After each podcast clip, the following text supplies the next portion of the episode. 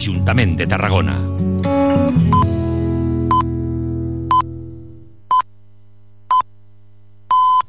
Bon dia, són les 9.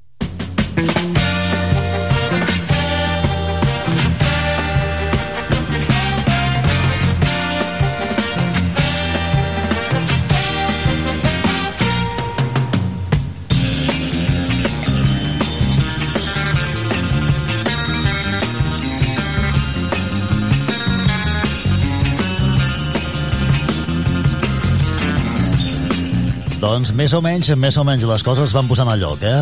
Avui, eh, segona jornada escolar, eh, avui sí, eh? avui ja va la valent. Ahir era dia de recollir carpetes, eh, l'agenda, conèixer el tutor, conèixer l'aula, conèixer els companys, els nous companys de, de classe, i avui ja la cosa, almenys a l'ESO, ja va de, de debò, eh, perquè avui ja comencen la, la classe lectiva, eh? I els de batxillerat la setmana que ve, dimarts. Doncs això, i a les famílies, doncs bé, a l'espera de com es va recol·locant tot, eh? després de l'estiu, després de les vacances, tornada laboral, tornada a la rutina, al dia a dia, i això, intentant doncs, eh, agafar aquesta embrancida després de, de l'estiu, que no sempre és fàcil, eh? Que venim de, venim de les vacances, eh, de conviure tots plegats, i la convivència a vegades genera friccions. Avui en parlarem, parlarem d'això, d'aquestes friccions que es produeixen a, a les vacances, estem més hores que mai tots plegats, tota la família, i també coneixem altres persones, en fi, tot plegat. Avui en parlarem a, amb, la, amb una psicòloga que ens acompanyarà aquí a partir de, de les 9, a, de, de, de quarts de 10, millor dit. De quarts de 10 parlarem a, amb la psicòloga Àngeles Esteves, podem parlar d'això, del període postvacacional. És a dir, que hi ha vida més enllà de les vacances i parlarem del manual per poder sobreviure en aquesta nova vida que, que se'ns presenta després de les vacances. Eh? Tornar a les rutines, deixar enrere la calor de l'estiu. De fet, avui ja ens hem despertat a 19 graus, però per davant ens espera això, la rutina, el dia a dia, la feina, el món de la parella, pels que han sobreviscut, això sí, a l'estiu, eh? De fet, a l'estiu és un clàssic també que al tornar a l'estiu eh, unes parelles es trenquen. És un clàssic, eh? I diuen que estadísticament eh, hi ha moltes que això, que no resisteixen la, la fricció del que representa estar de vacances i conviure moltes hores al dia tots junts. Avui en parlarem d'això, del que hem de fer la resta de l'any eh, pràcticament eh, doncs això per poder sobreviure i, i també doncs, conviure amb els conflictes que són en fi, inherents a, a l'espècie humana. En parlem a dos quarts eh, de deu del matí, Després, o millor dit abans, eh, us oferirem un nou capítol eh, d'aquest treball de final de grau de dues estudiants de periodisme, ara ja periodistes, de la Universitat Rovira i Virgili, la Neu Jové i la Clara Pagès, el reportatge radiofònic anomenat Tarragona encara respires, dividit en cinc capítols, n'hem sentit ja dos, ahir abans d'ahir, eh, i avui eh, arribarà el tercer de, dels capítols. Avui, eh, ahir descobríem quines les diferències entre el pla secta i el pla setcat, i en aquest tercer capítol ens endinsem en les eh, tecnicismes que envolten la qualitat de l'aire ja ens alerten que així ens preparen, preparen a l'oient, ens preparen a vosaltres per a conegueu el vocabulari que més tard apareixerà a l'episodi número 4, el que sentirem eh, demà divendres. Doncs això, això serà doncs, eh, una estona que podrem sentir doncs, eh, aquest nou capítol d'aquests aquest, àudios, que està molt bé. A més, els tenen penjats a, a l'Spotify per si us voleu sentir tots plegats. Eh? Tarragona, com respires? Tarragona encara respires, millor dit, amb, amb interrogant. I avui que a les 10 encetarem la decena edició, decena temporada del programa d'alpinisme i escalada d'aquesta casa. El pont de Mahoma. De fet, va ser un 14 de novembre de l'any 2013 que fèiem el primer programa sobre alpinisme, escalada i muntanya. Um, des d'aquí, dels estudis de Tarragona Ràdio, aquí on som ara, però en aquesta llarga dècada també hem agafat els micròfons i us hem saludat des de cims de, la, de les muntanyes. I potser molt recordareu aquell dia del 2017 que Òscar Cadiac va ser un 27 de juliol del 2017, ens saludava des del cim del Brad Peak, a 8.047 metres. Eh? Després de més de 10 hores de programa en directe, arrencàvem, recordo, a la 1 de la matinada i no vam tenir notícies d'ell fins a les 11 del matí de l'endemà. O sigui, vam estar tota la nit fent el programa d'alpinisme i, evidentment, la, va esclatar l'eufòria quan, quan va trucar des del cim dient que s'havia convertit en el primer català en assolir els 14 8.000 de la Terra sense oxigen addicional. Doncs bé, 10 temporades del Pont de Mahoma, avui recordarem algun dels moments, eh, com sempre amb els companys eh, de Cordada, també farem alguna recomanació perquè pugueu fer alguna ruta de cara al cap de setmana. Compararem també paisatges, el de Montserrat i el de Montsant. En fi, moltes coses que passaran a, a partir de les 10 en aquest programa d'alpinisme escalada doncs, que ha sobreviscut 10 anys. No n'hi ha gaires, eh? De, de ràdio, de fet, diria que hi ha alguna secció, però programa en si, diria que pocs que comptats amb, amb una mà i em sobraria molts dits, eh? perquè a nivell de l'Estat tampoc no n'hi ha gaires, de programes seccions sí, però programes en si d'alpinisme, escalada i muntanya no en tenim gaires. Doncs això, Pont de Mahoma, a partir de les 10. Després de les 11 ja amb la companya Núria Cartanyà parlarem d'una de les notícies que hem conegut eh, avui mateix, el Premi al Balcó, que atorga Òmnium Cultural i que recau en guany en dames i vells es van reunir el passat eh, dimecres, eh, de fet, ahir, el dia 6 de setembre, i el jurat va decidir que en aquesta 46a edició atorgar el guardó d'enguany al Ball de Dames i Vells en tractar-se d'un ball parlat que forma part de les festes Santa Tecla, la primera referència del qual es remunta l'any 1514. El lliurament, com és habitual, del Premi tindrà lloc el dijous 21 de setembre als Jardins del Teatre Metropol. En parlarem amb el president de l'Unió Cultural, Zacaria Senar, en qui també li demanarem com es presenta en guany la Diada Nacional de Catalunya, l'11 de setembre, que cau en dilluns, ja ho sabeu. I també parlem amb la comunitat xilena de Tarragona, que torna a retre homenatge a Salvador Allende el proper dilluns també, poc després de l'oferena al monument a Rafael Casanova, això fa el passeig del mateix nom, a les 10 del matí, i després a les cites al Camp de Mar, com cada 11 de setembre, just en guany, però es compleixen 50 anys de la sala Palacio de la Moneda i de la mort del president assassinat, del president democràtic durant el cop d'estat de, de Pinochet. En parlem a tot plegat a quarts eh, de 12 amb el portaveu de l'Associació Salvador Allende de Tarragona, Francisco Javier Alvear. I més coses que aniran passant, eh? Tenim molts eh, continguts al llarg de, del programa que ja us anirem explicant eh, i, evidentment, com sempre, una finestra oberta a l'actualitat. Obrim aquest mercat d'estiu, ja sabeu, programa d'impàs aquesta setmana, doncs abans que arrenqui la ràdio de les festes, dimarts que ve, que ja us saludarem a les 10 cada dia des del Teatre Tarragona, des del vestiu, a tocar de l'estat de festes. Això passarà a partir de dimarts que ve, dilluns és festiu, 11 de setembre, però l'endemà ja serem al peu de canó i pràcticament durant dues setmanes amb tots els eh, protagonistes de Santa Tecla. Això serà la setmana que ve. I aquesta, com dèiem, és d'impàs, eh? Mercat d'estiu, la temporada ja sabeu que Tarragona Ràdio arrenquem a partir del 25 de setembre ràdios convencionals comencen ja, ja han començat, nosaltres comencem el 25 de setembre, per Santa Tecla és un impàs de dues setmanes que, que ens ocupa tota la programació.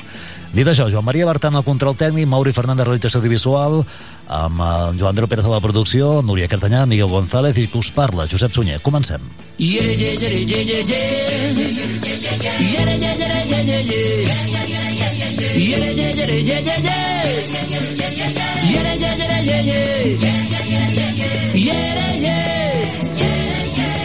Iere, iere, iere, iere. Diu che Concita s'ha cansat de fer de xatxa i canviat el seu Antonio Pastafang que ha replegat tota la pasta de la caixa i ara veu un món pujat en una caravan deixa que l'aire el vent i crida yeah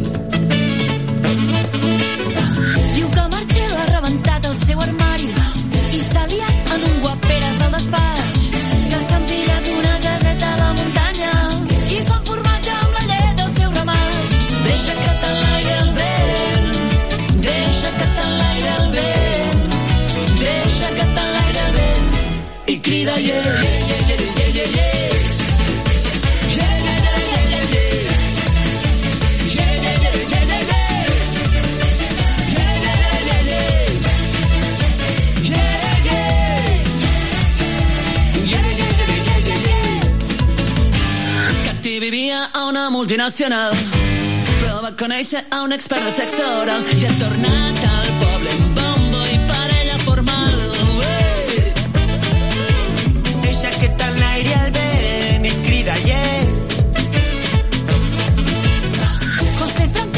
Deixat totes les drogues i s'ha tornat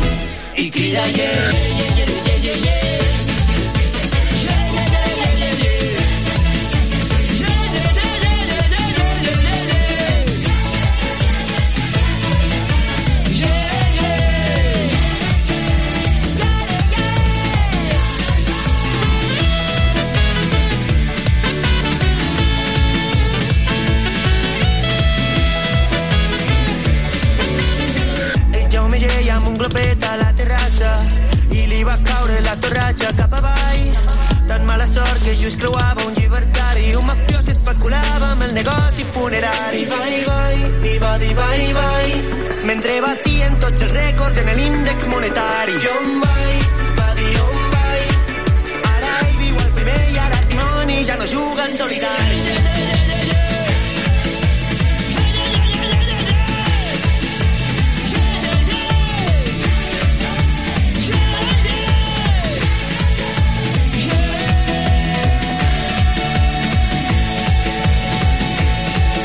Continguts fresquets del dia i entrevistes quilòmetre zero a Mercat d'Estiu, a Tarragona Ràdio.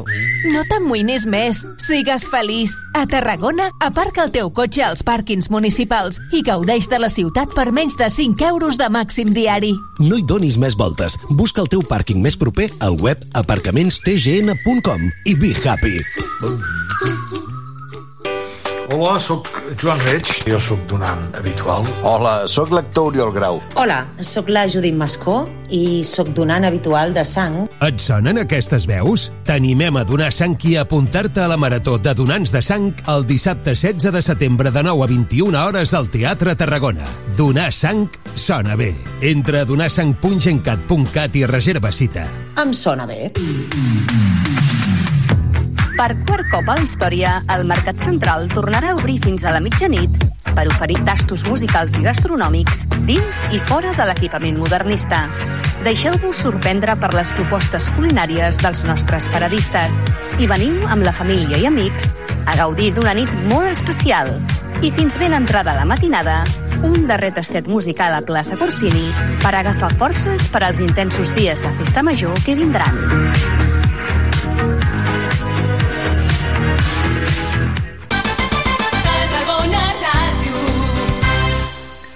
Doncs com us dèiem, eh, aquest treball final de grau eh, de dues eh, periodistes de la Universitat Rovira i Virgili, ja llicenciades, Neu Jové i Clara Pagès, que avui tercer capítol ens l'han ofert i evidentment volíem eh, compartir-lo tots vosaltres. Eh? Tarragona encara respires, es diu així, són cinc capítols, n'han sentit ja dos, eh, sé quan bé, sí, dimarts i dimecres, avui dijous el tercer, demà en sentirem dos, que són més curtets, però avui el, el capítol eh, en què ens endinsen en els tecnicismes que envolten la qualitat de l'aire, i ja ens alerten que així ens preparen eh, de cara a demà, que demà coneixerem per conèixer una mica més el vocabulari que apareixerà a l'episodi número 4, que sentirem demà, que és, eh, doncs això, ja més específic sobre la qualitat de l'aire. Sentim això, Tarragona encara respires, i avui el capítol Entenent l'atmosfera. Després de tractar la seguretat industrial i els plans d'emergència química vigents, arriba el moment d'endinsar-nos en la matèria. Als mitjans de comunicació tots hem sentit a parlar de conceptes com emissió, sensor o benzè. Però realment sabem què volen dir?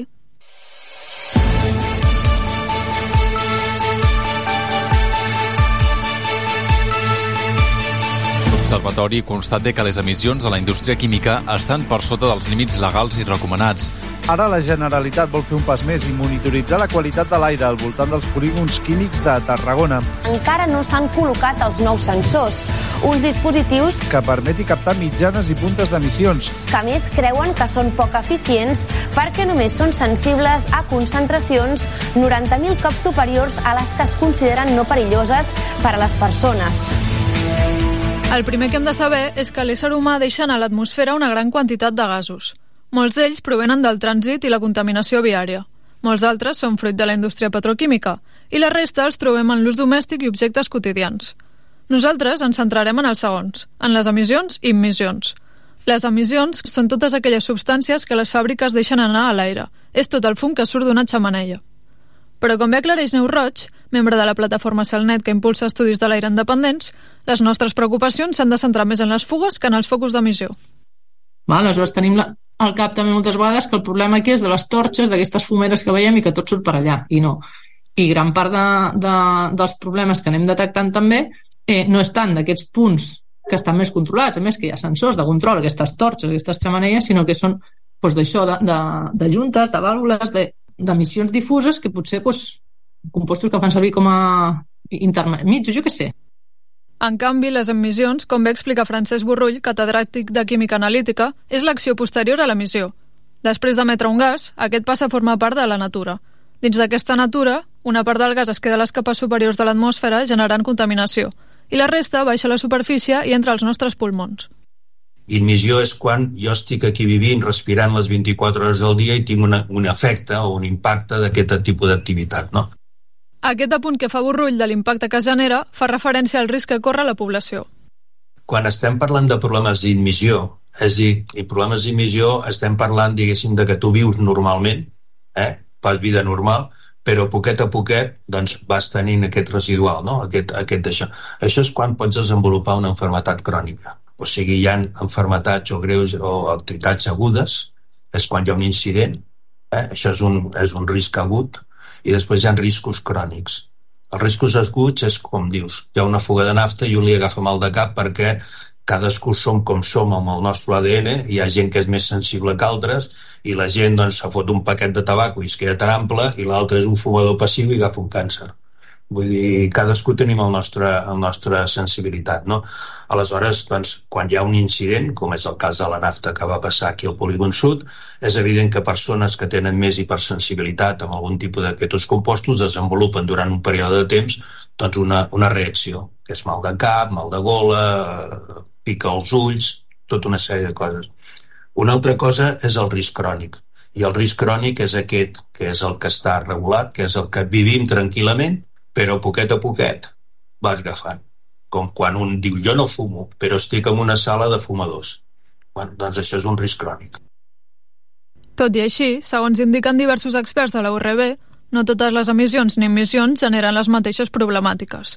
Concretament, les petroquímiques de Tarragona es caracteritzen per l'ozó, l'òxid de nitrogen o el diòxid de sofre. Però Montse Marquès, membre del Laboratori de Toxicologia de la URB, considera que són els COPs, els compostos orgànics volàtils, els que estan al punt de mira. En canvi, els hidrocarburs aromàtics policíclics ja sí que són més propis del, de, la, de la indústria petroquímica, d'acord? O sigui, els compostos volàtils, aquests sí, són el major problema que, que tenim aquí. A veure, els compostos orgànics volàtils són tots aquest tipus de compostos que, com el seu nom indica, a una determinada temperatura ten, tenen tendència a passar a l'estat gasós i, per tant, estar a l'atmosfera sí, hi ha, hi ha substàncies sòlides que doncs, difícilment passaran a l'aire, eh, a menys que no sigui per vents o, o, o accions. Hi ha substàncies líquides que són més difícils però poden passar a l'aire i les substàncies que són volàtils d'alguna manera majoritàriament estan a l'aire. Per tant, són aquest tipus de compostos que, com us dic, s'utilitzen doncs, per exemple, per fer doncs, molts tipus de coses, tot el tipus de polímers, tot el tipus de plàstics, additius de plàstics, eh, tensoactius, bé, tot el, molt, molts productes d'aquí de, de l'entorn, i que doncs, d'alguna manera doncs, estan, estan a l'aire. Per què estan a l'aire? Doncs estan a l'aire perquè normalment en qualsevol procés industrial no són uns sistemes totalment hermètics. És a dir, no està tancat, hi ha tota una sèrie de fugues eh, ocasionals, algun tipus d'activitats, eh, parades de plantes, neteges de plantes, postes en marxa, els processos normals que es fan en una, en una indústria que poden donar lloc a emissions amb aquest tipus de compostos. Dins d'aquesta família hi trobem molts compostos diferents, entre ells el benzè i l'utresbutadiè. El benzè és un hidrocarbur aromàtic. S'anomena així perquè es troba a la carn feta a la brasa, la gasolina o el tabac, substàncies que es distingeixen fàcilment per la seva aroma característica.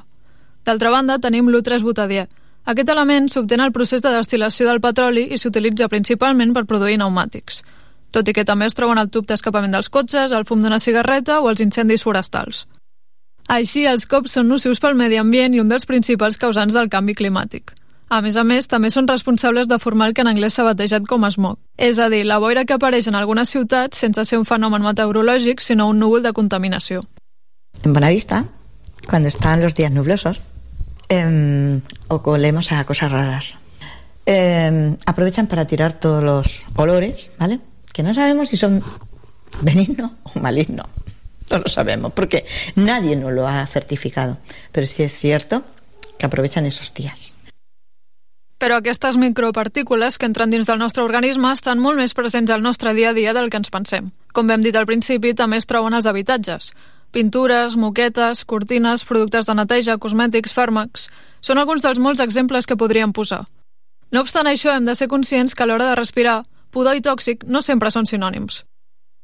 Una altra de les coses importants és el tema olfactiu, perquè a vegades anem a associar no, que pudor vol dir tòxic, o, o no, o a vegades potser no sentim pudor però s'està matent un contaminant que és molt més tòxic. Total, que el llindar d'olor i el llindar de toxicitat i el nivell de toxicitat no tenen per què anar lligats. A partir d'aquí, per regular totes aquestes emissions i saber com és l'aire que respirem, s'han instal·lat diversos sensors en zones residencials i s'han reforçat els que ja estaven presents als polígons. L'objectiu d'aquests detectors és conèixer la quantitat d'elements químics que hi ha a l'aire d'un lloc i moment determinats per a que, posteriorment, es comparin amb els límits establerts per la llei. Eva Pinyol i José Luis Perales, doctors en Ciències Ambientals, són uns dels encarregats d'analitzar les dades rebudes. Uh, la Generalitat la, té una sèrie de mesuradors en continu d'unes determinades substàncies. El uh, monòxid de carboni, òxids de nitrogen, de sofre, ozó i partícules, que és un altre captador. No? Uh, llavors, ells fan, quantifiquen aquestes cinc substàncies en particular. Nosaltres el que fem és detectar tot el ventall de compostos amb unes senyals electròniques per fer la pressa de mostres. Vull dir, és una metodologia diferent, també. Hem dissenyat aquests equips els quals incorporen aquest sensor, tenim aquesta idea que ens estan enviant dades cada minut durant tots els dies de l'any i per tant podem veure, i estadísticament podem treballar amb això per veure quants episodis es produeixen, tal, etc. i alhora podem, hem fet que els equips de presa de mostres s'activin automàticament quan nosaltres els diem aquesta informació és pública i es poden consultar els anàlisis aliens a l'administració pública fets fins ara a la web de l'Ajuntament del Morell i a la plataforma Celnet. I també es poden veure dades en temps real que recull el Departament de Medi Ambient i Sostenibilitat de la Generalitat o a la seva aplicació mòbil aire.cat. A més a més, les pròpies empreses monitoritzen l'impacte de les seves emissions el cap de planta pot veure exactament doncs, a la, on estigui el sensor, la població on estigui el sensor, quina és la concentració i si en aquell moment doncs, resulta que estan en un període de parada o estan fent una activitat i don la casualitat que bufen els vents amb una determinada orientació i l'impacte sobre una població, veuran que allí hi ha una punta. I llavors doncs, l'empresa té aquesta informació i diu, doncs, escolteu, quan fem aquesta operació generem un, una problemàtica, diguéssim, amb aquesta població. Per tant, d'alguna manera, han d'intentar aquesta operació fer-la diferent hem d'intentar fer accions de millora per intentar eliminar aquestes puntes. Com ho poden fer això? Visualitzant les puntes que hi ha. I si van veient, diu, hosti, és que aquí ens estem carregant, aquesta gent està respirant, doncs tot el matí que han fet aquesta aturada està respirant malament, doncs han de millorar aquesta, aquesta, aquesta, aquesta activitat.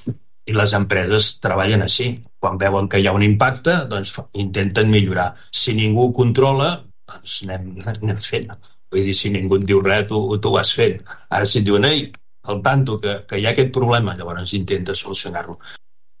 Ara bé, després de recollir les dades, hem de saber qui controla aquests gasos.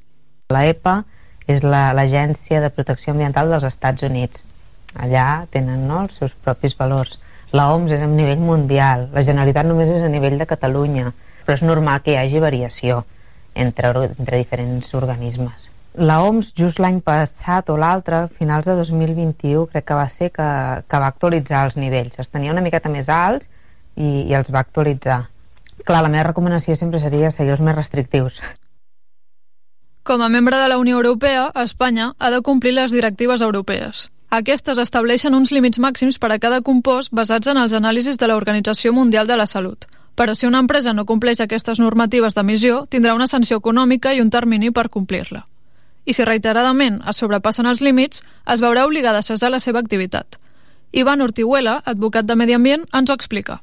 Lógicamente, si no se cumple con la normativa establecida, pueden haber sanciones, pero también eh, hay que partir de la premisa de que para que exista una infracción, también para que exista una sanción, un castigo aparejado a esta infracción de la normativa, esta tiene que estar eh, tipificada, tiene que estar contemplada en, en, la ley.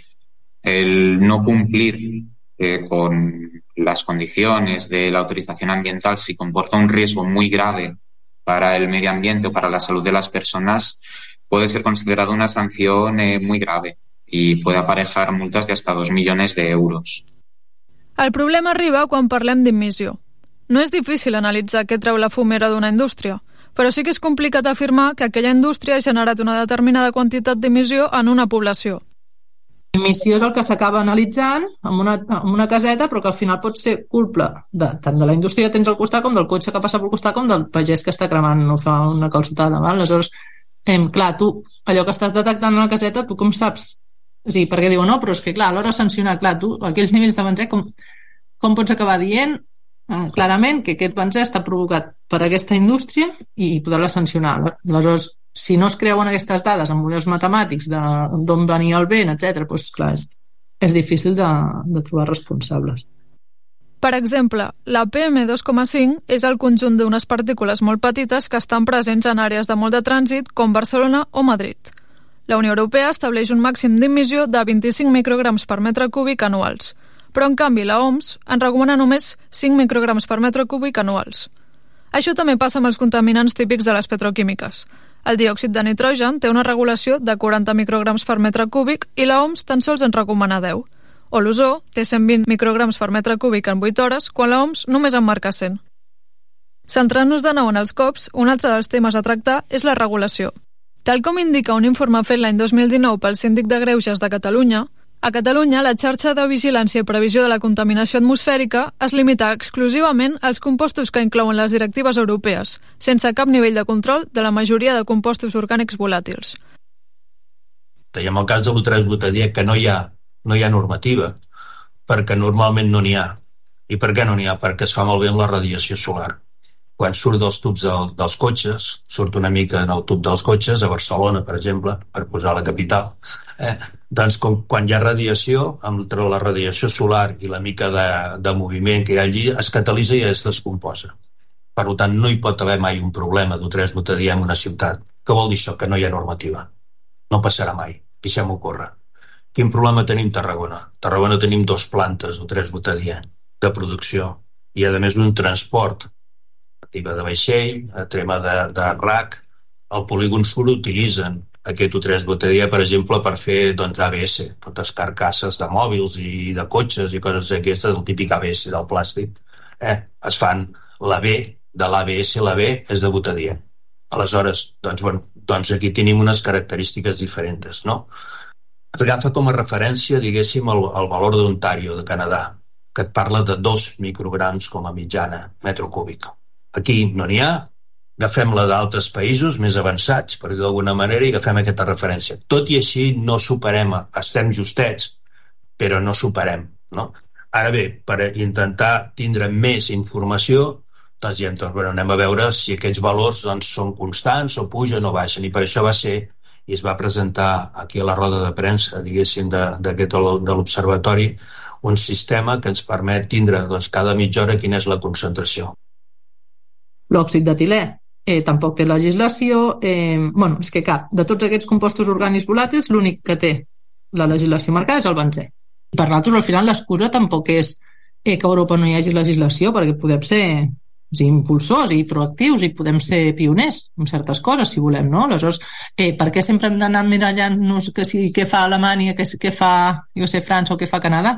Doncs posem nosaltres, si al final la població està exposada a una sèrie de contaminants pel tipus d'indústria que tenim, eh, no estem dient que s'hagi d'analitzar el butadí a totes les estacions de, de control de, de la xarxa de la Generalitat, però sí que doncs, si nosaltres estem exposats a aquests contaminants que, que a més està clar, que són cancerígens, són teratògens, són...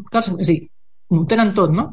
Eh, doncs no ens dona la gana. Dir que volem seguir vivint aquí, no estem demanant que aquesta indústria marxi, sinó que el que volem és conviure-hi al màxim amb la màxima seguretat possible. Els experts d'indústria i medi ambient de la Unió Europea, que no han accedit a enregistrar la seva veu, expliquen que a Europa, de moment, només hi ha recomanacions, perquè encara s'està treballant en les regulacions. A part, també dona la raó a la membre de Celnet, i comenten que cada país i cada comunitat autònoma té la capacitat de decidir si s'aplica unes mesures més restrictives sempre que se'n justifiquin els motius. Amb tot això, però, el que hem d'entendre és que complir els límits legals tampoc vol dir que aquesta exposició als compostos no afecti a la nostra salut. Que una cosa és el que diu la normativa, diguéssim que és un pacte o un acord entre l'administració, la, diguéssim, les empreses i la societat. Tingueu en compte que aquí hi ha la societat, la gent, diguéssim, que ens queixem de les, de les, de les fàbriques, de les olors i tot això, tenim les empreses, que d'alguna manera ells doncs, busquen, diguéssim, una activitat industrial, uns beneficis i, i tenen la, la seu, el seu negoci allí muntat, i aquí el problema quin és? És l'administració pública. Per què? Perquè els ha de contentar els dos. Ha de contentar la gent perquè els votin i ha de contentar les empreses perquè no marxin i que d'alguna manera donguin vida i donguin activitat industrial i riquesa a la zona. i aquí és el, és el merder. Aquí està lo complicat. Els experts de la Unió Europea afirmen que complir les recomanacions de la OMS també danya la nostra salut. Qualsevol exposició, per mínima que sigui, té un impacte. Per això s'està treballant per reduir les emissions i emissions al màxim possible, i tot i no poder tenir una repercussió nula, aconseguir que aquesta sigui més baixa. Això també significa que la vida en zones urbanes on hi ha alta contaminació influeix més al nostre organisme que en àrees rurals. També hi ha, hi ha alguns d'ells, hi ha, per exemple, algun hidrocarbur aromàtic policíclic que, que és cancerigen. Llavors, clar, si tu vius més a prop d'aquesta indústria i cada dia estàs exposat a majors concentracions que una persona que viu al Pirineu o que viu en una població al mig de Catalunya, doncs clar, al final estàs tens un plus afegit. No vol dir que si visqui, vius aquí desenvolupes el càncer segur, però bueno, estàs comprant més números a la loteria. Que jo crec que tampoc cal ser gran científic no? per, per demostrar que viure al costat d'una refineria molt bona ha de ser no? la salut. Així ho afirma el doctor en geografia Sergi Saladí.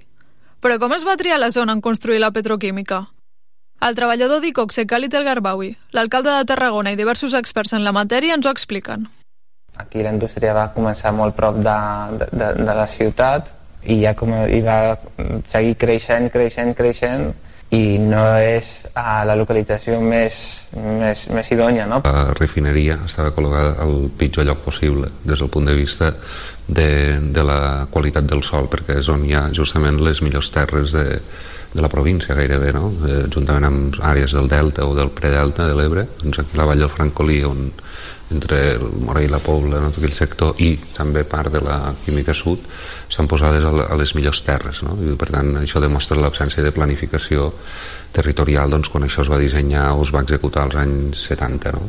Que la planificació territorial en algun punt eh, no s'ha fet com s'havia d'haver fet, no? també, però bueno, ja tenim aquesta situació, doncs anem a millorar-la i anem a millorar la convivència entre les activitats i la població. El Bonavista està molt prop de la, de la química, Camp Clar no tant, però de Miró, i es va fer una ciutat que realment és molt poc eficient.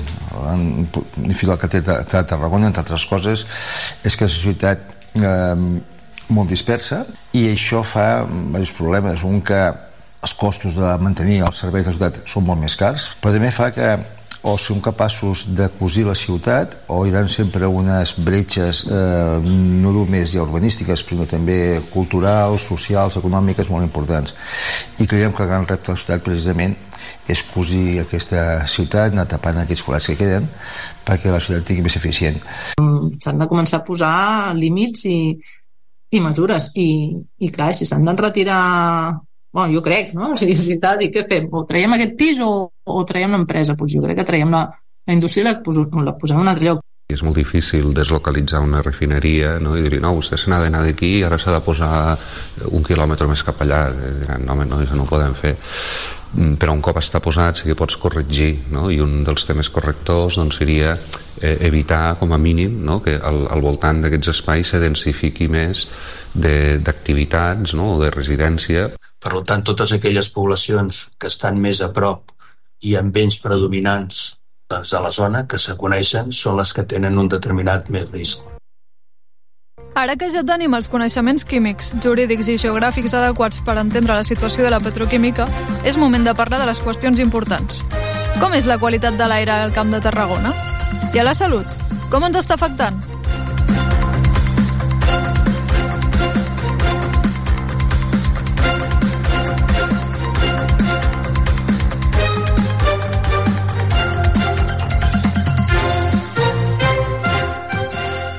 Mercat d'Estiu.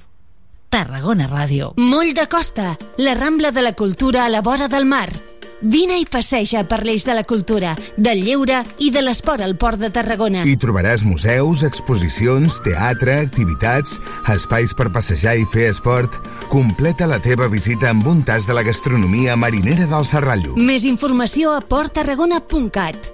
Una alimentació sana, exercici físic i una bona assegurança mèdica. A MGC Mútua millorem cobertures i serveis per oferir la millor assegurança mèdica segons els professionals de la salut. MGC Mútua. Inverteix en salut. Informa't en el web mgc.es. A Tarragona Ràdio som 40.000 oients. Anunciat a la ràdio local líder en l'actualitat, entreteniment i informació tarragonina. Contacta amb nosaltres al 977 24 53 64 de 9 a 2 al migdia o escriu-nos a publicitat arroba emmct.cat perquè a Tarragona Ràdio t'escoltem.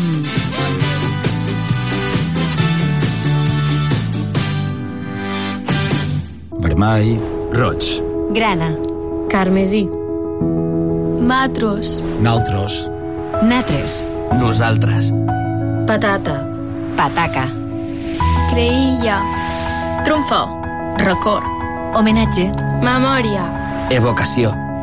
Vent. Rufagada. Bufada. Torp. Una llengua, molts accents. Diada Nacional de Catalunya. Generalitat de Catalunya. Sempre endavant. mentalizados eh, en, bueno, en lo que se ha visto en estos dos eh, últimos partidos y, y muy convencidos de que con nuestra gente en casa sacaremos los tres puntos.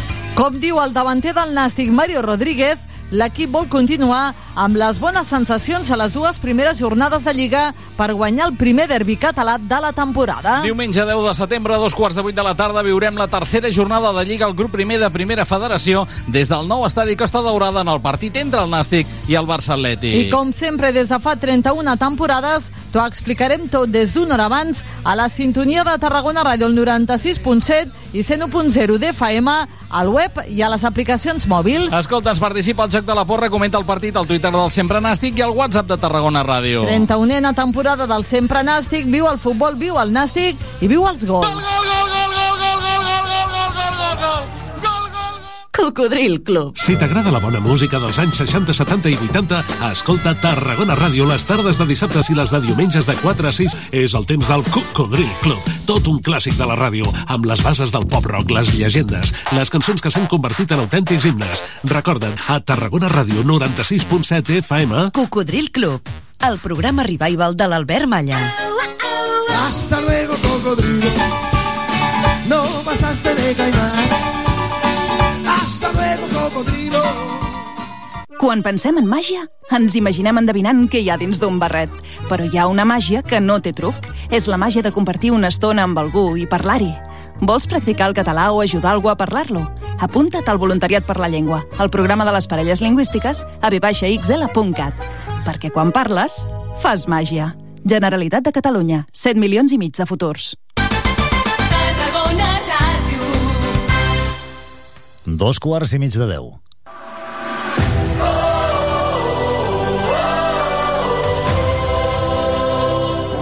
Tothom es separa.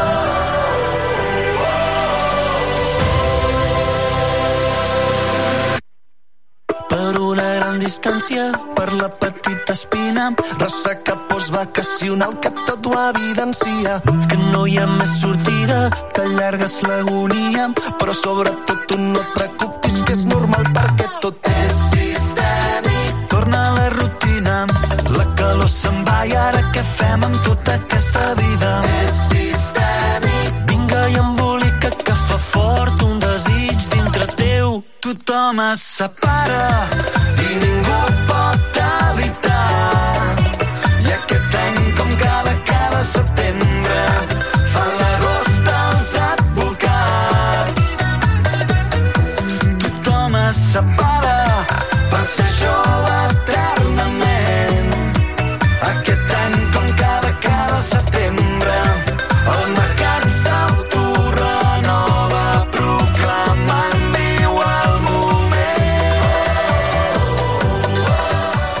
Doncs avui el manual de supervivència per sobreviure i viure el moment, eh? és el que us explicarem ara. Si no el teniu encara, doncs això, perquè el podeu activar aquests dies, eh, perquè hem deixat enrere ja les temperatures altes de, del mes d'agost, Deixem enrere també la calor, la calor de l'estiu, eh, i davant ens espera la rutina, el dia a dia, eh? la feina, tornar a la feina, la tornada dels nens ahir a l'escola, per sort, eh, però també, clar, també hi ha tot un seguit d'obligacions perquè venen eh, encadenar extraescolars, eh, fer de taxi amunt i avall, portar-los aquí, portar-los allà, recollir-los, i al final mires les hores del dia i dius, carai, doncs no em queda ni, ni, ni mitja hora. Um, a més a més, un clàssic, eh? I ho deien els amics de, de les arts, uh, tothom se separa. Estadísticament hi ha moltes parelles que no resisteixen les vacances. Són uh, èpoques de conviure tots, uh, tots junts, uh, fills, pares, avis a vegades, mascotes també, i llavors això doncs, genera friccions que s'han de, saber, uh, s'han de saber gestionar. Eh? Ara, per sort, doncs això, estem amb la rutina, però la rutina té una altra cara de la moneda que, que us volem explicar.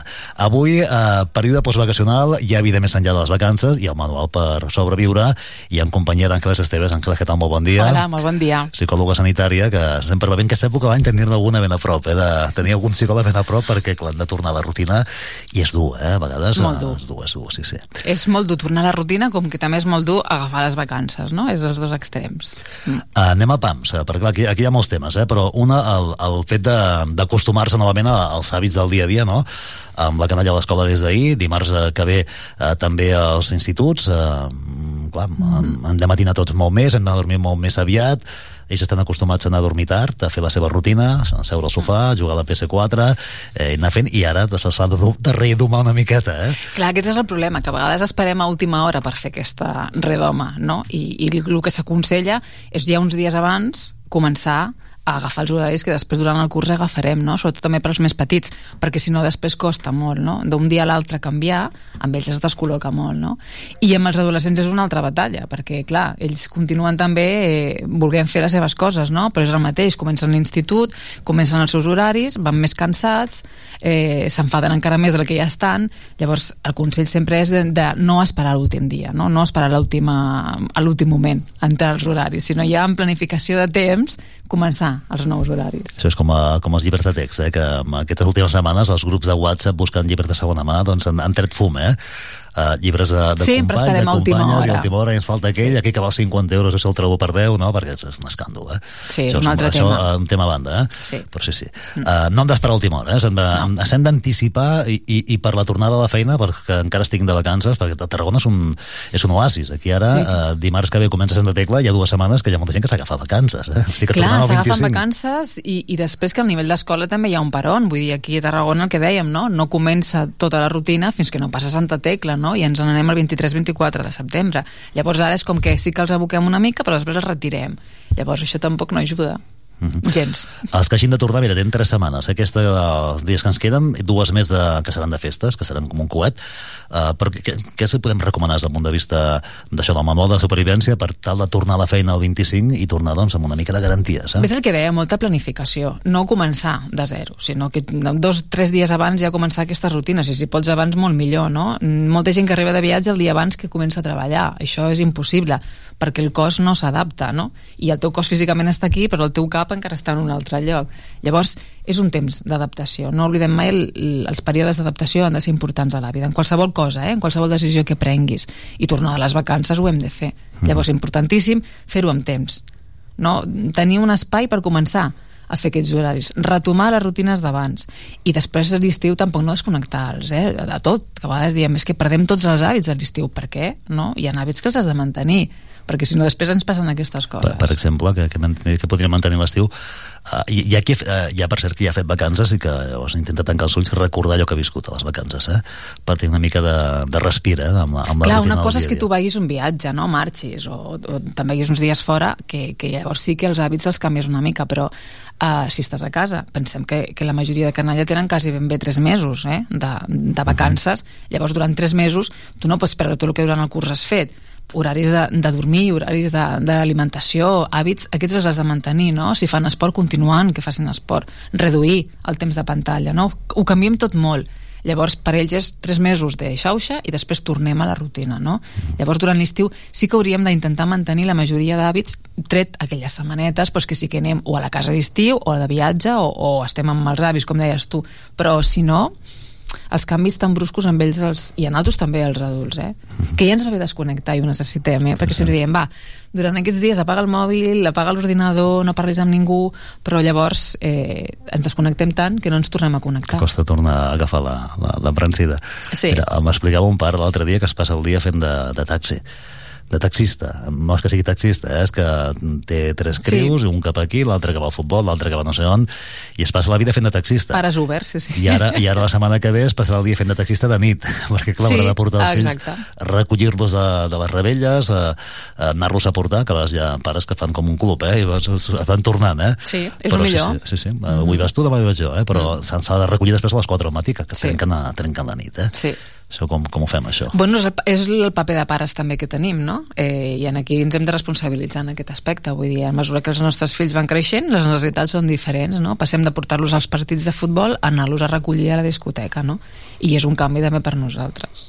El millor és el que dius tu, eh? Tenir un grup i anar, anar alternant. Pares que coneixis, de confiança, i, i anar, anar fent... O aprofitar tu per sortir, que també està Anar molt bé. darrere, anar uns passos darrere per si et trobes allà com una mena de regreso al futur, eh? Sí, Sí, sí. és difícil, és difícil també adaptar-te en aquest cas. Mm. Doncs això, eh? paciència ara aquests dies perquè fem dues setmanes de, que clar, hi, ha molt, hi ha molta activitat. Ahir també s'ho deien des, de, des del Martí Franquès que parlàvem amb el director i també amb alguns alumnes que clar que durant aquestes dues setmanes eh, doncs és habitual que algun alumne arribi adormit a, a classe. Sí. Son, adormit, que l'activitat lectiva és la que és. Eh? Pel que, pel que dèiem, venim d'un estiu on els horaris no els hem complert, no? si ara a més a més tenim les festes i sortiran perquè sabem que sortiran, doncs això ho, ho passa, passa factura una mica. No? Per tant, la clau és tornar als hàbits una mica abans no? del que jo m'incorpori. I a la feina igual, començar a poc a poc, no començar ja full, no estressar-me. Si és possible abans de les vacances, deixar-te ja una mica organitzada la feina que faràs al setembre, no? això seria l'ideal.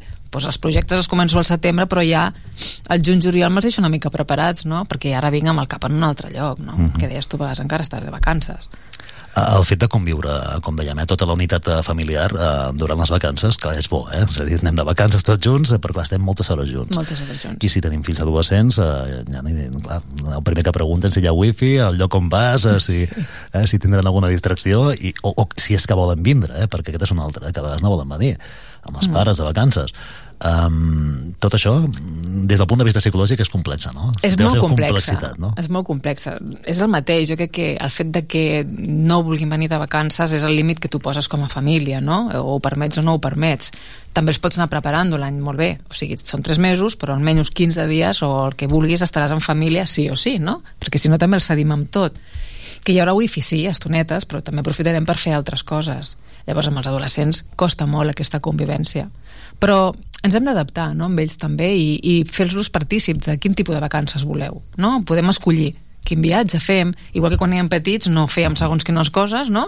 i fèiem viatges adaptats amb ells, doncs amb l'adolescent hem de fer el mateix, adaptar-nos una mica amb ell.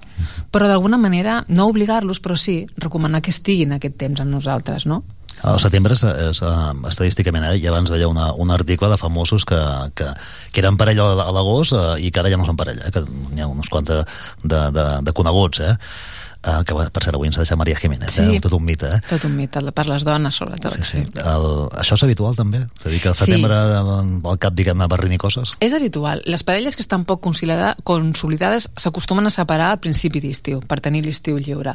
I les parelles que estan més consolidades i conviuen, sí, és clar, llavors pues, quan venen de la rutina és quan diuen, és que no l'aguanto, no? I, I vull separar. Nosaltres sempre diem, calma, no es poden prendre decisions ni abans ni després de l'estiu, no són recomanables.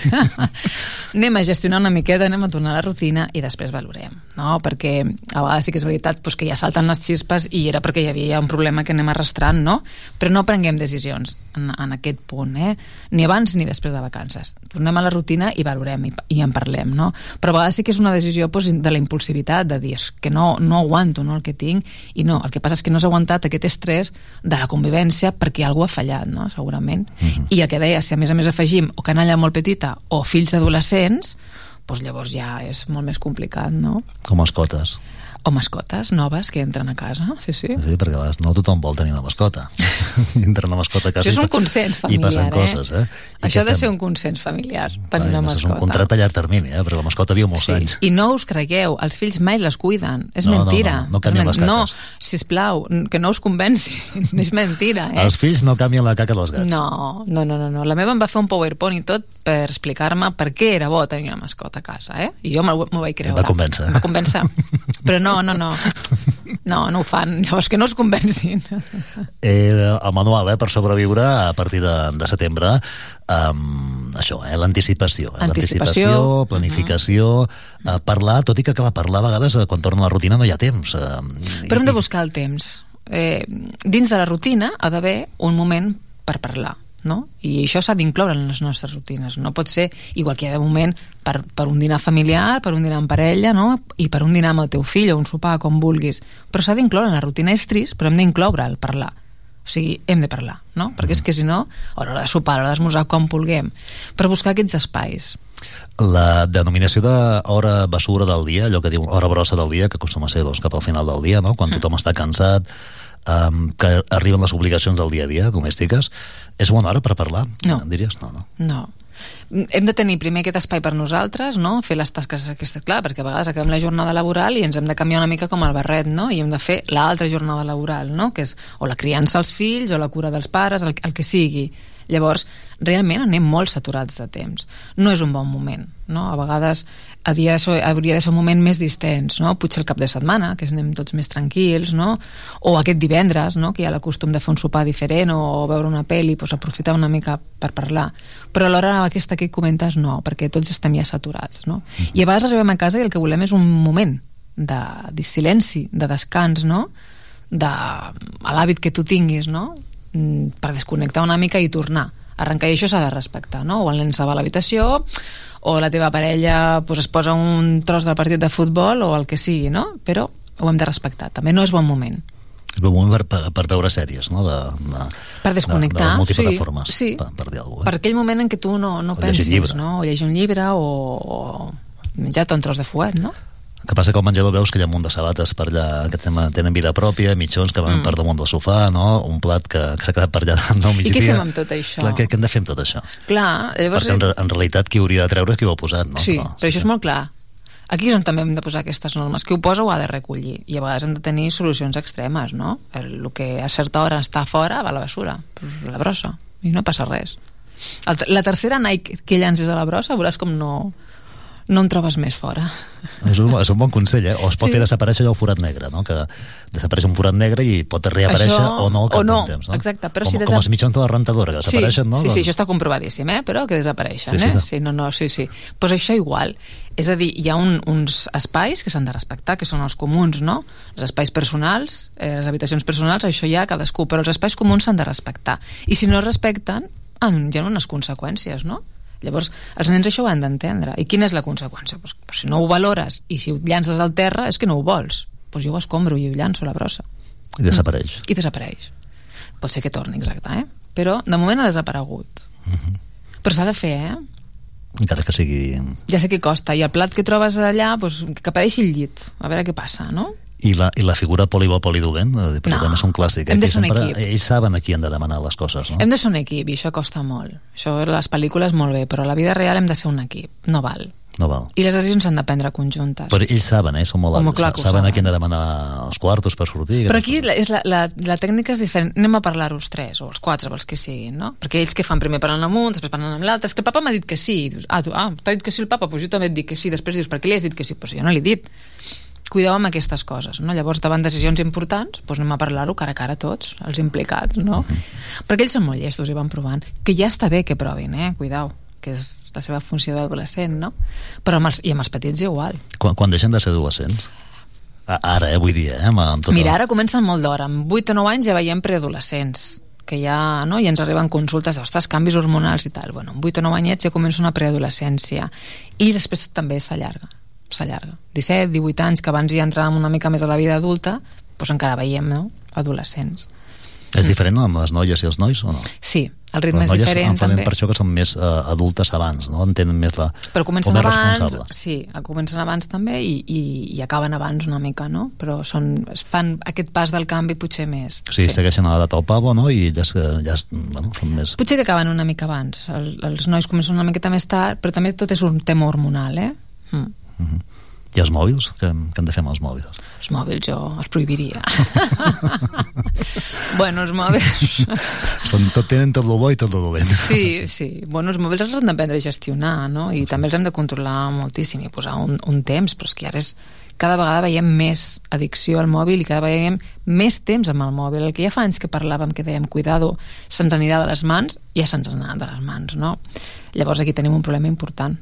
Mm. Llavors, controlar-lo moltíssim. Hi ha, hi ha plataformes com el, el TikTok um, mm. on hi ha vídeos que apareixen en, bueno, en seqüència un darrere l'altre i que es pot passar una criatura, un adolescent, una, una hora sencera mirant vídeos. Sí. Eh? I clar, que entre aquests vídeos que entren, entra de tot però són vídeos, és a dir, no té, des del punt de vista um, formatiu, per dir-ho així, no té gaire suc. Si pots, no, no. Són, no són vídeos científics, per entendre'ns. Eh? No, no, no, tot depèn del que, la, que el nen o la nena busqui, no? Llavors, clar, els logaritmes d'aquestes plataformes ja continuen enviant informació del que tu ja has buscat, i si aquell nen o aquella nena pues, veu un vídeo del que sigui, és constantment que es repetirà. Clar, sense cap contingut. Però és que ells ja estan acostumats a això, ara ja. És tot molt visual, uh, tot ara, en aquest moment, la mediatesa, no? I, i, i la desconnexió, perquè llavors realment interaccionen amb el que estan veient amb la pantalla, no interaccionen amb l'altre. -huh. eh, hi ha una aplicació, um, atenció, que es diu Fem Family Week, um, que allà pots tenir la, els mòbils dels fills no? Mm. i pots uh, obrir i tancar l'aixeta. Eh? Sí que passa, no sé si fins a quin punt, l'altre dia en parlàvem també amb una, amb una professora, fins a quin punt és, eh, és, eh, és bo no tancar, tancar l'aixeta, és a dir, o que sigui ell, ell. o ella qui decideixi de motu propi, no? De, ha de ser ell. O regular, sigui, autorregular-se. Autorregular-se segons la norma, la norma que hagis posat a casa, no? que la família tingui, i l'hem de complir tots, els adults i ells. No? Si nosaltres tanquem l'aixeta, s'acostumaran al mateix. Bueno, a mi ja em, ja, em, ja em diran quan he de parar, no? I ja em diran quan... No, ha de ser una responsabilitat eh, estem veient també que estem educant d'aquesta manera, no? que l'adult ha de controlar tant que ells deixen de ser responsables. Perquè, bueno, doncs ja m'ho prohibiran. No, la responsabilitat comença en un mateix. Llavors, li has de dir quin horari té i ell l'ha de complir. No? I el mateix, si no el compleixes, doncs has de tenir una conseqüència, no? A sopar mirant el mòbil, no? No, no totalment prohibit, clar. Veus, ja és prohibit, has dit, eh? Sí, és que hi ha coses que s'han de prohibir. Com sopem amb els mòbils, no? És molt lleig. Jo a vegades vaig, eh? Vaig a restaurants, vas a sopar i veus les persones amb els mòbils i dius, pues queda't a casa, no? Mira, tenim aquí un company restaurador que després entrarà a parlar de, de muntanya i té un mòbil a mà i m'ho deia que al restaurant també la gent està amb el mòbil, no? Allí estan sopant, estan fent la paella i amb el mòbil a la mà. És, jo ho veig i penso, ostres, no? Anar a un concert i mirar, acabar mirant el mòbil, o sigui, el concert pel mòbil. Llavors, hi ha moments en què, evidentment, que hem de prohibir coses. Llavors, no podem sopar una família, una parella, amb els mòbils, no? I si vols sopar amb el mòbil doncs a mi no em convidis a sopar no? si m'has de treure el mòbil, doncs sopa amb el mòbil, però per què me convides? No? Però n'hi ha que escolten la conversa a la taula del costat, també. Eh? Bueno, Això també, també és una altra clàssica, que està, està sopant i notes que està mirant la, a veure què diuen a la taula del costat. Però és que la, conver la conversa que tens al davant no t'interessa gaire. sí, és un sí, clàssic no, del món de la parella, també. Clar, però, però a casa els mòbils hem a controlar-los. I nosaltres com a exemple, eh? Vull dir, ja hem, hem de donar nosaltres l'exemple de dir, pues, bueno, mentre sopem, pues no posem el mòbil. Ah, exacte, és a dir, no podeu dir que no tinguin el mòbil a la taula si vosaltres no, el mòbil a la clar, taula. No, no et menja tota la verdura i jo no me la menjo, no? Pues és el mateix. Pues no hi, ha, hi ha moments de la família on no podem tenir mòbil, no? Uh -huh. I els àpats comuns, perquè ja en fem pocs. Llavors, entre el matí que tots anem a córrer cuita, a pocs esmorzem ja junts, no? A dinar, eh, impossible. Pues el sopar almenys, pues tenir aquests moments, no? De, vinga, va, anem a parlar tenia un moment, i abans ho deies també, eh, per un mateix, eh, allò, un, teus minuts de, del dia, no? Sí, uns minuts per tu, uns minuts per la família, no? I uns minuts per la parella, que, que sembla molt, eh? Però no és tan difícil aconseguir-ho. És molta organització i molta col·laboració de tots. Pensem que la família és un equip. No han de ser dos capitans, no? O dos entrenadors i la resta. No, som un equip tots. Que bonic, això m'ha agradat, això de, de l'equip, eh? I plantejar-ho mm. com un equip, eh? És a dir, on cadascú té les seves tasques. Sí, i tots eh? són igual d'importants. Eh? Sí. sí tot, tothom és important, no? però les hem de compartir, clar. Uh -huh. mm. Uh, manual, avui el manual per sobreviure aquests uh, dies de tornada de, de tornada a les vacances els que ja fa temps que les heu fetes clar, que hi ha qui fa vacances al juliol o fins i tot juny, no, perquè hem de treballar a l'agost paciència, no? Ja vindran les, ja vindran les, ja vindran, ja vindran les de Nadal, eh? Sí, o Santa Tecla. O Santa Tecla, exacte. I els que això no aguanteu, no aguanteu la persona que hi ha al costat, doncs paciència, que potser d'aquí un mes canvia la cosa, no? Exacte. No es, es veureu menys, això segur. No ens podem prendre decisions eh, en, en calent, no? Les decisions importants a la vida les hem de prendre des de la, distància, no? I, i moltes vegades doncs, ho diem, i si necessiteu ajuda, doncs busqueu-la, no? O consell, però no prenguem decisions en calent, ni en calent ni en estómac buit. Àngels, per acabar, el teu acte de Santa Tecla, quin és? El teu acte que dius, aquest no me'l perdo, no me'l perdo mai, de Santa Jo Tecla? sempre els, els pilars caminants, m'encanten, sempre ha sigut eh, molt important per mi sempre i, i, i m'agraden molt i la verbena, la rebetlla de, de Santa Tecla també, a la plaça de la Font aquesta també no me la perdo mai Molt bé. així controlo Ah, perquè no et vegin, eh? Bueno, o, no, o passa alguna cosa, si et veuen. Passa No. no, no passa res. No, no, no. No, no, no desapareix un dels dos, no? Com amb un forat negre, no? no, no, no, no, no, no. no.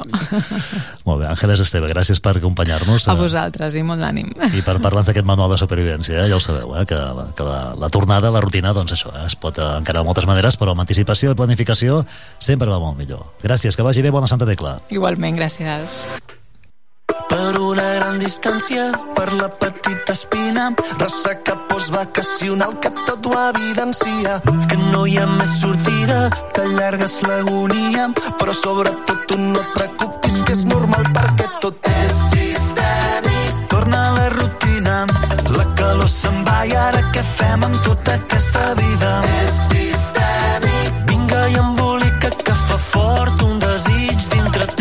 Tothom es separa i ningú pot evitar. I aquest any, com cada, cada setembre, fan l'agost els advocats. Tothom es separa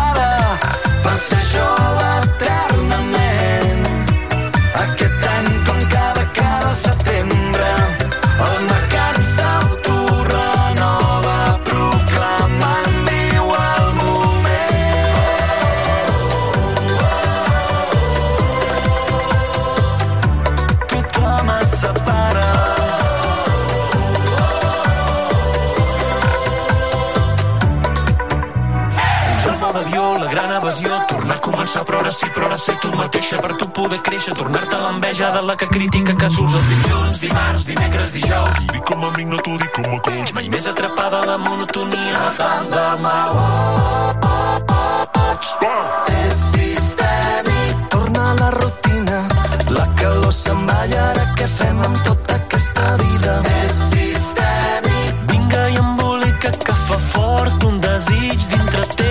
Tothom es separa amb els fills entusiasmats.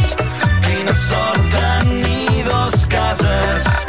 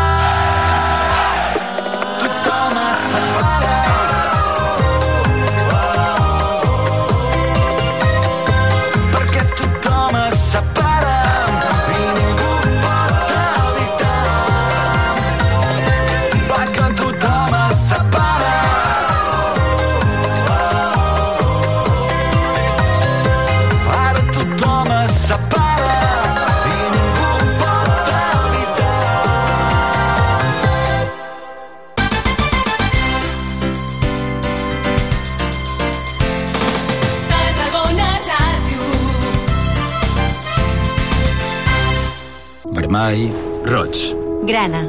Carmesí. Matros. naltros, Natres. nosaltres, Patata. Pataca. Creïlla. Trumfo. Record. Homenatge. Memòria. evocació, vent, Rufagada. Bufada. Torp. Una llengua, molts accents. Diada Nacional de Catalunya. Generalitat de Catalunya. Sempre endavant.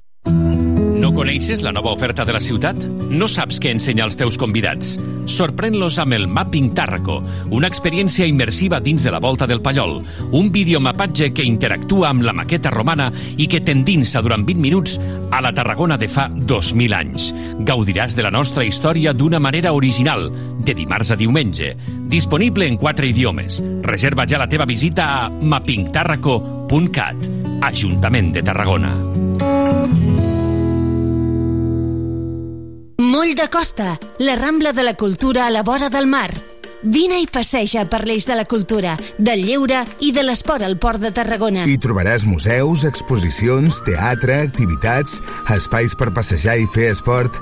Completa la teva visita amb un tas de la gastronomia marinera del Serrallo. Més informació a porttarragona.cat. Hola, sóc Joan Reig, jo sóc donant habitual. Hola, sóc l'actor Oriol Grau. Hola, sóc la Judit Mascó i sóc donant habitual de sang. Et sonen aquestes veus? T'animem a donar sang i a apuntar-te a la Marató de Donants de Sang el dissabte 16 de setembre de 9 a 21 hores al Teatre Tarragona. Donar sang sona bé. Entra a donarsang.gencat.cat i reserva cita.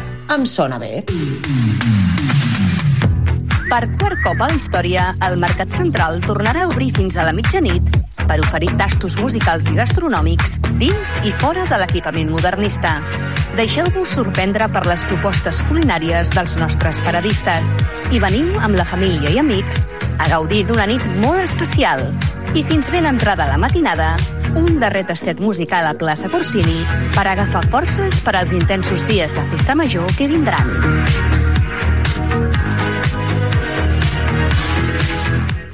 No t'amoïnis més. Sigues feliç. A Tarragona, aparca el teu cotxe als pàrquings municipals i gaudeix de la ciutat per menys de 5 euros de màxim diari. No hi donis més voltes. Busca el teu pàrquing més proper al web aparcamentstgn.com i be happy. Una alimentació sana, exercici físic i una bona assegurança mèdica.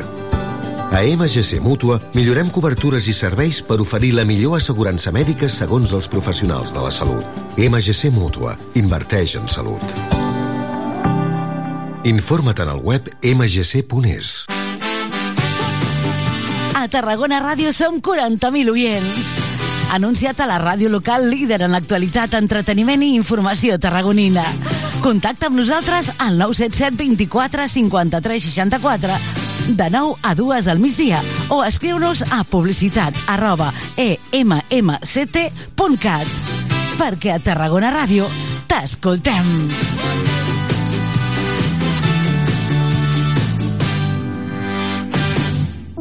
Vermell. Roig. Grana. Carmesí. Clam. Bram. Crit. Alarit. Cardo. Vespre. Capvespre. Hora baixa. Gresca. Serhau. Festa. Xerinola. Papallona. Boliana. Palometa. Parpallol. Una llengua, molts accents. Diada Nacional de Catalunya. Generalitat de Catalunya. Sempre endavant. mentalizados eh, en, bueno, en lo que se ha visto en estos dos eh, últimos partidos y, y muy convencidos de que con nuestra gente en casa sacaremos los tres puntos.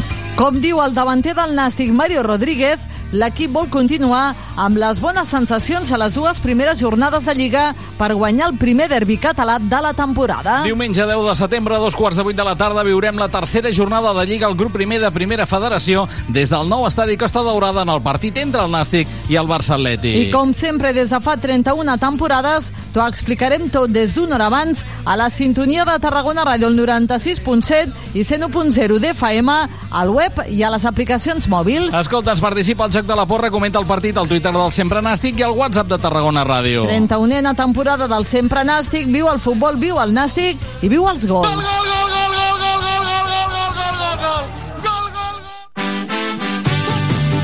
A Tarragona Ràdio som 40.000 oients. Anunciat a la ràdio local líder en l'actualitat, entreteniment i informació tarragonina.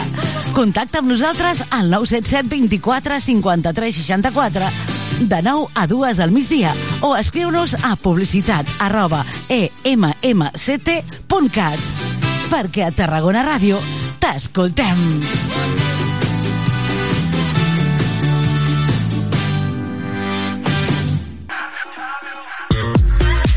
Subscriu-te al butlletí informatiu de Tarragona Ràdio. Només cal que entris a la nostra pàgina web tarragonaradio.cat i omplis la butlleta amb les teves dades bàsiques, nom, cognoms i correu electrònic. Cada setmana t'enviarem un mail amb les notícies i activitats més destacades de Tarragona. Subscriu-te al butlletí informatiu de Tarragona Ràdio. Et volem a la nostra xarxa. Cocodril Club. Si t'agrada la bona música dels anys 60, 70 i 80, escolta Tarragona Ràdio les tardes de dissabtes i les de diumenges de 4 a 6. És el temps del Cocodril Club. Tot un clàssic de la ràdio, amb les bases del pop-rock, les llegendes, les cançons que s'han convertit en autèntics himnes. Recorda't, a Tarragona Ràdio 96.7 FM... Cocodril Club, el programa revival de l'Albert Malla. Hasta luego, cocodrilo. No pasaste de caimán. Hasta luego, cocodrilo.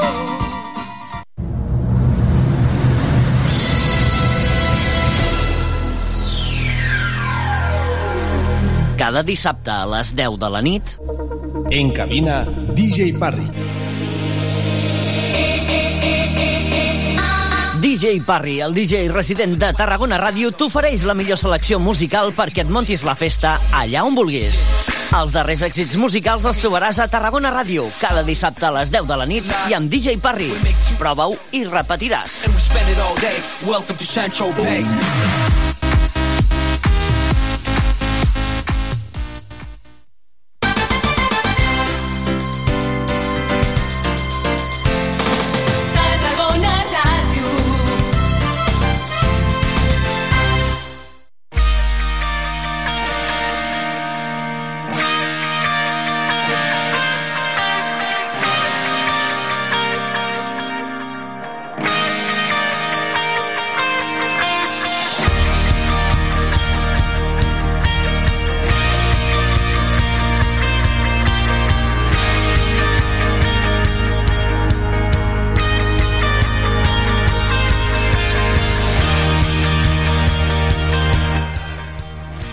Programa d'alpinisme, escalada, esport de muntanya, excursionisme i avui obrim la decena temporada. 10 anys eh, des d'aquell 14 de novembre de 2013 que fèiem el primer programa, el primer programa que potser molts recordareu i alguns eh, recordem el fèiem des d'aquests mateixos estudis, aquí a l'Avinguda Roma, a Tarragona Ràdio, i hem aguantat 10 anys, 10 dècades, aviat està dit, eh? 10, una dècada, que aviat està dit.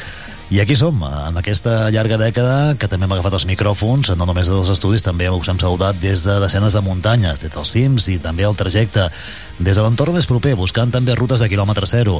Hem llegit eh, clàssics de muntanya, hem fet eh, poesia de muntanya en directe, hem fet moltes coses i hem parlat amb moltíssima gent, d'alguns que hi són i altres que malauradament ja no estan entre nosaltres. Avui obrim aquest eh, de ser programa i ho farem també amb un record i homenatge a tots aquells especialment que ja no hi són, que ens han deixat i que també s'han assegut en aquests eh, micròfons, en aquest eh, estudi, per parlar doncs, això, del que ens apassiona, de la muntanya, i del profund respecte cap a les muntanyes i el territori que les acull. Ho dèiem al primer programa, tenim la convicció que la muntanya és alguna cosa més que una zona geogràfica. Creiem, de fet, com diuen els clàssics, i com recull el company Ricard Fernández quan fa lectures eh, de clàssics, que són una expressió de la nostra pròpia cultura. Benvinguts al Pont de Mahoma 196.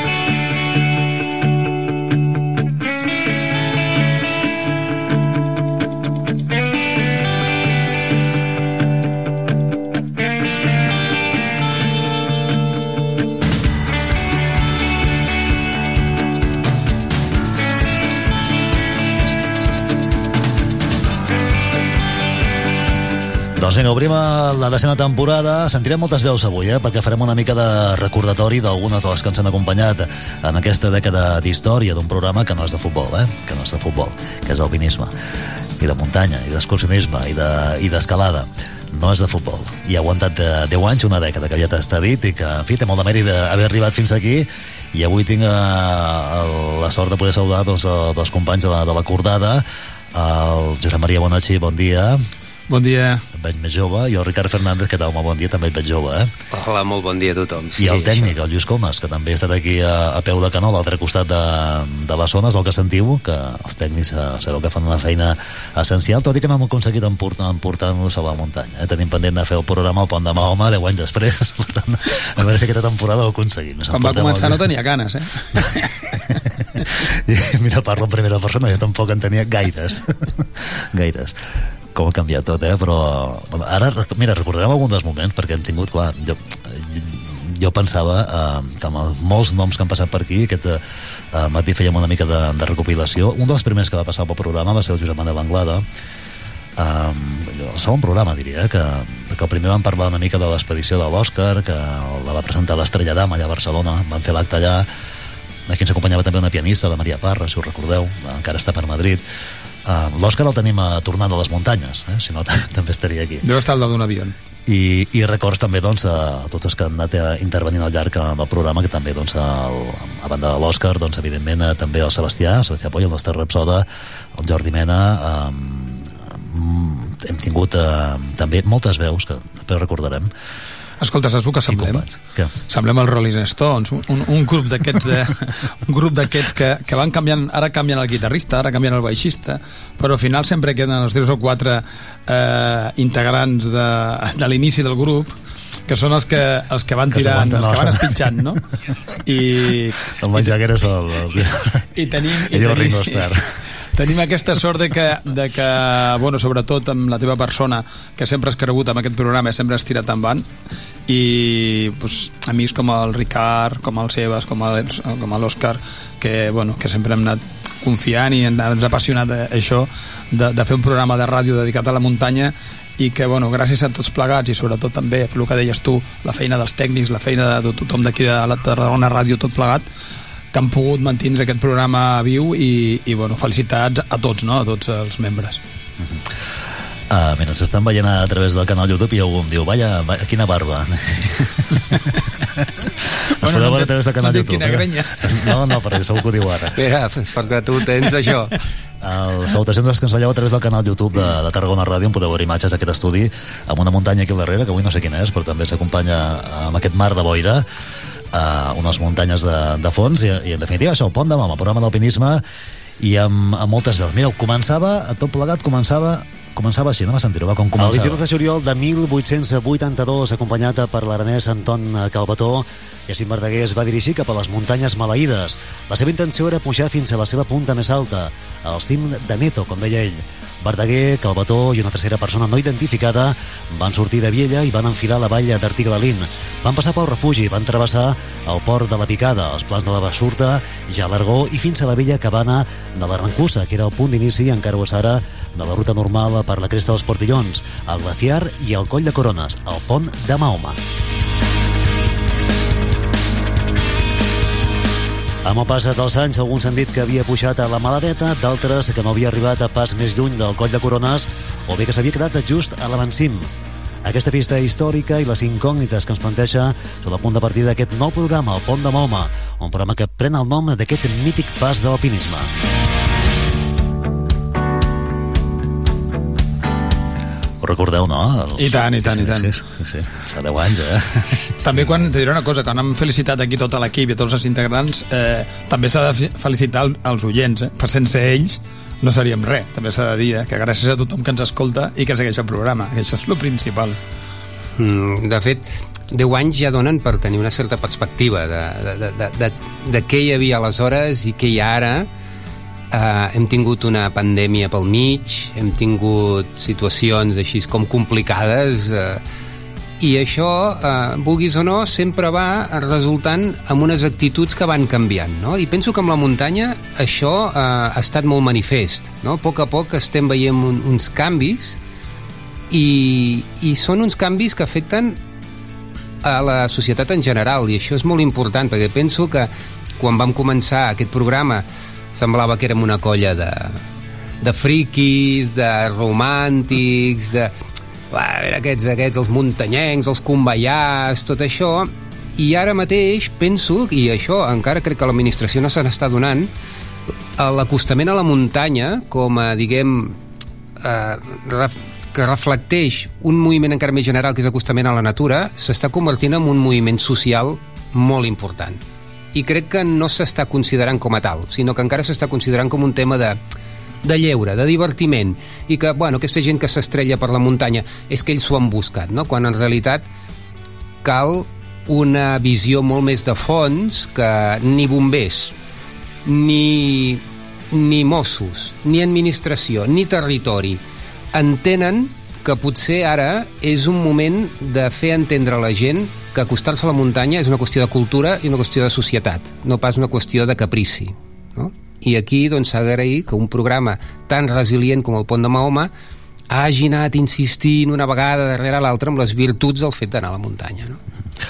Uh, mira, tots els que has dit i alguns més, uh, els convidem a, a fer el curs de, dels Massissos de Montserrat i, i del Montsant de la Fundació Universitat de Girona perquè allà aprendran, aprendran coses interessants, eh? un curs que, si voleu apuntar-vos, és la primera vegada eh? que els dos espais naturals no?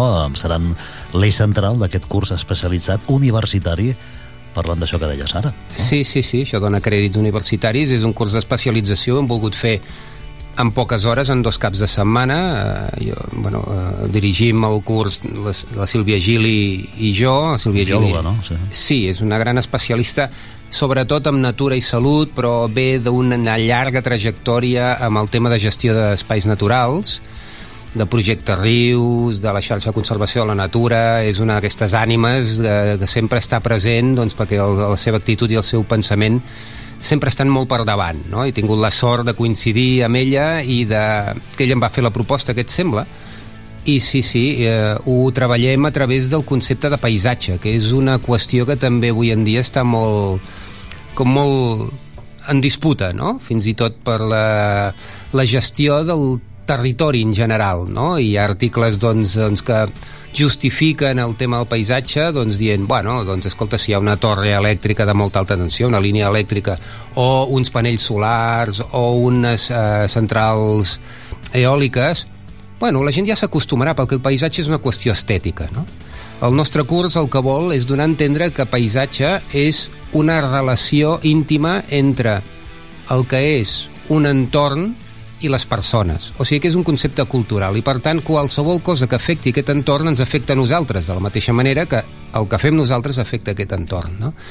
A aquest curs posem l'accent doncs, en persones que es relacionen d'una manera molt intensa i molt especial amb aquests dos entorns i comparem dins de les similituds i les diferències que pot haver, doncs com són les relacions en cada, en cada un d'ells. No? I és molt interessant. Intervé una antropòloga, la, la tècnica d'ús públic, la, el Montserrat Solà, per exemple, que està fent una feina impressionant a Priorat i a Montsant, però també tenim, doncs, les, si tenim sort, la Sílvia Vidal, l'escaladora. Si no marxa a escalar. Si no marxa... Sí, sí, sí, és la condició que ens va posar. Ella, si té alguna altra cosa, doncs, doncs aquest dia no vindrà. Però, bueno, escolta, és un testimoni molt important i és una persona Aneu amb una gran sensibilitat. Aneu vosaltres a Alaska, amb els, amb, els, amb els alumnes aneu a Alaska. Amb els ossos polars. Sí, això més endavant, a veure si la Fundació doncs, li sembla bé. El perquè- feu a, a, sí que ja... in situ, eh, als parcs naturals, no? Sí, sí, Tant un sí, sí. l'altre, un eh? cap de setmana a Montserrat i un altre a, a Montsant. Sí, jo voldria dir una cosa. És que abans heu parlat de... que havien passat moltes coses durant aquests anys i, i jo voldria... Voldria por- portar a fer un apunt, no? Que si alguna cosa bona ens va portar el Covid, que va portar coses molt dolentes, però va portar una de bona, és que molta gent, moltíssima, va descobrir la muntanya, l'entorn natural, arre, arrel del Covid. Es van trobar que l'únic mitjà de poder sortir de casa era sortir al medi natural i moltíssima gent s'ha aficionat a anar a la muntanya. De fet, no tinc xifres i no ho sé, però sí que et puc assegurar que es veu molta més gent, molta més gent a la natura, mm, sobretot als entorns propers, vas pel bosc de la Marquesa, te'n vas pel Sant Simplici, per Montsant, per les muntanyes de Prades, i veus moltíssima més gent que abans del Covid, no? I això és que hi ha molta gent que s'ha aficionat a sortir al medi... Ho ha fet durant el Covid, perquè no els hi quedava més remei, si volien sortir de casa i volien eh, llocs eh, segurs per poder passejar i tal, i s'han aficionat i han continuat aquesta dinàmica de sortir a la muntanya, no? I aquesta gent, des d'aquí, sí que és molt important dir-los que els cursos, tant els cursos que puguin fer doncs, els parcs naturals o bé inclús la, els centres excursionistes, és importantíssim que, que s'afegeixin en aquests centres i que si surten a la muntanya surtin eh, degudament preparats. Això és importantíssim, perquè està sortint molta gent a la muntanya amb molt poca experiència i això és el que porta que s'estiguin fent moltíssims rescats, a vegades rescats una miqueta ridículs, a vegades molt més greus, però que tot això s'estalviaria si se pogués fer una miqueta d'educació a la gent, sobretot la gent que surt a la muntanya, i que sortigués una miqueta més preparada. En el proper programa parlarem del 45è plec de, del centre excursionista que es farà a Olot a, enguany, crec que el, el mes que ve, el, el mes que ve diré que és l'octubre, eh? tenim en, en contacte amb ells i podrem, podrem parlar això, de, de la cultura de, dels centres excursionistes, eh? que, que és molt important la cultura de base, en definitiva. Eh? De, Aprendre, aprendre, Josep, aprendre. Que. D'aquí tots els que estem, vam començar en centres excursionistes, amb companys que sabien més que nosaltres, eh, molt, si vols ser autodidacta en segons quines matèries, com per exemple l'escalada, segurament te fotràs mal. Mira que deia l'Òscar fa 10 anys. Anem a sentir-lo, va, Òscar Cadiat. Això era el primer programa, eh? Primer... Home, la primera vegada que vaig No, escalar és l'Anglada, l'Anglada. Sí, sí, l'Anglada. Doncs la- l'Anglada, sí, sí, el Josep Manuel Anglada, que també era el segon programa de, de fa 10 anys. Home, la primera vegada que vaig escalar va ser a Anglaterra quan tenia eh, 16 anys, eh, amb un material dolentíssim, amb unes cordes que estaven mig podrides perquè eren d'un magatzem eh, i, i bueno, no ens van fer mal per miracle, no? Però vull dir que el material era el, més bàsic, diguem. Eh, I a poc a poc pues, he anat veient que això no pot ser, no? I que després d'Anglaterra vaig anar a Alemanya i a Alemanya ja em van començar a ensenyar les coses de perlon, les, uns peus de, de, de gat d'aquella època i tot això em va ensenyar de que si vols fer coses eh, tens que anar ben equipat, no?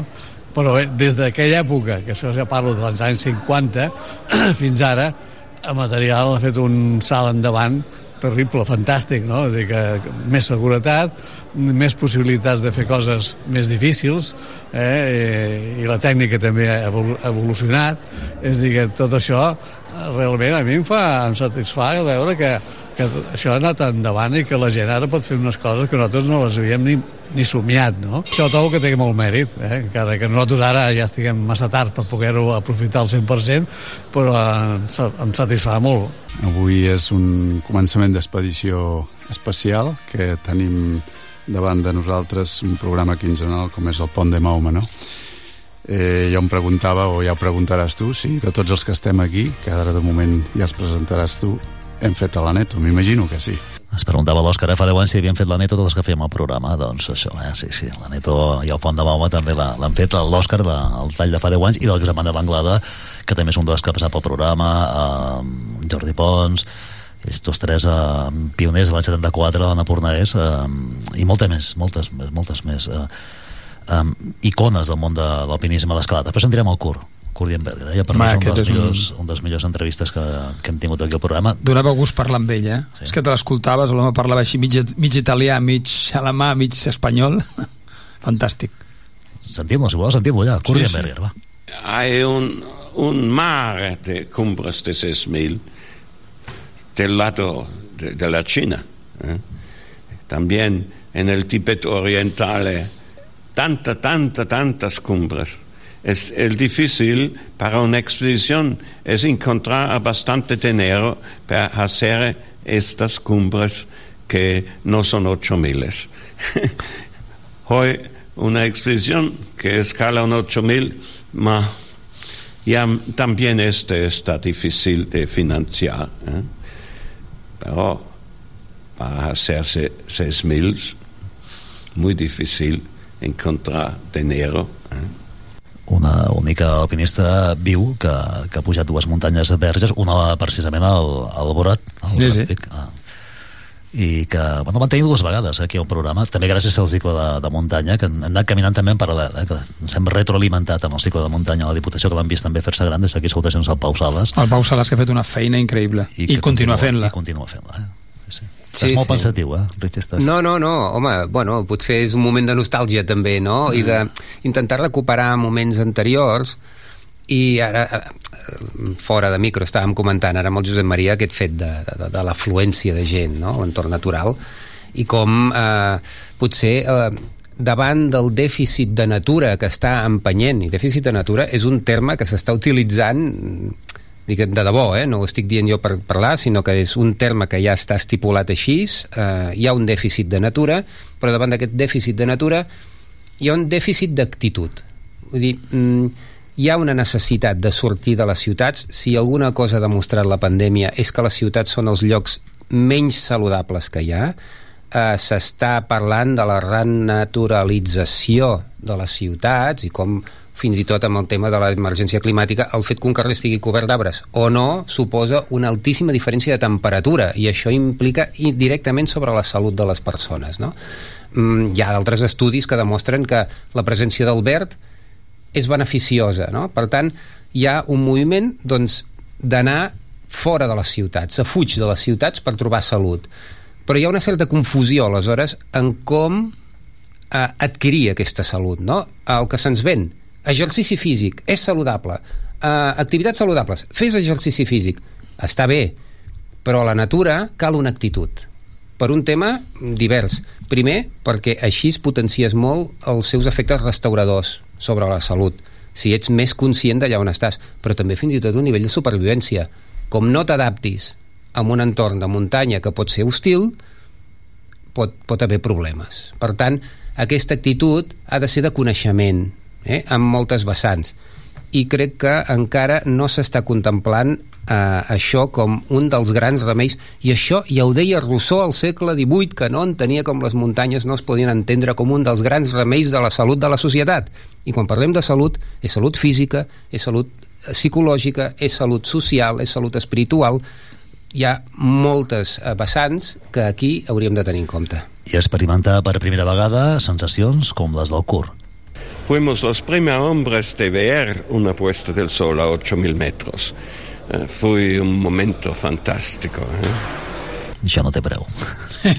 clar, clar, clar, Això deia el nostre amic Jordi Frisac. No sí, Està aquí, no té preu. Sí, sí, vull dir, això és un tema que la fascinació i el sentiment de la sublimitat doncs, amb, aquestes, amb aquests llocs, i no cal no cal que sigui a 8.000 metres, 8.000 metres tot és molt, diguem, exagerat, no? Però recordem que, per exemple, a Petrarca hi ha el Mont Ventoux i ja manifesta aquesta fascinació, no? Vull dir, i a sobre l'anècdota de que després llegeix les lectures de, de Sant Agustí, allà mateix, i diu ui, ui, ui, ui, ui, no, no, no, no, no, no. Vull dir que socialment, socialment hi ha, hi ha uns condicionants i ara, afortunadament, potser, doncs, no ens n'estem d'admirar-nos, no? Però moltes vegades no sabem com fer-ho, no? Mm -hmm. Avui que has portat de lectura, perquè vaig fer un llibre aquí sobre... Um... Sí, ha estat una troballa. Eh, bueno, Ciruela, l'editorial Ciruela, sempre treu petites joies. La veritat és que aquestes petites editorials és, és, és, és, bueno, és un no parar. És admirable el treball de les editorials a casa nostra com, com estan constantment buscant textos que, que realment doncs, tinguin una sortida, i no una sortida purament comercial, sinó profunda, no? I en el cas de la muntanya ens estem trobant, i això doncs, ve, per exemple, molt des de, des de França també, com és un país veí, hi ha eh, textos fets per filòsofs. Filòsofs que són muntanyencs també. I això també en Palma, per exemple, eh, Nietzsche era un filòsof al qual la muntanya l'inspirava molt ell feia passejos i tal, però part de la seva filosofia està basada amb el fet de les ascensions en una muntanya o a l'aproximació a la muntanya. I seguint tota aquesta tradició, doncs alguns filòsofs a França doncs, han anat publicant llibres. Eh, un dels quals és aquest, que és de Pascal Bruckner, que és un filòsof que va tenir molta influència doncs, als anys 70 i 80, i que ara doncs, també és molt interessant la seva visió des de ja la maduresa de, de, de l'amistat a... De l'amistat amb una muntanya. Amb una muntanya. Diu, petit tractat d'elevació. Pre, prepara per llegir, perquè recuperem un dels moments que hem viscut a, eh, al llarg d'aquests 10 anys, a, eh, perquè aquí hem viscut moments a, a, tristos. A, tristos recordo quan vam tenir aquí l'Alberto Ceraín, aquí mateix on estàs tu, i que malauradament ens deixava um, Jordi Frisac, també el van tenir molt present al, al programa, um, l'Elisa Para, que també um, també, doncs, eh, malauradament, molts, molts no hi són, com dèiem, l'Elisabet Vergés també podíem parlar amb ella en un dels primers programes, i malauradament també molts, molts ja no hi són.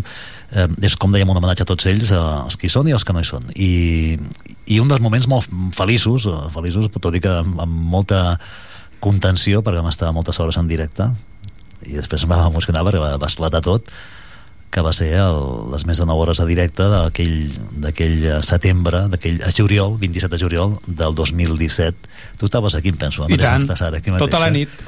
I tu també. Uh, no, no, no, estava, no sé on estava estaves, jo. Estaves, uh, estaves fora. Sí, estava fora. Rafa, Rafa Olivier, sí. I... estava jo, el Sebas, potser. El Jordi també, diria que també hi era, sí. Mm, el Jordi Mena, jo crec que no. Oh, és que van fer, van fer diferents programes. Eh, de, de fet, aquesta la transmissió va guanyar un premi. Efectivament. Aquella nit vam estar... De Radio Social de Catalunya, sí, sí. Mirant amb el, amb el Racet Tracer aquell famós i tot eren dubtes i quina emoció o sigui, Parlem va ser fantàstic l'Òscar Cadià, que eh, el dia, la nit, el dia que es va convertir en el primer català en assolir els 14-8.000 sense oxigen addicional. Aquest era el moment que ens trucava, després de 9 hores de directe, va començar a, la una, a les 11 del matí del dia següent, ens trucava, després de tota una nit amb molt de cafè i molt de directe, aquest era el moment. Atenció, Tarragona Ràdio! Tarragona Ràdio, us estimo, hem fet el cim! Sí. Sempre amunt, Catalunya, sempre amunt! Estic a dalt del cim del Brotic, fa molt de vent, ha sigut molt dur, no hem pogut comunicar abans. Ara buscarem un recer i explicarem com ha anat això. Molta sort, molt, sempre amunt. Ha estat tot molt dur. Des del Pakistan els desitgem el millor. L'Ali, el Tunj, el Yusuf i jo hem pujat. Fa tot just 10 minuts. Ara hem pogut comunicar. Fins ara el tornarem a trucar. que si no recordo malament no van trucar no, no, va tornar a trucar. no van tornar a trucar perquè estaven esgotadíssims i anàvem esperant, esperant, esperant i fins que no van arribar al camp no, no, no vam rebre, recordo que no vam rebre trucada i bueno, tot era una preocupació tant pujant com baixant no? Bueno, és, és, és, és un descens que és bastant ràpid perquè és bastant dret i no t'estàs per, no t'estàs per, o sigui, vas passant i baixes al 2, el 2 és un campament una mica desagradable, recordo l'1 és també així, són campaments molt inestables, molt que no conviden a estar-s'hi. Per tant, en ser tan, tan directe, perquè baixes per un esperó, mmm, la qüestió és baixar, baixar, baixar, baixar. I, i ja està. I, I clar, clar, això mentre tu estàs fent això, que has de posar tota la teva concentració venint d'on vens, perquè justament tot i que és ràpid, pot, pot ser perillós amb alguna maniobra, doncs, clar, els que estem esperant és molt neguitós, no? va ser un moment uh, molt bonic, uh, molt, molt emocionant, molt emotiu. De fet, uh, ara, ara estem més o menys aquí a la redacció uns quants, uh, relaxats, però recordo perfectament que darrere, on hi ha el company Lluís Comas, hi havia càmeres de TAC12, de TV3, tota la redacció estava aquí.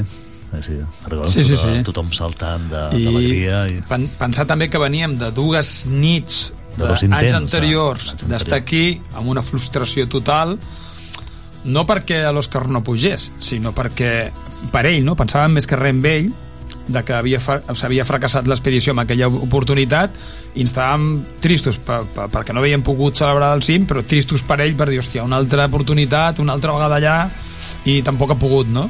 De fet, I, sí. i bueno, va ser una miqueta l'explosió de, de, de joia perquè és que teníem moltes ganes, de ganes de que pugés aquell cim ja, ja, ja la, la cosa estava acumulada ja aquí totes les pel que les persones que conec eh, doncs que, o que tinc constància doncs, que han participat en aquesta, en aquesta cursa, entre cometes, eh, de fer els 8.000, els últims és una angoixa absoluta. Vull dir, és he d'acabar, he d'acabar, mm, és un repte, però també és un turment, eh? i això és, co- coincideix amb moltes persones que m'ho han comentat de dir els que s'han proposat això, n'hi ha d'altres que el número ja no els hi ha importat i van fent, van fent, van fent i mira, però és, és que hem fet un altre salt eh? amb aquests 10 anys també tot el tema del buitmilisme ha canviat moltíssim fins i tot el trist episodi que s'ha viscut al K2 al Coll d'Ampolla vull dir, tot i que això ja havia passat a l'Everest eh, s'està detectant un cert cansament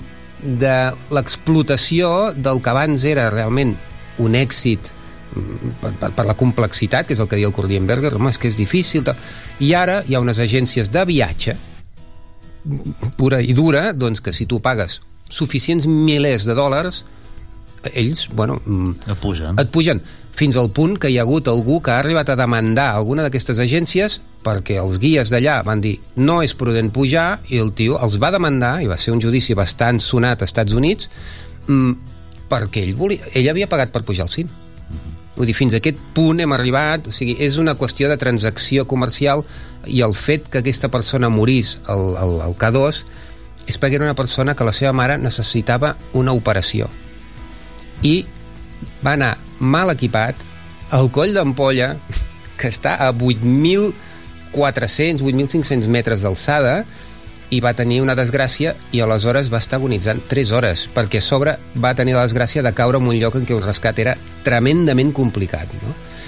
mm, tot això ens porta a pensar que realment algú s'estava llogant, no? I de l'èpica d'alguns moments, ara gairebé hi ha el, el fàstic, fins i tot, eh? I això també ens ha de fer pensar com moltes vegades la idea de d'honor i glòria ha de quedar bandejat del que és la muntanya o la natura i quedar-nos amb el que és el repte personal i uh, l'actitud amb la que ens enfrontem. I això sí que és inspirador, perquè una persona pagui milers de dòlars per pujar a costa de que fins i tot hi hagi alguna persona sota els seus peus, que potser no se n'estava adonant, eh? que estaven totalment a 8.000 metres... Perdals, perduts. Eh? Clar, doncs és que és trist, no? És molt trist. Home, sempre la, la gent que fa himalayisme i més aquests cims i, i tu ets un d'ells que ho vas intentar sempre ens han comentat el tema de que, de que quan hi ha una persona agonitzant a aquestes alçades és que és impossible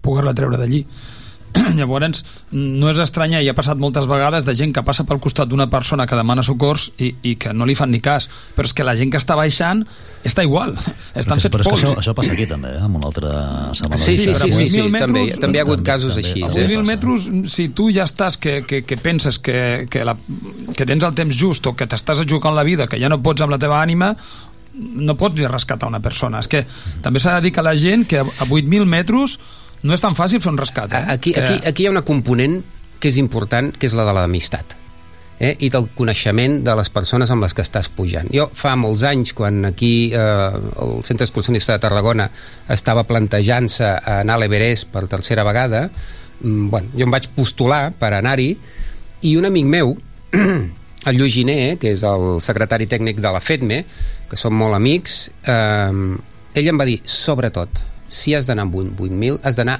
amb amics, amb una persona que coneguis molt, perquè en un moment de problema, aquesta persona ho donarà tot per tu, o tu donaràs tot per ell. I ell és el testimoni vivent d'això, perquè ell va rescatar amb un company, el Sergi Martínez, des del cim sud de l'Everest fins a baix, quan ell ja no es podia valdre. I això li va costar tots els dits d'un peu. Eh? Però ell ho va baixar. Eh? El cas del coll d'ampolla tècnicament és que era molt complicat. Uh, en el cim sud de l'Everest és baixar-lo per un pendent i això no va ser. Però ningú donava un duro per al Sergi i el Sergi és aquí, viu, eh? amb, unes, amb unes congelacions, amb unes petites conseqüències. El que tu dius també és cert, hi ha hagut casos d'aquestes famoses quedades que la gent se'n va a caminar sense conèixer-se, es troben allà i doncs, hi ha hagut un cas, que això en parlava a desnivell, de uh, que una noia es va trencar una cama i ningú es volia fer càrrec d'ella. Tothom se n'anava i la deixaven sola. Això aquí, eh?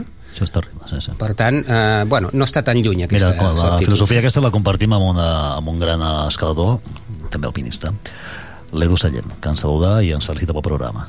Bon dia, companys. A veure, des d'aquí a Balanyà, res, us desitjo molta sort en aquest inici de, de la desena temporada, que això, eh, ojo, eh, que això pinta molt bé, ja, desena temporada del programa, i res, que penso que el més guai és, és que mm, de la mateixa manera que vosaltres disfruteu de les muntanyes ens les feu disfrutant els altres també no? de, de, amb, la vostra, amb la vostra comunicació a través de la ràdio tot plegat doncs feu això, aconseguiu que eh, que, que, que tothom disfruti molt d'això no? D'això tan bonic que, que, que tenim i res, eh, moltes felicitats per la desena temporada ja i, i bueno i ens anirem veient per les muntanyes Vale? Vinga, una abraçada ben forta. Una abraçada, Edu, l'Edu Sallem, eh, un crac. Camí dels Estels. El Jordi Aluja, president del Centre Exclusionista de Tarragona, també també es vol felicitar. Eh, De fet, està treballant, eh? Hores d'ara, si no el tindríem aquí. Jordi Aluja, el president del Centre Exclusionista de Tarragona, que també també ens felicita per aquest eh, desè aniversari. Sentim-lo. Enhorabona, Pont de Mahoma.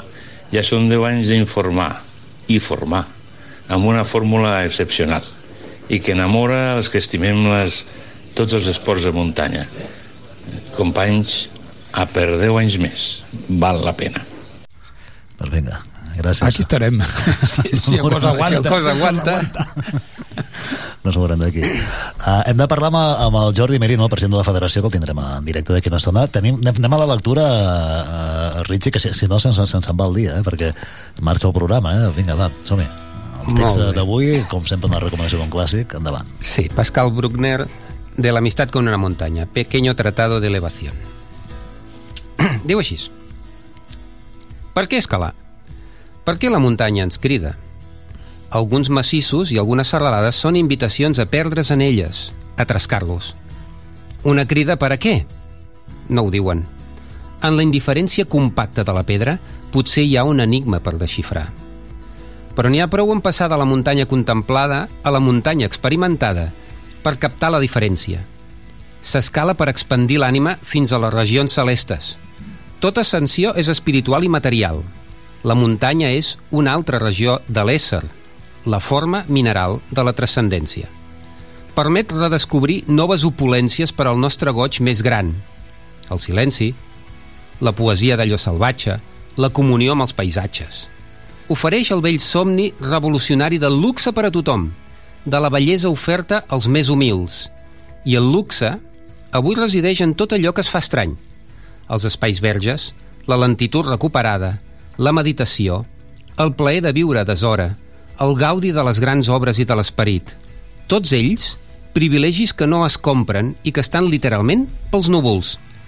El cim és l'imant psíquic que impulsa cap amunt. Cada pas és joiós perquè ens hi aproxima. Escalar és patir, però amb recompensa. Malgrat tot, Sísif ha d'arribar a la meta, tot i que apreciï més el moviment que l'objectiu. Es nota que és filòsof. Sí, sí, sí, sí. A sobre francès perquè treu Sísif, que va ser un dels grans motius amb Albert Camus parlant sobre aquest mite i el recupera perquè és evidentment doncs, tota una història molt interessant. Aquesta. Senyor, senyor llibre de les càmeres de, de YouTube que el vegin, el del Pascal Bruckner, de l'amistat con una muntanya, en pequeño tratado de elevación, eh? que el veieu a, a través de les càmeres Sí. L'editorial de- Ciruela. del canal de YouTube, eh, per si voleu doncs, eh, fer-vos amb aquest llibre. Sí. Eh, mira, més felicitacions d'Àlex Chicón, eh, Egunon, Àlex, eh, també, eh, també es felicita pel desè aniversari del programa, també un dels que ha passat molt, moltes, en moltes de les edicions, sentim-lo. Eh, Sorionak, Sorionak de todo corazón, aquí al Chicón desde el Pirineo, a Pont de Mahoma por ese décimo aniversario. Un saludo enorme y a seguir disfrutando y que vengan muchos más. Crec que l'Àlex Chicón recordo que ell que es va explicar quan, eh, quan fan aquell, allò que fan al País Basc que tallen troncs, eh, corren i que, que diu, estuve a punt de palmar-la diu, se recordeu que quan s'ho va explicar aquí que va estar a punt, eh? De, Sí, sí, eh, tallant troncs. tallant troncs eh, Esgotament. corrent i no sé què més feien però aixecant, bueno, aixecant també la, la, les típiques boles aquelles que ensenyen un crac, l'Àlex Chicón bueno, Sí, que sí, vindran de 10 anys fet- més, eh? De fet, aquí, de les persones que més m'he impressionat a mi de tots els que hem tingut, ha sigut l'Alberto. Cerain, Alberto Cerain. Sí, totes les coses que ens explicava, inclús quan ara parlava del coll de botella, m'han recordat de d'allò que, que es va trobar sense corda i, i amb un piolet sol i, i va decidir tirar amunt i de baixada es va trobar el drama que es va trobar, que havia hagut una llau i s'havien portat a, a 8 o 9 o 10 persones, me sembla, no? I t'ho explicava tot i, i era una persona super, super, super eh, agradable de sentir-lo parlar, de, de parlar, de- d'estar de, amb ell, vull dir, una gran pèrdua que, va, que vam tindre amb la, amb la pèrdua d'aquest home. Uh, molt gran, Albert Ceraín que ens va acompanyar també aquí, va vindre a través del cicle de muntanya. Eh, mireu que ens diu el Pau Sales uh, també l'ànima del cicle de muntanya. El Pau Sales també es vol felicitar per aquest de, desè aniversari. Anem a sentir-lo, el Pau Sales vinga, Hola, bon dia. Pau Sales, el, el coordinador del cicle de muntanya de la Diputació de Tarragona. Bueno, enhorabona per la desena edició, perquè com que el seu director, el Josep, ja ha dit, m'ha dit, diu, home, eh, anem de la mà, no? O sigui que és veritat, anem de la mà al cicle i el, i el pont de Mahoma estic encantat amb el programa eh, el suport que hem tingut sempre ha sigut meravellós i, i, i ens ajuda constantment a omplir cada vegada l'auditori ja estic preparant el nou cicle eh, la feina és com sempre una mica feixuga però jo espero arribar al nivell que sempre tenim una abraçada per tots i a fer muntanya, a fer muntanya. A més, a, a, a, us parlo des de l'ermita de Sant Antoni perquè anem a fer amb un company, el Ramon Borrut, anem a fer una mica de cadolles i a fer una mica de cames per preparar-nos per anar al Pirineu aquest setembre. Vinga, una abraçada i a fer muntanya. I moltes felicitats. Adéu-siau. Jo em pensava que ens diria qui portarà el cicle, però no, és tot un secret, eh? Top secret, eh? Uf, bueno, ara mira, et diu que estava que estava al Montsant jo fa poc me vaig trobar amb ell vaig anar a veure la Montserrat Domingo i, i tot just estava parlant amb la Montserrat a l'ermitanya i, i pum, apareix el Pau per allí, no? Vull dir, és, és, viu bastantes hores a, al Montsant el Pau últimament, és molt molt per part nacional bueno, parc natural. natural. I, I bé, vull dir... Mira, la Montserrat Domingo serà una de les ponents també del nostre curs, també hi participarà. Montserrat és una crac amb el tema de flora i herbes és, és una, una eminència, una eminència, a part d'una bellíssima persona. Montsant, Montserrat, paisatge singular, símbols universals, eh? Això es farà el, de, el novembre, novembre són tres jornades, no? Dues, dues, dues, dos caps de setmana, una cada massís. Molt bé, no, si sí. voleu, um, després us, us facilitem el contacte per poder formar part d'aquest curs. Anem a sentir el Sebastián Álvaro, el Filo d'Impossible, també, ex el Filo d'Impossible, també són dos que hem tingut per aquí al programa, que també es vol felicitar, sentim-lo. La verdad es que es un auténtico placer y, y, yo creo que tiene mucho mérito aguantar un programa de radio 10 años hablando de alpinismo, de montañas, de sentimientos de montaña, de cultura, de cine, como el que abandera nuestro amigo Pau en, en Tarragona y que realmente se ha convertido en una auténtica referencia igual que vosotros. Así que desde aquí, mirando las montañas del Guadarrama, os mando un fuerte abrazo y todo mi ánimo para que al menos continuéis otros 10 años más. Salud, amistad i muntanyes, amigos. Doncs vinga, Sebastián, Sebastián Laborro també ens felicita per aquest de ser aniversari per l'arrencada. Tenim el Jordi Merino, el president de la Federació d'Entitats Excursionistes de Catalunya, al, al telèfon, que l'hem tret, eh, Richie diria que crec que està a Montserrat, si no, si no vaig errat. Home, molt ben fet. Fes el sonor. Se saluda tu, si vols, eh, el Jordi. Jordi, bon dia. Hola, molt bon dia, des de Montserrat. Ah, mira, veus, veus que bé? Veus que bé? Richie, el tens a Montserrat. El bueno, no, com no podria ser d'una altra manera, és un massís bueno. que no pot ser mai deixat de visitar, no? Sí, sí, avui estic a la teva zona, eh? Tu ets l'amo d'aquí, eh? Que domina Montserrat, eh? bueno, tant, tant com això, això diuen, això diuen. Això, això que no ho senti el parabat, eh? Que encara, encara ja veuràs Mira, tu. M'està esperant ara per entrar i ja li donaré records. Dóna-li molts records, sí, sí. Sí, ostres, ara, pobre, és, és difícil de, de trobar-se amb ell abans, doncs, ostres, tothom, home, pare Manel, o... Eh, ara no, és el parabat. Sí, sí, és el parabat, sí, sí. sí, sí. Home, doncs us passo ja en exclusiva en primícia que estem muntant l'assemblea del senderisme europeu europeu, que és l'assemblea la, de l'ERA, de la European Running Association, que l'any vinent nosaltres som anfitrions i Montserrat serà l'epicentre de l'excursionisme i el senderisme a nivell d'Europa. I bueno, ja estem organitzant tot, ara un any vista, perquè, com sabeu, també comencen els actes del, del mil·lenari de la Badia Montserrat, i clar, això estarà a rebentar. I, bueno, i per mi i per la federació doncs, és una satisfacció doncs, poder doncs, que totes, totes les entitats excursionistes, federacions i clubs doncs, estiguin aquí a Montserrat. Molt bé. Una, doncs mira, ja posarem, eh, posarem antenes també per allà. Eh, I tant, i tant. Jordi, que arribem a 10, a 10, a 10 edicions, no 10 edicions, 10 no, temporades, 10 anys, de 10 anys sí, sí. No, 10 edicions en 90 i pico.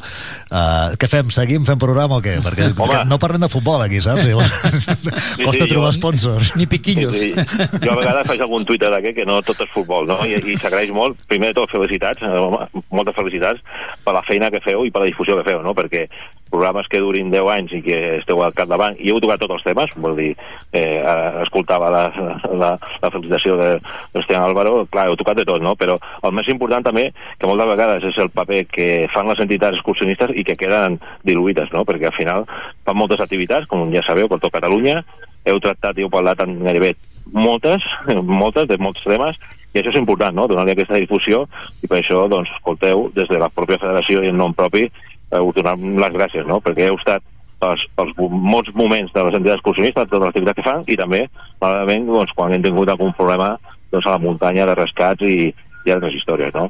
I només us puc eh, felicitar i, i animar-vos doncs, a seguir en aquesta feina, que sou un referent i, i endavant. No, no tinc més paraules que són d'agraïment per la feina que heu fet tot l'equip que teniu vosaltres aquí al programa vostre del Pont de Mahoma.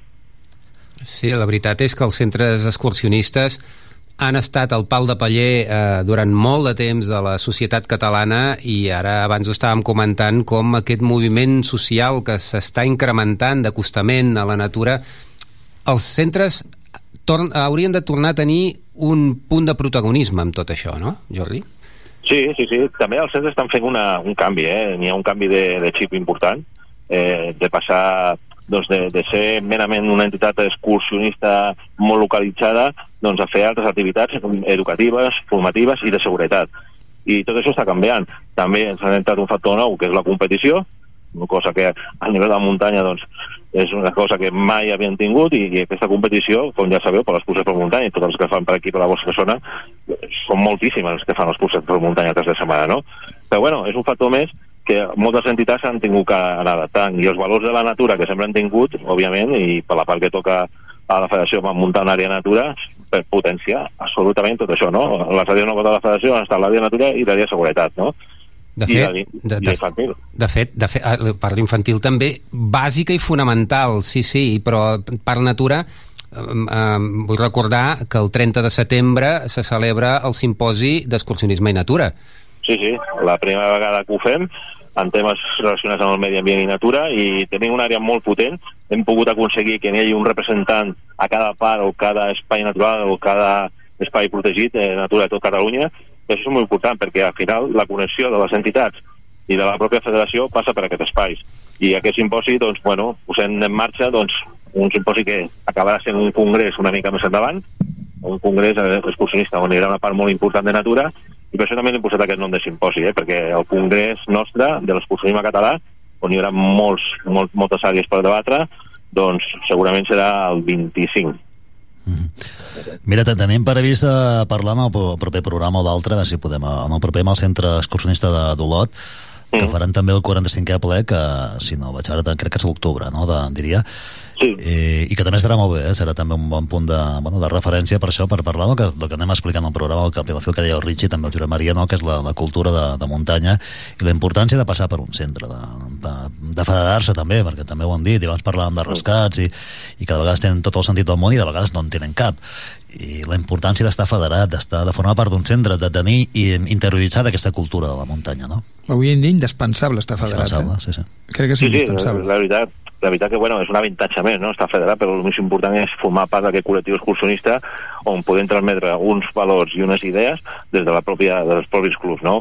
Coses que avui dia doncs, ja sabem que surt molta més gent a la muntanya, gent que o no té respecte, no té valors, o no li té por a la muntanya, i després passa el que passa, no? el que veiem sempre als mitjans de comunicació.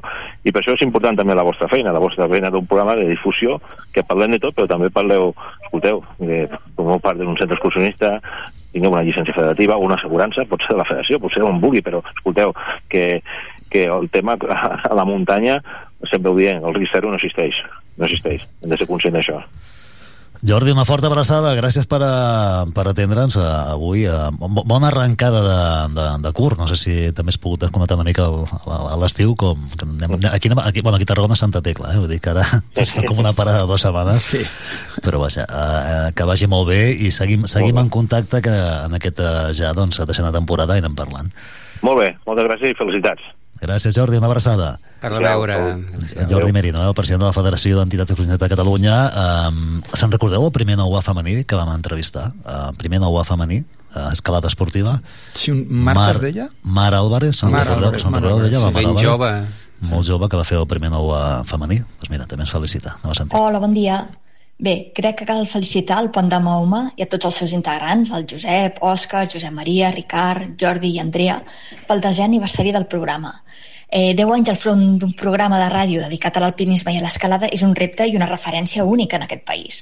Així que enhorabona i moltes gràcies per donar-nos un espai i una visibilitat a tots els escaladors. Espero que tinguem Pont de Mahoma per molts anys més. Gràcies, Mar.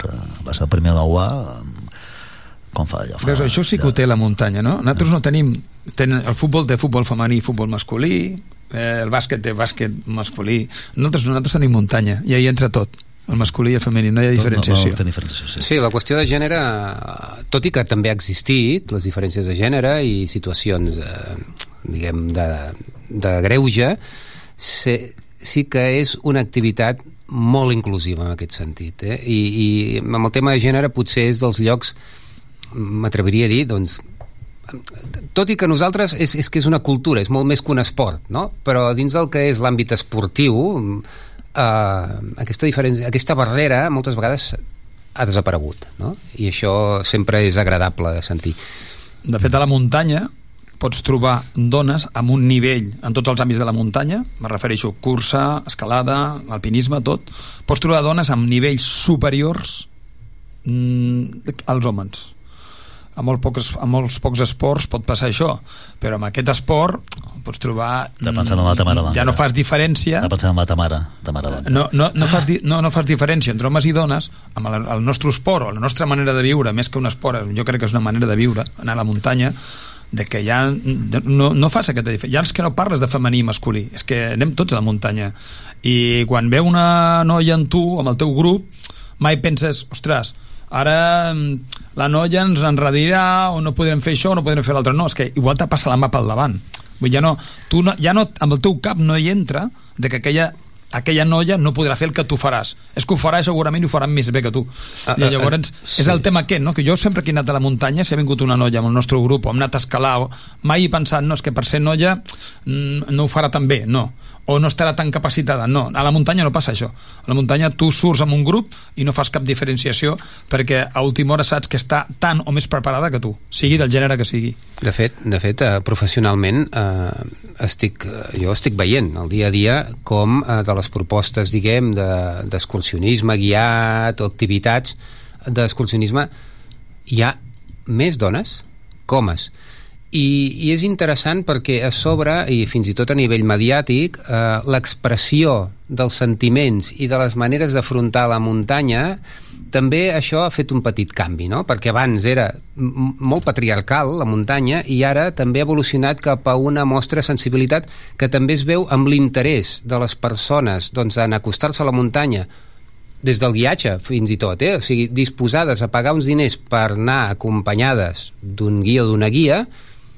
majoritàriament són dones i és molt interessant, molt interessant. Aquest tema de muntanya i gènere també s'hauria de tractar perquè dona pues molt mira, de sí. Uh, propostes per aquesta desena temporada. Mira, que un muntany que farà molta il·lusió, Richie, també espero que el Josep Maria, a mi em fa molta, del Jordi Bosch Barraca, que també des d'aquí el saludem, que també ens felicita. Banyoles. Uh, anem a sentir-lo, anem cap a Banyoles. Va, Jordi Bosch Barraca, vinga, dispara. Bon dia, sóc en Jordi Bosch, en Barraca. Uh, felicitats Pont de Moma pels 10 anys que vagi molt i molt bé i que el que us volia dir és que, que la muntanya no només és pujar i baixar, sinó que està farcida de moltíssimes coses. El que cal és trobar-los. Felicitats i per molts anys. Recordem, eh? Uh, si no m'equivoco, a l'Oscar van rescatar una japonesa fent, van, van, avortar, van avortar l'intent del Broad Peak per anar a rescatar aquesta noia. Abans parlàvem dels rescats de les persones que s'accidentaven als 8.000. Va, va morir un malauradament. Eh, van anar a buscar aquesta noia quan altres alpinistes, no direm noms, van tirar amunt sí. i van passar absolutament d'anar a socórrer amb aquesta noia. El Patx ens explicava quan la van haver d'intervenir i li van treure la bota per tenir l'os fora i el Patxi, el Patxi Gonyeta, que també salutacions, no l'he pogut localitzar aquest matí, però també segur que ens hagués felicitat ens deia que amb la, amb la navalla tallant la bota ella amb l'os fora i que aguantava el dolor la, la Vespino, li deien la Vespino era com una Vespino. Sí, perquè es deia Yamamoto. Suzuki, no, es deia Suzuki Yamamoto. Sumillo, Suzuki Sumillo, si no recordo. No? No es deia Yamamoto? Bueno, és que és, és un lloc... És un Suzuki, lloc Suzuki. Era una època... Suzuki, no? Jo sabia que era algo de motociclisme. També el canvi climàtic hi va fer molt, eh? Jo recordo veure, anar amb la corda fixa i com baixava la neu humida, que dius, neu humida, aquestes alçades. Doncs sí, la pilota, va ser una pilota de neu la que li va trencar la cama, eh? Uh -huh. Sí, sí. Nois, que ja estem fora de, de temps. Ja, eh? La, el pastís, amb la, el, el pastís ve ara o...? Però si ho he vist aquest matí, que era el de aniversari, que som, som un, anem sempre per salto de mata, eh? però vaja, ja, ja portarem pastís, eh? El, el pastís amb el 10. El, el 10, l'1 més 1, és a dir, el, programa, el segon programa de la segona temporada, fem un pastís, eh, el portem i se'l se mengem, al Pont de Malva. Va, jo portarem ampolla de cava. Vinga, va.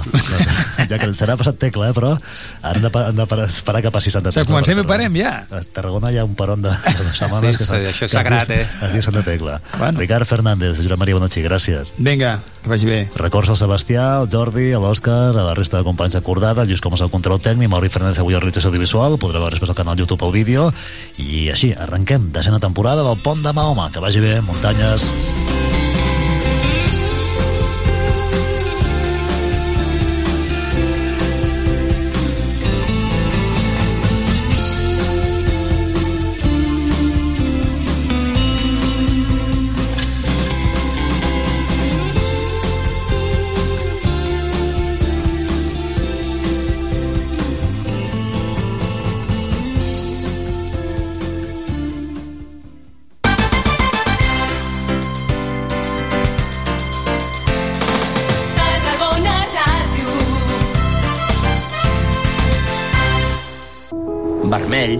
Roig. Grano.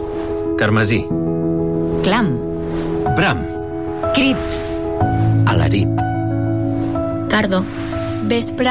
capvespre, hora baixa, gresca, serhau, Festa. Xerinola. Papallona. boliana, Palometa. Parpallol. una llengua, molts accents, Diada Nacional de Catalunya, Generalitat de Catalunya, sempre endavant. Coneixes la nova oferta de la ciutat? No saps què ensenya als teus convidats? Sorprèn-los amb el Mapping Tàrraco, una experiència immersiva dins de la volta del Pallol, un videomapatge que interactua amb la maqueta romana i que t'endinsa durant 20 minuts a la Tarragona de fa 2.000 anys. Gaudiràs de la nostra història d'una manera original, de dimarts a diumenge. Disponible en quatre idiomes. Reserva ja la teva visita a mappingtarraco.cat. Ajuntament de Tarragona. No t'amoïnis més. Sigues feliç. A Tarragona, aparca el teu cotxe als pàrquings municipals i gaudeix de la ciutat per menys de 5 euros de màxim diari. No hi donis més voltes. Busca el teu pàrquing més proper al web aparcamentstgn.com i be happy. Hola, sóc Joan Reig, jo sóc donant habitual. Hola, sóc l'actor Oriol Grau. Hola, sóc la Judit Mascó i sóc donant habitual de sang. Et sonen aquestes veus? T'animem a donar sang i a apuntar-te a la Marató de Donants de Sang el dissabte 16 de setembre de 9 a 21 hores al Teatre Tarragona. Donar sang sona bé. Entra a donarsang.gencat.cat i reserva cita. Em sona bé. Per quart cop a la història, el Mercat Central tornarà a obrir fins a la mitjanit per oferir tastos musicals i gastronòmics dins i fora de l'equipament modernista. Deixeu-vos sorprendre per les propostes culinàries dels nostres paradistes i veniu amb la família i amics a gaudir d'una nit molt especial. I fins ben entrada la matinada, un darrer tastet musical a plaça Corsini per agafar forces per als intensos dies de festa major que vindran. Moll de Costa, la Rambla de la Cultura a la vora del mar. Vine i passeja per l'eix de la cultura, del lleure i de l'esport al Port de Tarragona. Hi trobaràs museus, exposicions, teatre, activitats, espais per passejar i fer esport. Completa la teva visita amb un tas de la gastronomia marinera del Serrallo. Més informació a porttarragona.cat. Una alimentació sana, exercici físic i una bona assegurança mèdica. A MGC Mútua millorem cobertures i serveis per oferir la millor assegurança mèdica segons els professionals de la salut. MGC Mútua. Inverteix en salut. Informa't en el web mgc.es. A Tarragona Ràdio som 40.000 oients. Anunciat a la ràdio local líder en l'actualitat, entreteniment i informació tarragonina. Contacta amb nosaltres al 977 24 53 64 de 9 a 2 al migdia o escriu-nos a publicitat arroba emmct.cat perquè a Tarragona Ràdio t'escoltem.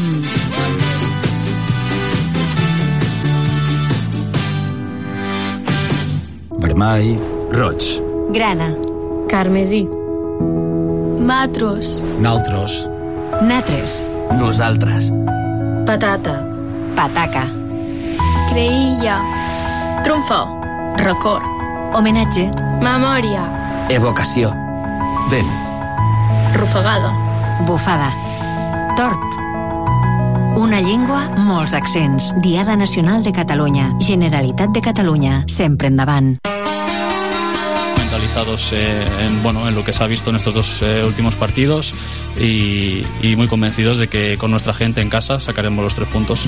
Com diu el davanter del Nàstic, Mario Rodríguez, l'equip vol continuar amb les bones sensacions a les dues primeres jornades de Lliga per guanyar el primer derbi català de la temporada. Diumenge 10 de setembre, a dos quarts de vuit de la tarda, viurem la tercera jornada de Lliga al grup primer de Primera Federació des del nou estadi Costa Daurada en el partit entre el Nàstic i el Barça Atlètic. I com sempre, des de fa 31 temporades, t'ho explicarem tot des d'una hora abans a la sintonia de Tarragona Ràdio, el 96.7 i 101.0 d'FM, al web i a les aplicacions mòbils. Escolta, ens participa al Joc de la Porra, comenta el partit al Twitter del Sempre Nàstic i al WhatsApp de Tarragona Ràdio. 31a temporada del Sempre Nàstic, viu el futbol, viu el Nàstic i viu els gols.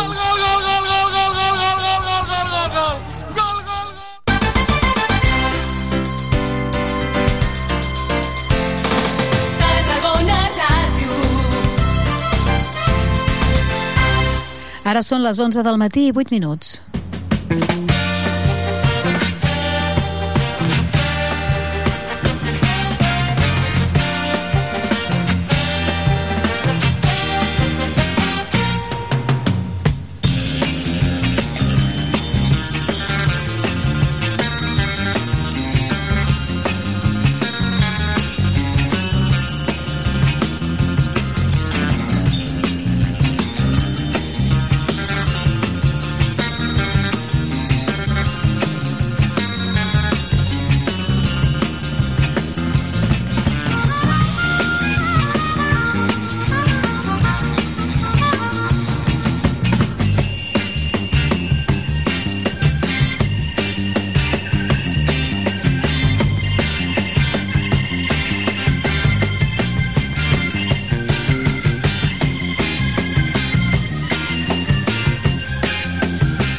Molt bon dia, benvinguts a aquest tram final del Mercat d'Estiu, un eh, mercat d'estiu al qual avui dijous encara li queda doncs, eh, fins, a, fins a veure que conto fins a la una del migdia.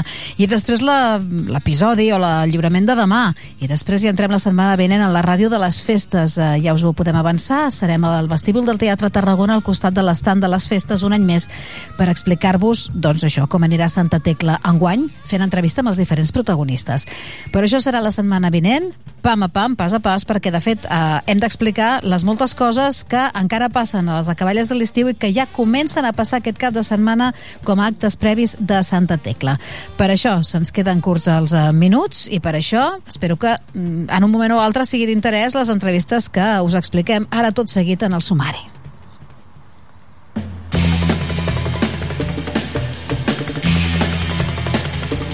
Doncs un dels actes més destacats passat el cap de setmana, enguany cau en dilluns, és la diada l'11 de setembre. Volem eh, saber quins preparatius ens tenen això a, a punt ja per a la celebració de la Diada de Catalunya des de l'ANC i també des de l'entitat Òmnium Cultural. Per cert, que amb Òmnium Cultural també hem de comentar una notícia d'última hora i és el Premi al Balcó d'enguany, aquest guardó que eh, s'atorga durant les festes de Santa Tecla, atorga l'entitat Òmnium Cultural durant Santa Tecla per reconèixer la tasca eh, per la difusió de la cultura catalana d'alguna entitat o d'alguna persona. Enguany, el Premi al Balcó recau sobre el Ball de Dames i Vells.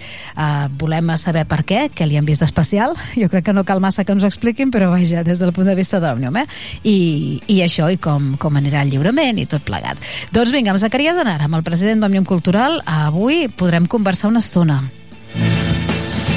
L'11 de setembre, la Diada de Catalunya, però, eh, ja sabem, ja estem acostumats a que coincideix amb una diada molt celebrada a Xile. És eh, el dia dedicat a Salvador Allende i aquí a Tarragona la comunitat xilena doncs, també es fa sentir, també surt al carrer per homenatjar el que va ser el seu eh, president. Avui tornarem a parlar un any més eh, d'aquest assalt al Palacio de la Moneda, de, de la mort de Salvador Allende, del cop d'estat, de la repressió, de Pinochet i en fi, també dels valors de Salvador Allende que van quedar doncs, troncats amb aquest cop d'estat. I avui, amb més... Eh, bé, amb més excusa que mai, per dir-ho així, perquè s'acompleixen 50 anys eh, d'aquell cop d'estat. Per tant, en parlarem amb el Francisco Javier Alvear, que és el president de la comunitat xilena a Tarragona i doncs, eh, l'Associació de Fet Salvador Allende a Tarragona, diguem, en propietat, i són qui faran l'homenatge també el dia 11 de setembre, de cara a dilluns. I després eh, continuarem amb aquestes entrevistes que ens posen en mode final d'estiu, com dic, i començament de curs, no? començament de tardor, una mica aquella manera o aquella voluntat que tenim d'endreçar-nos, de buscar l'equilibri i de començar el curs. També a nivell d'alimentació, que també forma part del nostre benestar.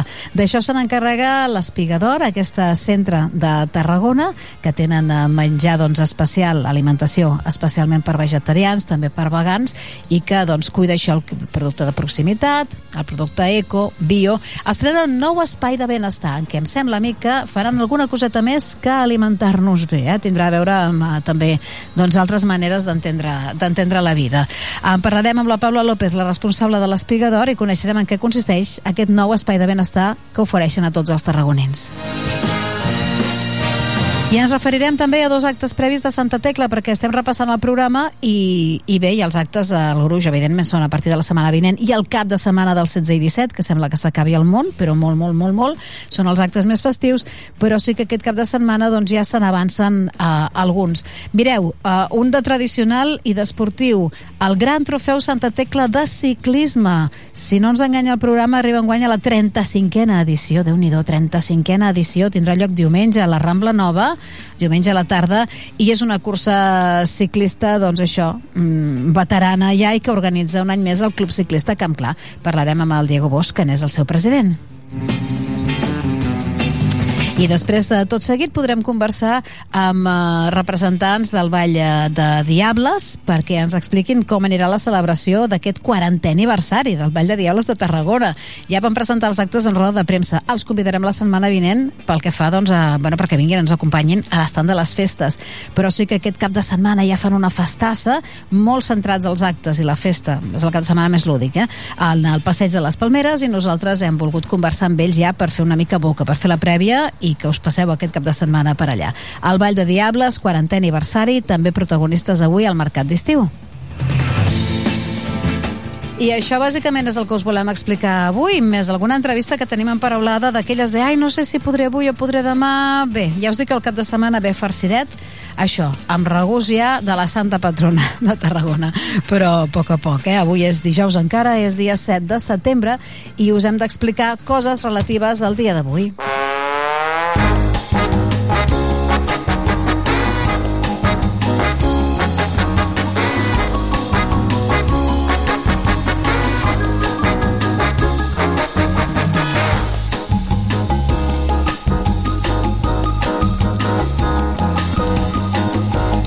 Doncs mireu, entre altres coses, avui se celebra el Dia Internacional, Dia Internacional per un aire net i un cel blau, amb l'objectiu d'això, fomentar la investigació, desenvolupar, millorar totes aquelles pràctiques que permetin millorar i mantenir la qualitat de l'aire a tot el planeta. Eh? Estem parlant de tota la població mundial.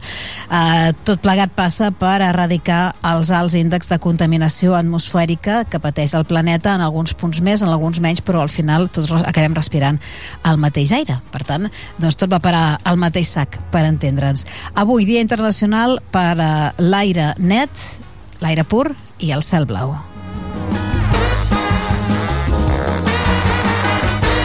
També avui es celebra de manera internacional i proclamat per l'Organització de les Nacions Unides, que són qui marquen els dies oficials mundials al calendari, el Dia Internacional per la Cooperació Policial.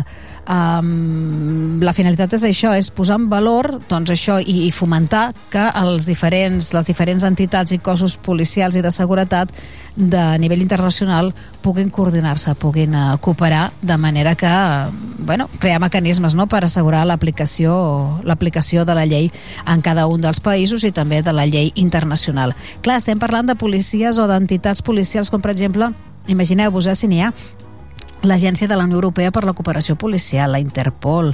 A Àfrica també n'hi ha, ha un que es diu Afripol, per exemple, eh? l'Oficina Europea de Policia, l'Europol, l'Ameripol. Tot això són organismes que existeixen, ja ho veieu, a nivell de continents i que ja conformen la primera organització. Doncs això, Dia Mundial també per la cooperació policial, avui 7 de setembre. Bé, és un dia que ve amb bastantes celebracions, perquè crec que encara n'hi ha un parell eh, més. Mireu, sí, el de la conscienciació, Dia Mundial per la conscienciació de Duquene, és una distròfia muscular que es diu així, distròfia muscular de, de Duquene, una patologia que pateixen, afecta a 250.000 nens a nivell mundial, Causa és una distròfia muscular bastant uh, severa, pateixen més els nens que, que les nenes. Um, en principi, una malaltia d'aquestes rares, eh, perquè 250.000 nens a nivell mundial no és massa, és prou perquè li toca, però a nivell mundial doncs, no és massa cosa, una patologia rara, però que sembla que uh, és bastant, és bastant, bastant fatal. Uh, la distròfia muscular de Duquene, avui se'n celebra el Dia Mundial doncs, per fer una mica d'èmfasi també en aquesta malaltia, que no es pari la investigació, i ja com a darrera efemèride que us expliquem avui, crec és el Dia Mundial del bussejador, d'aquelles persones que els agrada submergir-se a les profunditats més o menys profundes i, i ja està, i anar cap a, cap a descobrir això, animalons o fons de fons del mar, simplement, eh? que no, no és poca cosa.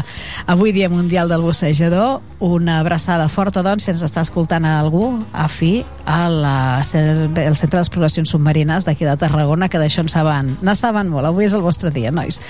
Doncs vinga, explicats els dies mundials, avui hem de mm, lamentar serà Dia Mundial a partir d'ara, o Dia Especial a partir d'ara efemèride, necrològica, perquè a partir d'ara direm que el 7 de setembre, tal dia com avui, moria Maria Jiménez. I és que Maria Jiménez es va deixar, la veritat no sé si avui o ahir, eh? la notícia ha saltat avui als mitjans, però hem de lamentar la mort d'aquesta cantant tan peculiar i tan, no sé, a mi m'agradava personalment bastant, tot i que ara, mira, l'hem eh, descobert, hem trobat llistes musicals d'ella i crec que té més cançons més xules de les que no pas ens pensàvem. Maria Jiménez, a ella va dedicada la selecció musical i mireu, Lluís, si em poses la cançó primera, la de la llista, tens, lli tens, tens llista, no? a veure si sona. És el clàssic del Frank Sinatra, My Way, que jo crec que és aquella cançó com de vida, no?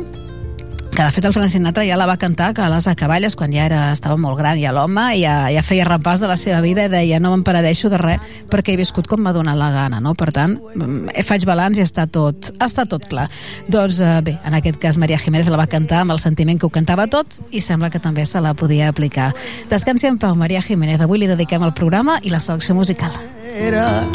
Crecí sin derrochar logré abrazar la vida entera. Viví mil sueños más a mi manera. Dolor lo conocí y recibí compensaciones. Seguí sin vacilar, logré vencer las decepciones. Mi plan jamás falló y me mostró una y mil vueltas y más yo las viví a mi manera.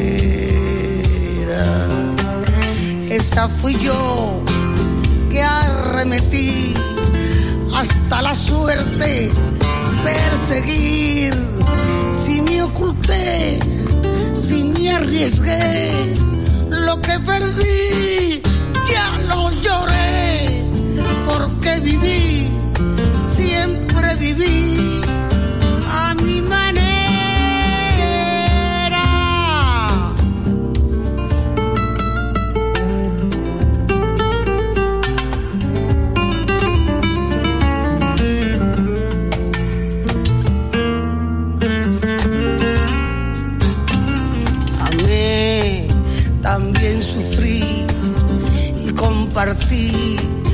caminos largos. Perdí y rescaté, mas no guardé tiempo amargo. Jamás me arrepentí si amando di todos mis sueños. Lloré y si reí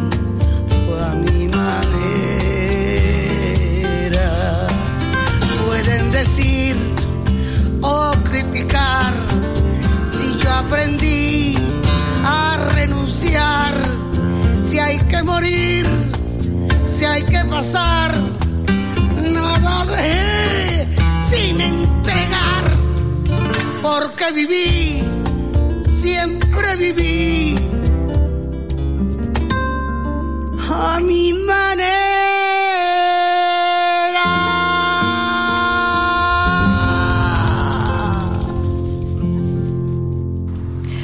Maria Jiménez, una veu de referència de, de la cultura més eh, popular, diria jo, espanyola, amb aquest aire flamencat, versionant a Sabina, versionant a cançons d'altres, col·laborant ja en els anys eh, 90 amb la cabra mecànica, o més 2000, més que 90, als anys 2000, no? Eh, amb la cabra mecànica no ha parat mai de cantar, no ha parat mai de col·laborar, de versionar, i la veritat és que tot se passava i quedava molt millor passat per la seva, per la seva gola.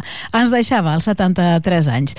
Seguirem escoltant-la, però seguirem també amb altres entrevistes, amb altres qüestions d'actualitat. Dilluns és 11 de setembre.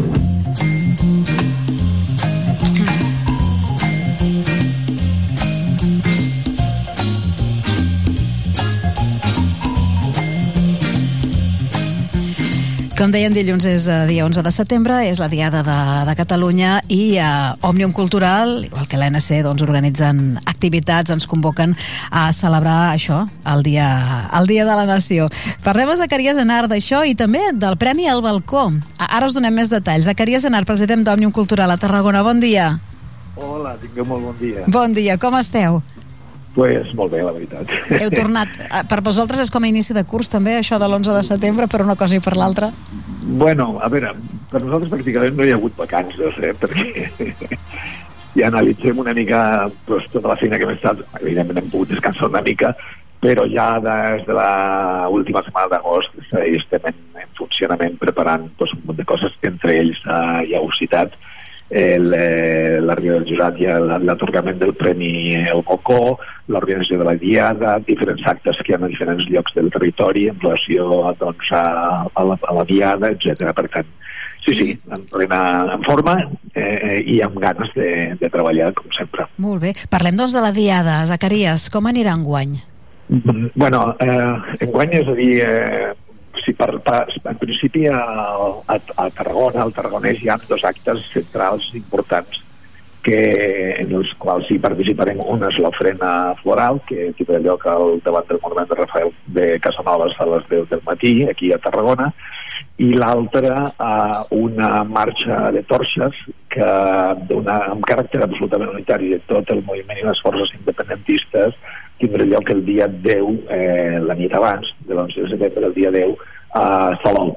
Per tant, aquestes són les dues seccions, a, diguéssim, al Camp de Tarragona. I, d'altra banda, a, a Barcelona, doncs hi ha, com sempre, l'organització de, de la Diada, la jornada de la Diada Nacional, que era tindre, en el cas d'Òmnium Cultural, eh, es farà, com sempre, al Passeig Lluís Companys, començarà a les dues i mitja amb una fira de propostes de país, a les 12 hi ha un acte polític amb, amb representants del art polític de les forces del moviment independentista, a concerts, a les 17.14 la manifestació i a la tarda més concerts encara, la Festa per la Llibertat, amb Just Woman, Triquell, Picaflaues, etc. Per tant, és a dir, doncs, eh, un ventall de, d'activitats per reivindicar la Diada Nacional eh, en una jornada doncs, de setembre que és important històricament i que en aquests moments té un caràcter específic també donat que estem en un context de de, bueno, de, de, d'investidura del govern de l'estat espanyol en què les forces independentistes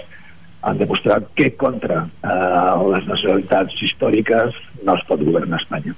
Uh, marcarà això d'alguna manera, eh?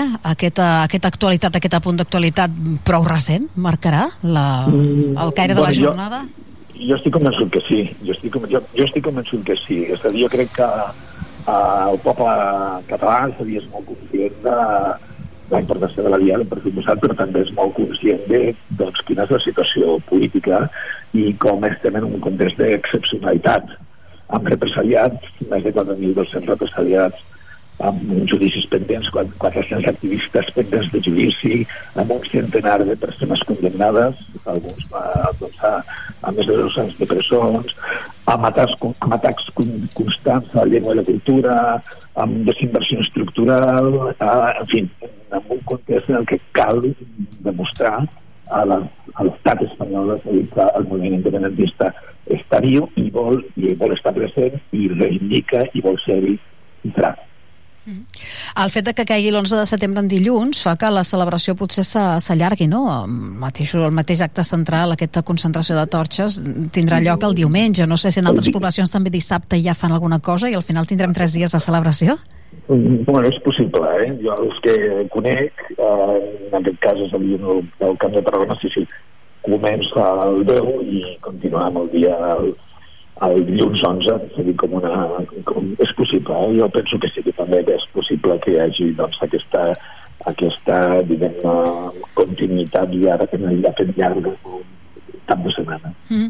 Uh, que organitzeu autobusos, us consta si hi haurà bona part de la població que, que anirà a Barcelona des d'aquí?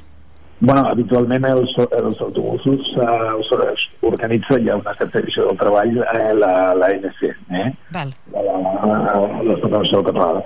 I llavors l'ANC, doncs sí, està organitzant autobusos en diferents llocs i municipis. Uh, sí que és veritat una, una cosa, és a dir, això l'any passat, l'any passat, abans de setembre, es va demostrar que doncs, hi ha una certa tendència a que els ciutadans es desplacin pels seus mitjans o en mitjans públics, no exclusivament autobusos organitzats per les entitats perquè, doncs, per exemple, l'any passat va haver-hi un nombre d'autobusos inferior a d'altres eh, convocatòries anteriors, però després la manifestació va, fer, va ser molt massiva. Per tant, és un, és un element que estan a disposició de la ciutadania, en aquest cas es poden eh, doncs, eh, comprar els tiquets eh, i la realitzen directament la, la, la Federació Catalana, però independentment d'això, és a dir, doncs, hi ha molta ciutadania que va i que anirà doncs, pels seus propis mitjans, transport públic, cotxes privats, etc. No sé si heu fet previsions de la quantitat de, de gent que pot arribar a assistir a la manifestació de Barcelona. Això és molt difícil, però jo crec que la manifestació de Barcelona serà una gran manifestació. Estic absolutament convençut. Uh, perquè nosaltres, clar, estem acostumats a xifres milionàries i que són xifres insòlites en els moviments eh, internacionals en general i molt excepcionals jo estic convençut que centenars de milers de ciutadans catalans eh, eh, es manifestaran el dia 11 doncs, eh, en la Dia Nacional de Catalunya a favor de la independència. Uh, més propera, recordem aquesta cita a Salou el diumenge. Uh, com hi hem d'anar? Vull dir, a quina hora, a on? I, i sí, hem de portar torxa el... o com anirà això?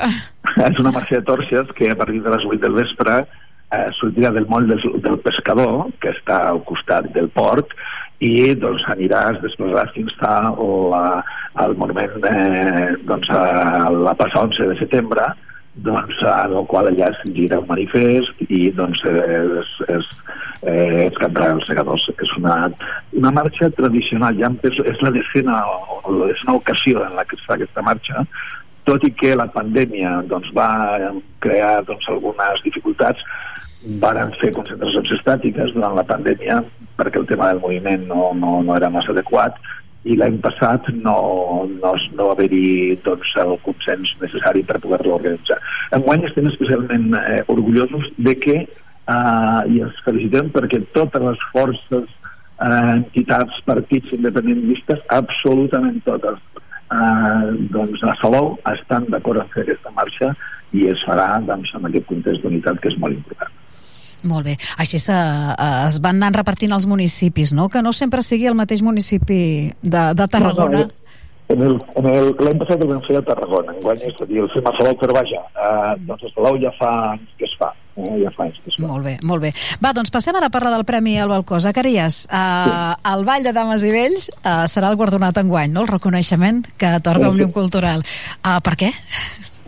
Bueno, uh, a veure, estem parlant d'una a veure, primer perquè ha estat proposat per la ciutadania, és a dir, el Premi al Balcó és un premi que doncs, reconeix eh, les aportacions en l'àmbit cultural, eh, social, eh, esportiu, literari, polític d'un ciutadà o una entitat del Camp de Tarragona. Aquest és el, el, una mica l'element essencial que defineix el Premi El Balcó. Es fa doncs, amb un jurat en el que participa l'Ajuntament, eh, participa també, eh, no, pot, no pot ser d'altra manera, Òmnium Cultural, i eh, el guardonat, un, el guardonat de l'any de dos anys anteriors al de la convocatòria present. Eh? Sí. Per tant, en, en aquest cas, és a dir, doncs, eh, eh, les diferents propostes, hi havia 63 propostes, eh? o sigui, els, els ciutadans proposen hem de tenir clar, i tots sabem que el premi eh, doncs, eh, es decideix per unanimitat, eh, bàsicament el, el mateix, el sempre fins ara ha sigut així des del 78, per una, unanimitat dels membres del jurat, i eh, doncs eh, el fet de és a dir, doncs, eh, només amb una proposta que hi ja es considera, es consideren totes les propostes. En aquest cas van haver-hi 63 propostes aquest any. Per quina raó? Perquè, bueno, estem parlant d'una entitat, primer que mai havia rebut el Premi eh, El Balcó, cosa que doncs, és sorprenent perquè és una entitat molt pròpia de Tarragona, vinculada a les festes de la, de la, la situació de, la, de Santa Tecla, que, perdó, que té un, que es remunta a la seva existència l'any 1514, estem parlant de del segle XVI. Mm -hmm. Evidentment, durant 500 anys han passat moltes coses, hi ha hagut etapes en què la pròpia repressió política de, doncs, dels governs o de les formes d'estat autoritàries impedien a portes a terme, llavors després es va, doncs, ja recentment, eh, doncs es va doncs, tornar a posar en, en funcionament. Llavors a mi representa una, una actitud crítica, crítica, satírica i, i en relació al poder polític local, nacional i internacional que és molt convenient en, en benefici de la democràcia. L'humor, el saber riure fins i tot del poder, és bàsic per la subsistència de, de, la, de la democràcia i de la ciutadania eh, amb projecte i amb, amb, amb alegria, en definitiva. Per tant, és a dir, doncs, aquesta una mica els, eh, les raons per les que hi ha hagut una coincidència unànime de tot, de tot el jurat concedir-li en, aquesta, en aquesta entitat. Molt bé, molt bé. Doncs queda explicat, Zacarias, ja durant la setmana vinent, o, o sí, la setmana vinent haurà de ser, eh, que farem programa especial, ja us tornarem a convocar, parlem amb dames i vells també, a veure com han rebut la notícia. Molt, molt bé. bé. El lliurament serà el dia 21, veritat? 21 a les 5 de la tarda, als jardins del Teatre Metropol, com ja fa anys que venim fent. Serà un dia molt intens per dames i vells, especialment per l'Oriol Grau, no? perquè mireu, a veure si no ens equivoquem, a les 5 tindrà al Metropol el lliurament del Premi al Balcó, després se'n va a fer el pregó a l'Ajuntament i després se'n va corrent a fer la primera representació, un any que canvia la representació de dames i vells, i justament la fan el dia... I que, que consti que no, que no ha tingut res a veure el fet de que l'Oriol en concret, és a dir, l'Oriol Grau, hagi estat nomenat. Eh, doncs, pregona de la festa. És a dir, és la, és l'entitat, en definitiva. Sí, sí. per tant, sí, sí. Això ens obligarà a ser molt puntuals i molt precisos. Ja hem parlat amb el president de, de l'entitat, farem una organització molt exacta, molt precisa, de premis molt puntual, perquè puguin, lògicament, tenir temps suficient per fer tota l'activitat que cal fer del pregó i després l'actuació que tenen de, de la Basilell. Molt bé, és d'aquelles casualitats, mira, que fan gràcia. Sí. Amb ells no tant, sí. potser, que hauran de córrer, però... Bueno, bueno, és però que també casualitats. quedaran el record històric i, I jo tant. crec que és... Bueno, jo com vaig parlar ahir amb el, per comunicar el sí, la veritat és que van rebre molt, molt contents i molt satisfets. Sí, sí veritat. Sí, sí. Molt bé, molt bé. Doncs vinga, moltíssimes gràcies. Zacarias Anar, seguim parlant. Una abraçada. Encantat, igualment, gràcies. Una abraçada. Gràcies.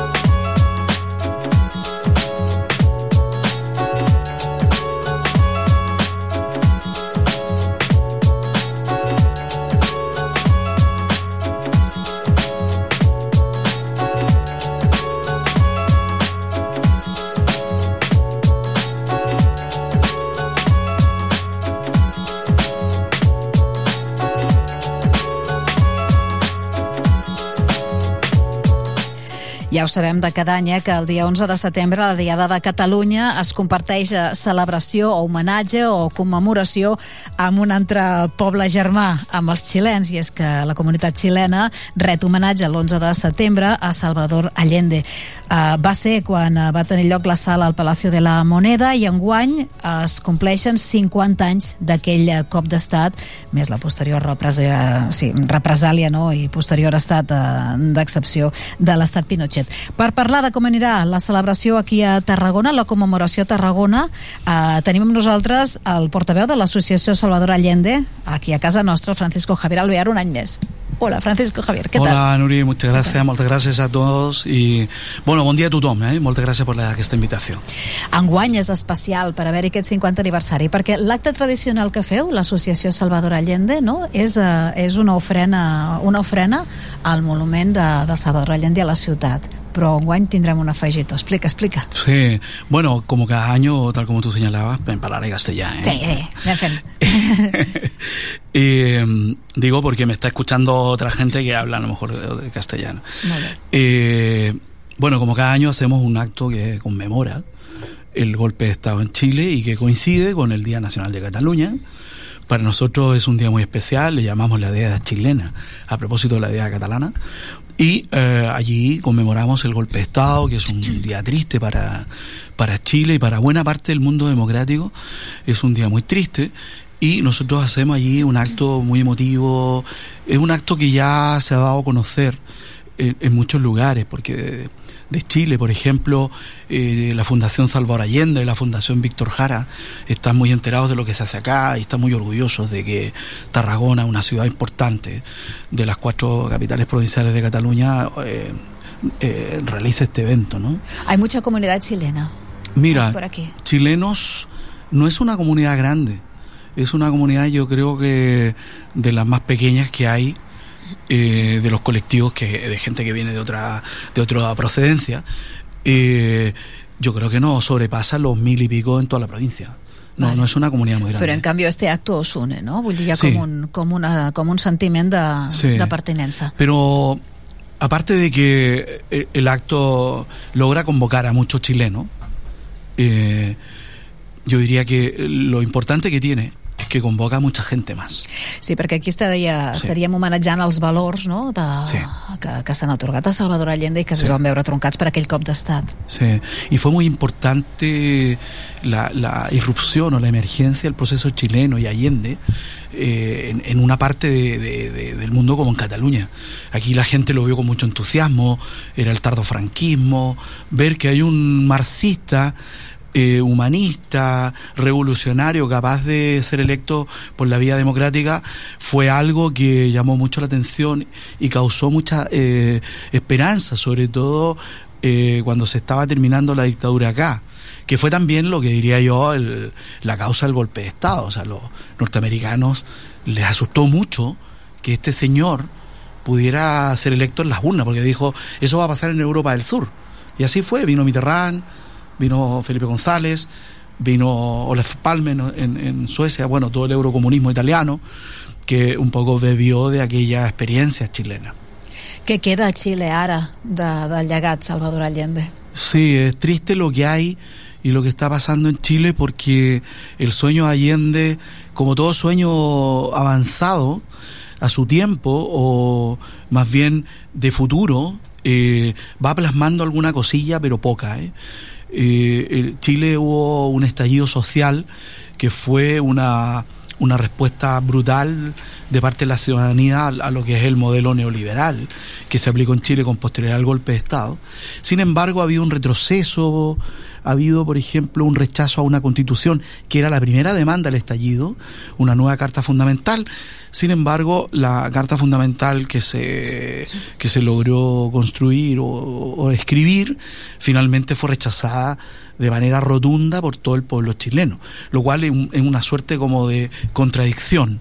Luego eh, te comentaba fuera de micrófonos que también en Chile está pasando esto de que de que bueno ha habido todo un crecimiento del, tema migratorio eh, muy desestructurado. Eh, y claro Chile no ha podido enfrentar eso porque eso ha conllevado que los niveles de delincuencia han aumentado eh, la gente con necesidad económica o- también se ha hecho mucho más grande un país pequeño le ha costado asumir millones, porque son creo que un par de millones y medio de, de extranjeros que han llegado caminando por la frontera norte. Entiendo que ahora el presidente Boris estaba poniendo tropas militares en la frontera, porque claro, llega un minuto en que no puede recibir una tromba de personas que por lo demás tampoco se hacen cargo de ellas, porque luego, claro, estas personas que llegan tienen que ser eh, fácilmente integradas, de lo contrario, generan un problema serio. Esto es eh, carnaza para la extrema derecha, ¿eh? Sí. ¿no? Y está Es un creciendo. campo de cultivo. Sí, no te olvides que, que en Chile la primera vuelta, porque en Chile hay segunda vuelta, bueno, aquí yo creo que terminará pasando con lo que ha ocurrido, eh, y aquí, han Ahí estamos, ahí aquí, estamos. aquí llaman repetición, pero habrá segunda vuelta. Eh, en Chile, por ejemplo, la primera vuelta la ganó Miguel Cast, que es un hombre de origen alemán, cuya familia emigró eh, después de la Segunda Guerra y eran de militantes nazis del ejército hitleriano. Entonces, claro, este hombre ganó la primera vuelta. O sea, Chile ha habido un crecimiento muy grande de la extrema derecha a partir de que la gente dice, bueno, ahora migrantes a punta de pala, Eh, luego, delincuencia. Luego, claro, y atribuyen todo eso a una sola causa, que es la llegada masiva de gente, que yo creo que si no, el problema ha sido que no, el Estado no se ha hecho cargo de esa gente. Entonces han acampado en las plazas públicas, tú tienes en las principales arterias de, de la capital eh, chabolas. Claro, esa gente tiene que tener alguna solución.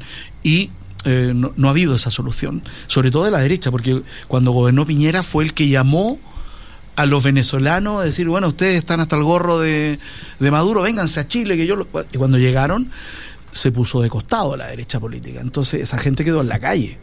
Y eso ha generado problemas no solo estéticos, sino serios problemas de convivencia. Sí. déu nhi pues així estan les coses a Xile. Uh, una cosa que sí que, que crec que s'ha fet Xile és, uh, malgrat tot, malgrat els governs que siguin més o menys progressistes, però s'ha recordat, s'ha respectat la, massa, la memòria històrica, no? Hi ha hi ha maneres i llocs i museus i centres d'explicació sí. que expliquen la repressió, que expliquen l'època sí. Pinochet amb totes les seves grans desgràcies. Sí. ¿No? Mira, yo creo que nosotros como chilenos que hemos vivido cercanamente la represión y el exilio, eh, mi pareja, por ejemplo, vivió gran parte de su vida, tres cuartos de su vida en Ciudad de México, exiliada. Eh, nosotros hemos sido capaces de eh, mantener un discurso de recordación, pero también hemos cogido las banderas de aquellos que dieron la vida en su minuto. Y esa lucha que todo chileno la da, en Chile hoy día está muy instalado el relato de lo que fue la represión, la dictadura, que no hay que olvidar lo que ocurrió, que hay gente que dio la vida por una vida mejor, gente que lo tenía todo, como el presidente Allende, un médico, un tipo con familia burguesa, con muchos recursos y tal, y dio todo lo que tenía por una construcción de país que al final no se logró. Entonces, en Chile eso se ha ido instalando, las instituciones han ido cogiendo el tema, eh, han ido instalando museos, bueno, juicios, eh, justicia también se ha hecho de, de alguna manera, hace nada, ahora con el 50 aniversario del asesinato de Víctor Jara, eh, se condenaron a los culpables del asesinato, ¿Sí? claro. Recién, claro, hay gente que dice, hombre, han pasado 50 años impunes, sí, porque no ha sido fácil descubrir la verdad. Eh, fue una ruptura del pacto de silencio que permitió hace muy poco saber lo que efectivamente le pasó al Víctor Jara en un estadio, en un camarín de un estadio, que solo lo sabían los que estaban allí. Pues uno de ellos dijo, lo que había ocurrido. Y eso permitió que se identificaran a los responsables y que hoy día están todos condenados a 25, entre 15 y 25 años. Son todos mayores ya, pero bueno, hay uno que se suicidó hace dos días cuando lo fueron a detener. Pero eh, la justicia también se ha hecho de alguna manera, aunque siga Son habiendo. actos simbólicos, claro, ¿no? También, sigue habiendo uh, desaparecidos sí. y todo. Sí. Víctor Jara, de fet, eh, serà un dels eh, protagonistes, també un dels homenatjats, coincidint amb aquest 50è aniversari del Sí. cop d'estat. Què, Sí. què fareu al voltant de Víctor Jara? Mira, nosotros, eh, eh, como te decía, como Tarragona tiene una, es una ciudad como Barcelona, que también hace un acto muy gordo ahí en el distrito de Horta, en el, en el Monumento Allende, eh, al igual que en Girona también hay bibliotecas, calles que llevan el nombre del presidente Allende, otras capitales del mundo que también eh, se han sumado a una, nos han contactado para que nos sumemos a la conmemoración del, del asesinato de Víctor Jara con un acto que se llama Mil Guitarras por Víctor Jara, en el cual eh, se ejecutan dos o tres canciones, pero se invita a todo el mundo. Cuando llega allí alguien con su guitarra o el instrumento que toque, se le pasa un- una chuleta con la canción y los acordes, que son arreglos en re y en la, porque es el Te Recuerdo Amanda y el Derecho a Vivir en Paz, y se canta en coro, a capela, todo el mundo que llegue allí. Entonces, eh, Tarragona se suma a esto, digamos, será una de las ciudades que se hará este homenaje, y nosotros quisiéramos aprovechar de que de invitar a todo el que quisiera participar y que tocar algún instrumento, no importa qué tan buen músico sea, porque lo importante es más bien ese gesto simbólico de sumarnos a un coro que recuerde que al Víctor Jara lo mataron hace 50 años más o menos eh, a esa misma hora en que haremos el acto.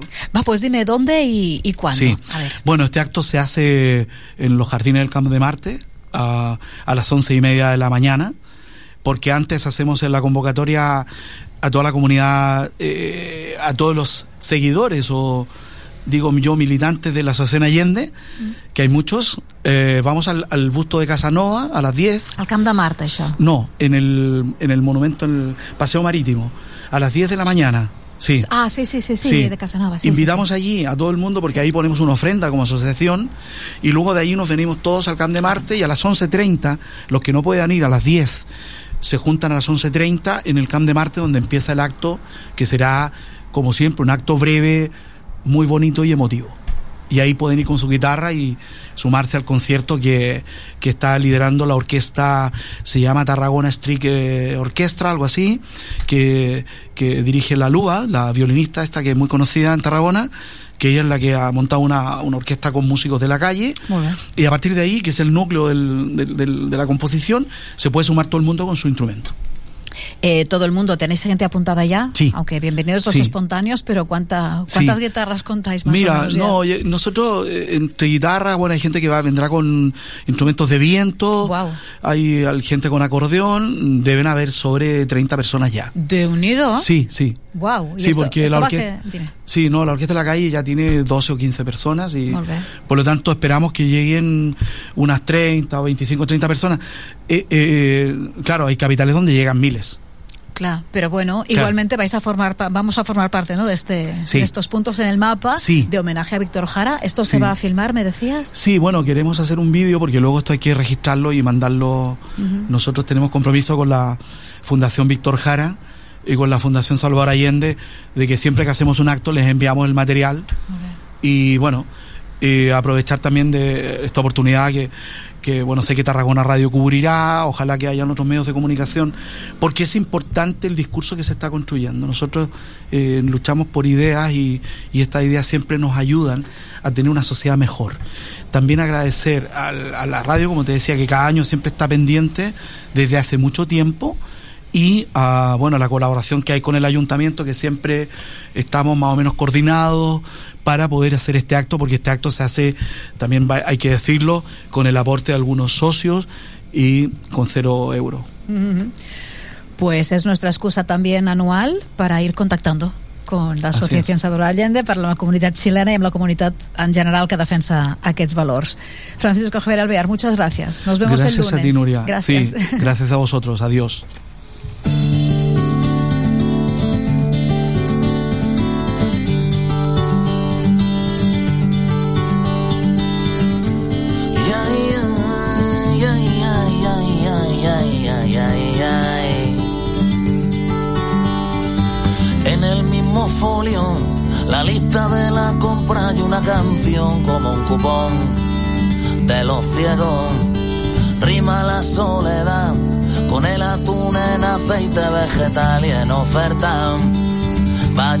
Sin competencia. Una mano pide el cielo, la otra en el cajón del pan. Hay manchas de grasa, de llanto, de tinta. Estoy harto de tanto frotar. Tú que eres tan guapa y tan lista. Y tú que te mereces. Y un príncipe, un dentista. Tú te quedas a mi lado y el mundo me parece más amable, más humano, menos raro. Tú que eres tan guapa que te mereces y un príncipe, un dentista, tú te quedas a mi lado y el mundo me parece más amable, más humano, menos raro.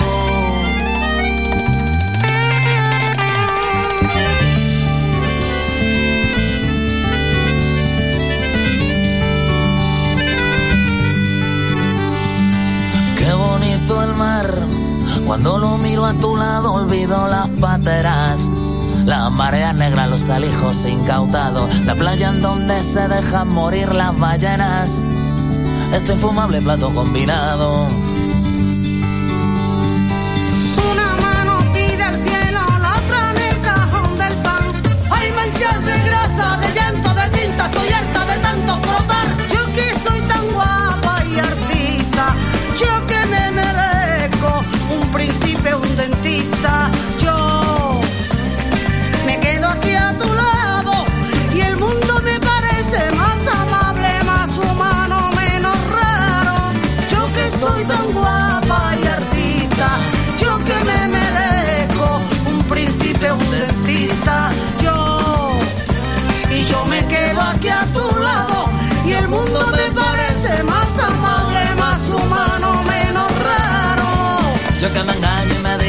no.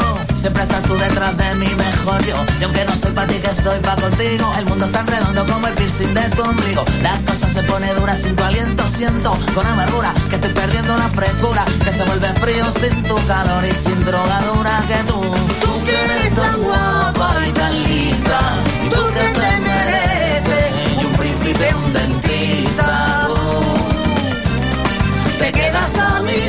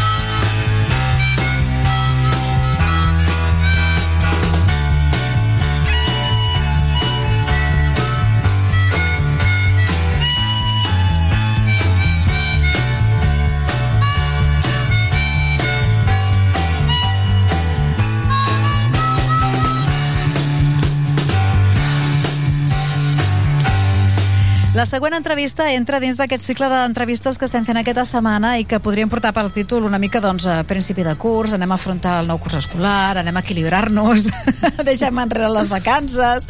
Bueno, és la, la nostra manera de, de dir-vos el que captem també del carrer, no? aquesta necessitat d'estructura després del lleure de les vacances, de posar ordre i centrar-se a vegades en un mateix també.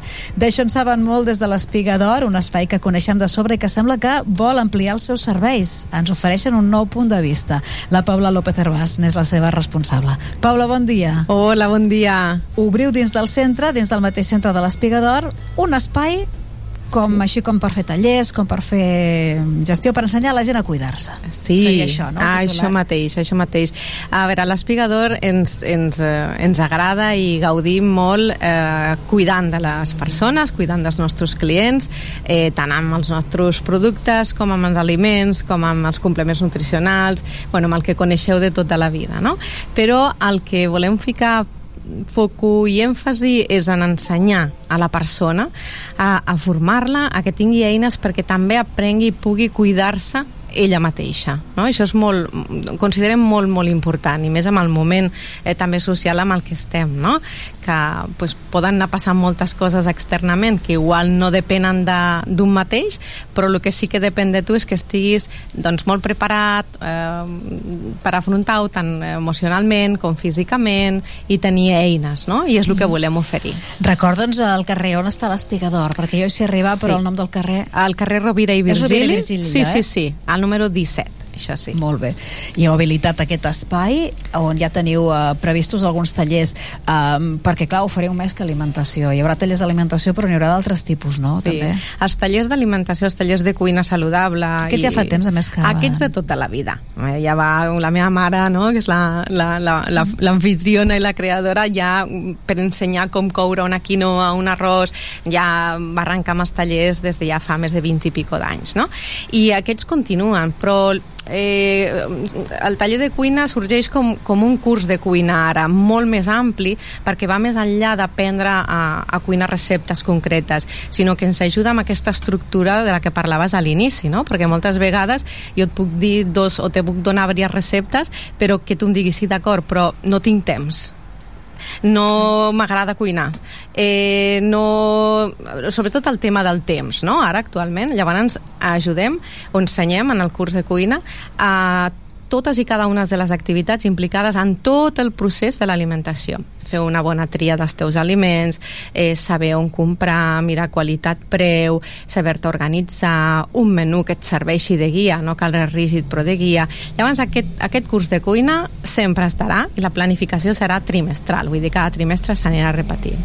Però ara afegim una sèrie de tallers als que m'agrada anomenar vitamines essencials, no? perquè eh, igual que les vitamines que et puguis prendre són en un moment determinat perquè t'has de complementar per algun motiu en concret perquè tens alguna carència o algun desgast extra, aquests tallers també pretenen ser com aquestes píldores que t'ajudin a això, a tenir més recursos no? i a saber més d'aquesta autocura.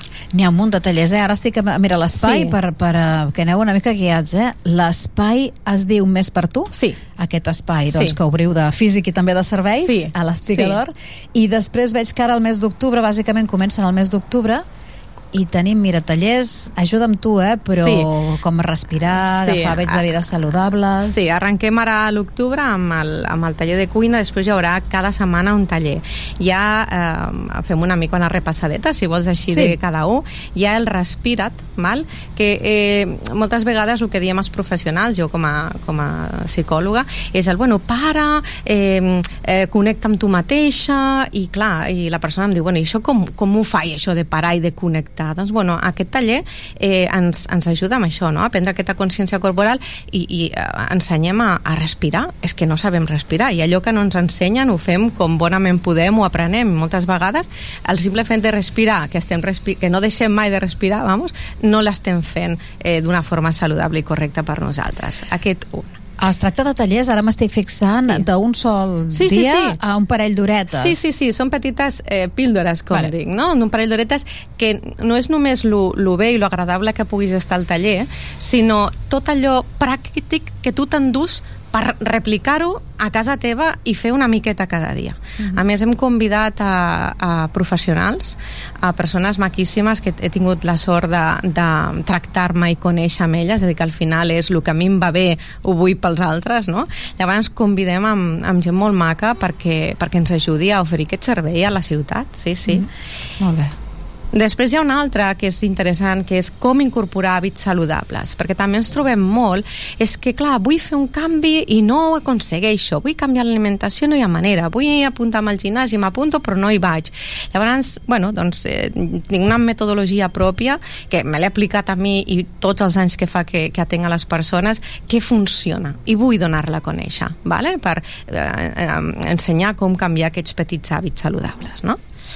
Després també tenim el connecta aquí l'ara, per aquesta presència del moment, que anem tan impacients a fent tantes multifuncions que ens oblidem de degustar cada una de les coses que fem, no? Llavors aquí també serà un taller molt, molt bonic.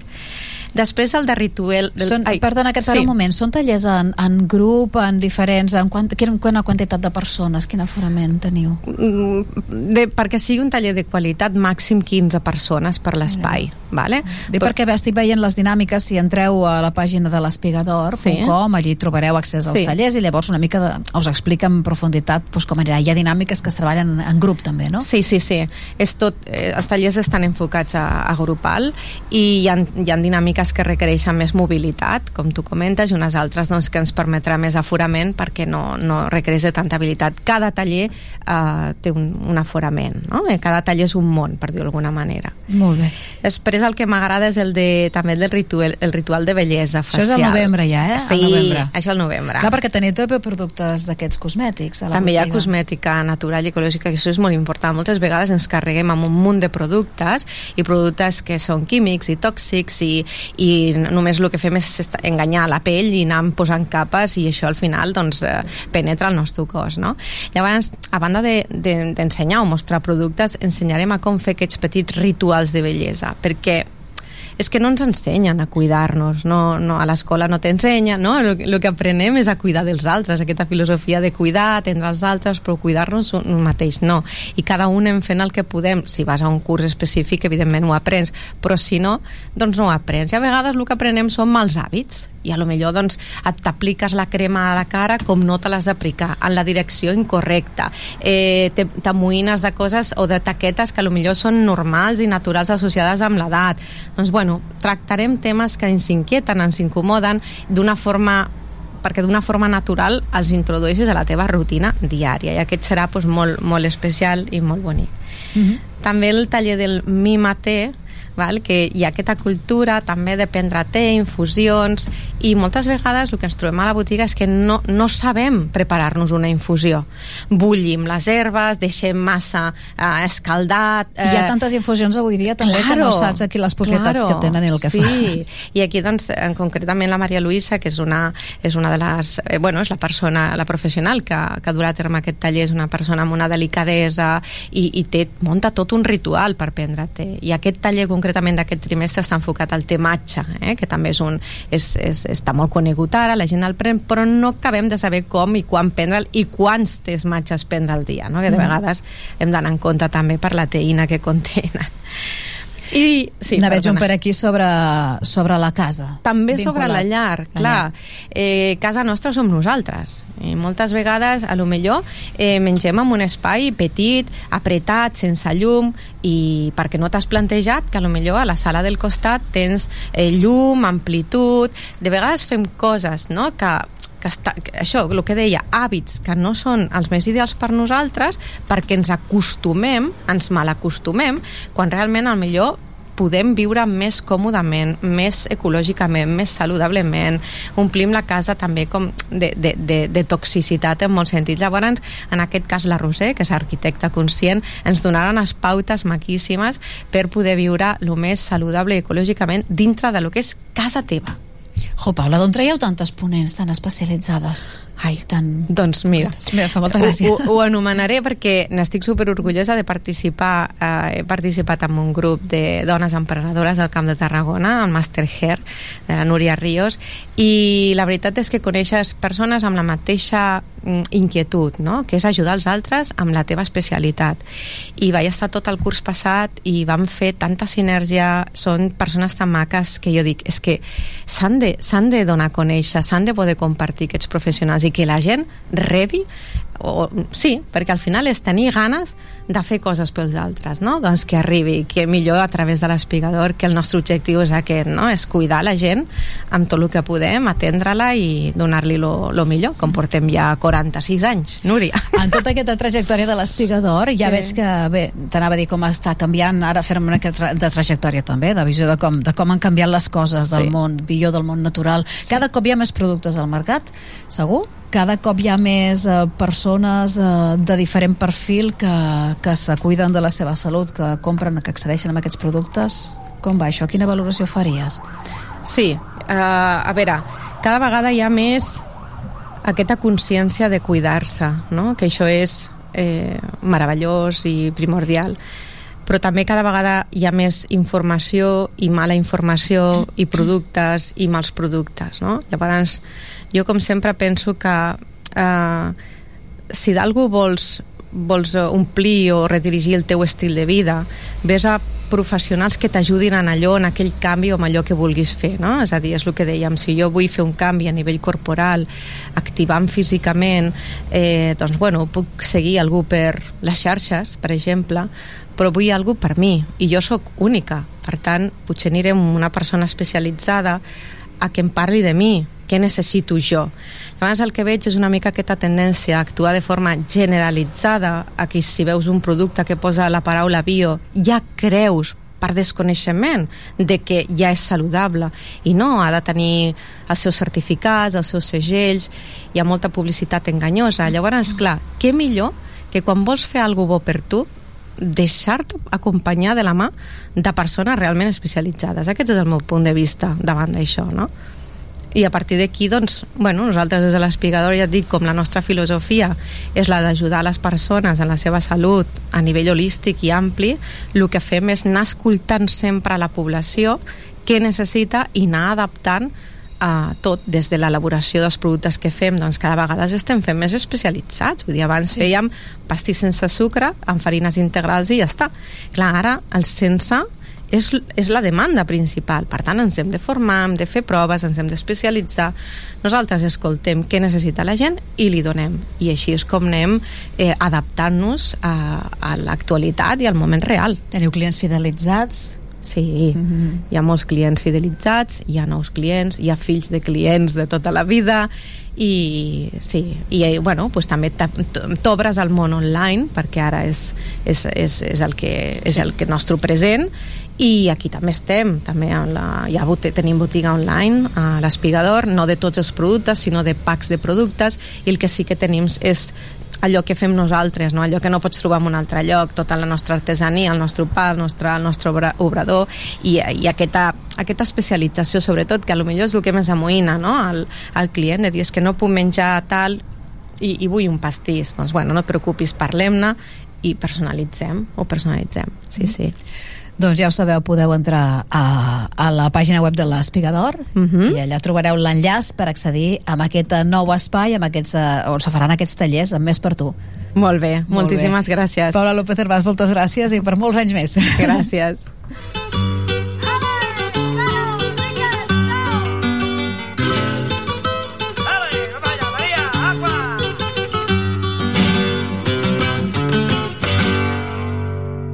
Todo lo antes ya tú me lo hiciste. Y ahora, ¿qué quieres conmigo si tú para mí no existes? Yo soy mejor persona, pues no quiero hacerte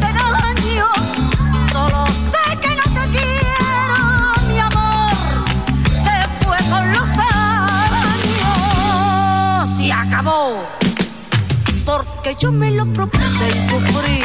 Como nadie había sufrido y mi piel se quedó vacía sola, desahuciada en el olvido. Y después de luchar contra la muerte empecé a recuperarme un poco y olvidé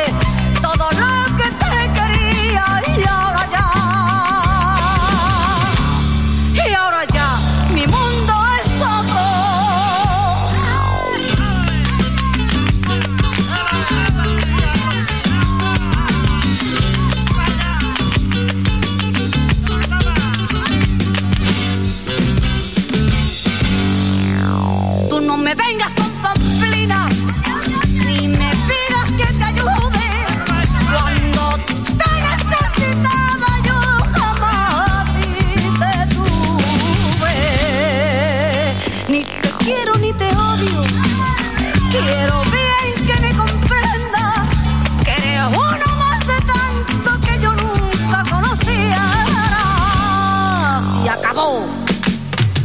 porque yo me lo propuse y sufrí. Como nadie había sufrido y mi piel se quedó vacía y sola, desahuciada en el olvido. Y después de luchar contra la muerte empecé a recuperarme un poco y olvidé todo lo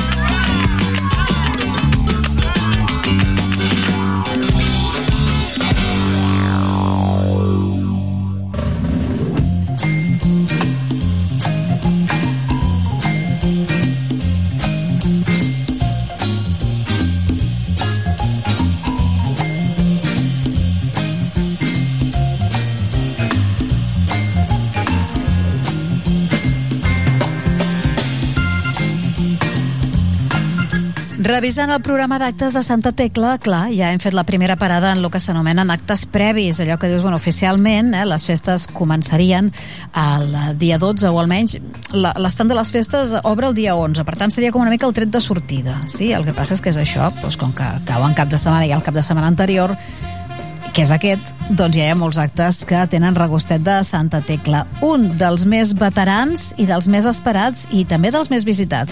És el que passarà aquest diumenge a migdia, primera hora de la tarda, a la Rambla Nova. És la 35a edició del Gran Trofeu Santa Tecla de ciclisme. Un any més aquesta cursa ciclista l'organitza el Club Ciclista Camp Clar.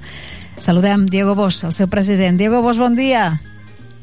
Hola, bon dia. Hola, bon dia. Escolta, 35 anys de veritat, però això ja sou superveterans, no?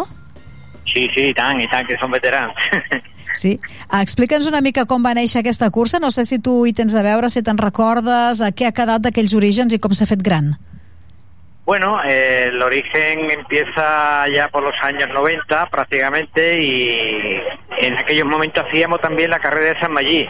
Lo que pasa es que esa carrera que en principio ya hacía años que la hacía el Club Ciclista Tarragona, se la cedimos a ellos y desde entonces hacemos solamente Santa Tecla. Y bueno, la verdad que se ha ido cambiando durante todo este ciclo de- del tiempo, por el paso del tiempo, eh, tipo de categoría, porque va- iba también en función de las categorías que el club teníamos en el club. Y bueno, eh, pasó de ser eh, categoría de cadete, después pasó a junior, después pasó a veteranos y última, eh, bueno, desde el año 2002 que tenemos el equipo de Elite Sub-23, que es eh, el, equipo de, vamos a ponerlo de, de segunda división del ciclismo estatal, pues bueno, eh, siempre hacemos la, la carrera de esta categoría, ¿no? Porque da pre- prestigio a la ciudad y tal. Este año que ha ocurrido, que ha coincidido muchísimas cosas y tenemos hemos tenido que volver a cambiar la categoría a máster, todas las categorías de máster más féminas, porque el equipo Elite Sub-23 comienza mañana la Vuelta a Valencia y no podemos depender de él. Entonces, pues bueno, esperemos que sea también un éxito con la categoría esta. Vale, llavors en funció dels eh, ciclistes que teniu, doncs feu, feu una categoria o una altra. Quanta, quants ciclistes esperem? Quanta gent hi haurà diumenge? Pues eh, yo espero, porque también tenemos esa, esa pega. Resulta que como el, el lunes es día 11 de septiembre y hay una carrera muy importante en Belvey, eh, pues eh, estamos ahí luchando entre ellos y nosotros a ver quién se lleva más corredores. Ahora mismo no te puedo decir el número exacto. eh, creemos que andamos por 25 o 30 corredores, pero bueno, se pueden apuntar hoy y mañana. Ya veremos cómo, cómo terminamos hasta el domingo. Vale, vale, vale. I com anirà? Com és aquesta cursa? Jo tinc apuntat com si sortíssiu de la Rambla Nova. Rambla Nova convocats a dos quarts de quatre, tres i mitja? Sí, sí señor. A, a partir de las tres y media ya estará todo preparado. Los árbitros estarán pendientes de que los que vayan llegando con su licencia para poder eh, competir. Y se comenzará a las 4 de la tarde. El circuito de la Rambla es un circuito, bueno, que todos conocemos, tiene un kilómetro 100. Y en función de la cantidad de corredores veremos la cantidad de vueltas que los árbitros deciden. Normalmente suelen estar sobre los las 70 vueltas. Vale.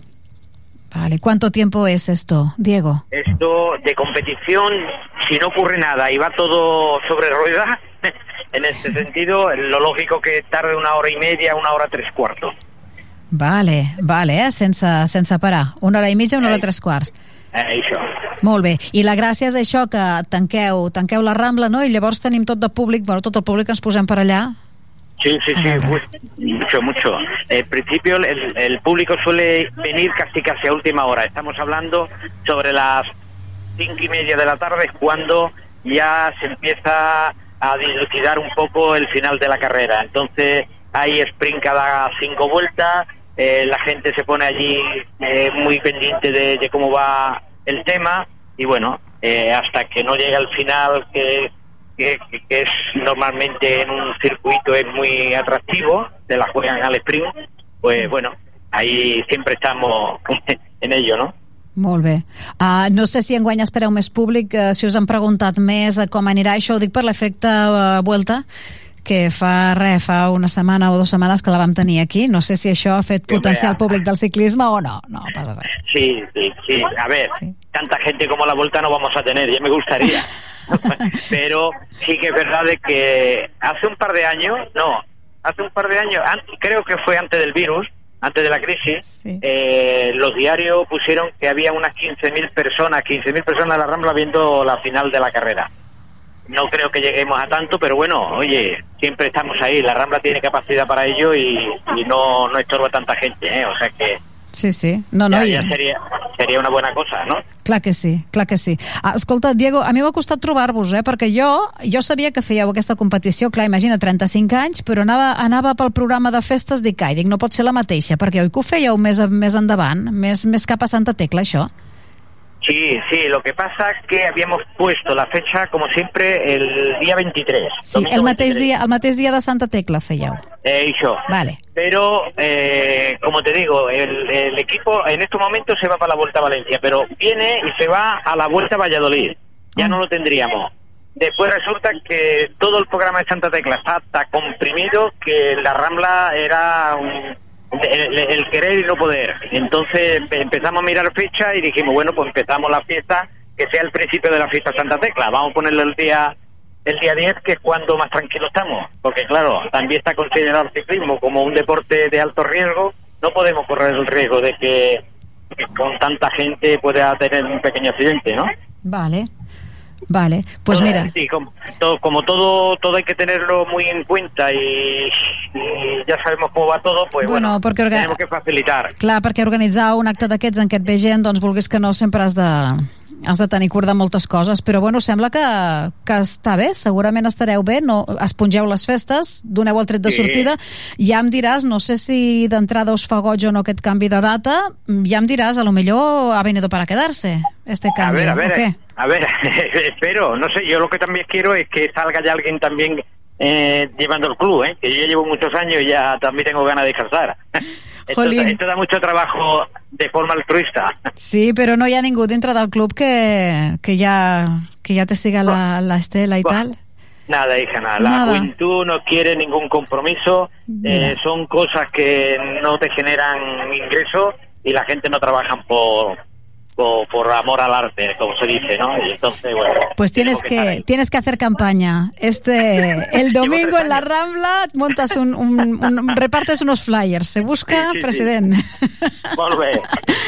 Ah, Diego Bosch, moltíssimes gràcies. Ens hem fet ressò d'aquest acte, mira, rient, rient, però porten 35 anys ja fent aquest gran Sí, sí, trofeu de Santa i tant, Tecla. I tant, Pues i tant, i tant. Que ho disfruteu molt, Diego. Moltes gràcies. Eh, Gràcies a vosaltres. Una abraçada. Bon dia. Bon dia. Una abraçada. Bon dia, bon dia. El Diego Bosch és president del Club Ciclista Camp Clar i avui eh, l'hem fet aquesta entrevista més matinera no? per recordar-vos això, que aquella tradicional eh, voltes a la Rambla de ciclistes, la gran, el Gran Trofeu Santa Tecla de ciclisme, no tindrà lloc el dia 23 com és habitual, sinó aquest diumenge. Aquest diumenge se concentren els corredors a dos quarts de quatre i a les quatre comencen a fer toms. Tot plegat a una horeta i mitja eh, fins, a, fins a parar de fer aquesta setantena de voltes, que és normalment el que consideren en funció dels ciclistes, però el que es considera que, que han d'acabar fent tothom, diumenge a la Rambla a animar-los.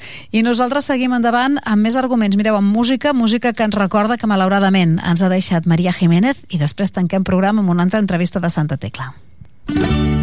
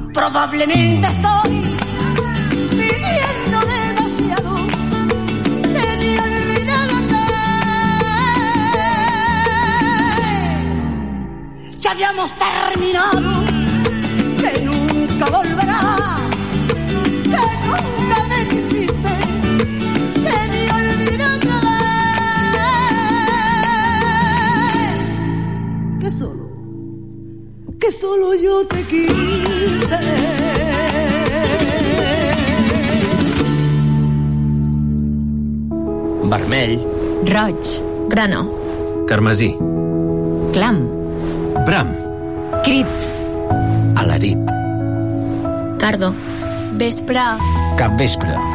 Hora baixa. Gresca. Serhau. Festa. Xerinola. Papallona. Boliana. Palometa. Parpallol. Una llengua, molts accents. Diada Nacional de Catalunya. Generalitat de Catalunya. Sempre endavant. Moll de Costa, la Rambla de la Cultura a la vora del mar.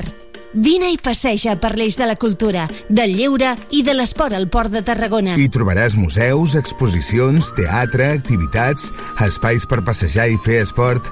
Completa la teva visita amb un tas de la gastronomia marinera del Serrallo. Més informació a porttarragona.cat. A Tarragona Ràdio som 40.000 oients. Anunciat a la ràdio local líder en l'actualitat, entreteniment i informació tarragonina. Contacta amb nosaltres al 977 24 53 64 de 9 a 2 del migdia. O escriu-nos a publicitat arroba emmct.cat perquè a Tarragona Ràdio t'escoltem.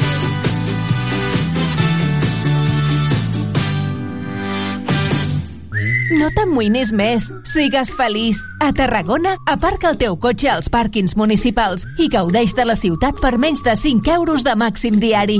No hi donis més voltes. Busca el teu pàrquing més proper al web aparcamentstgn.com i be happy.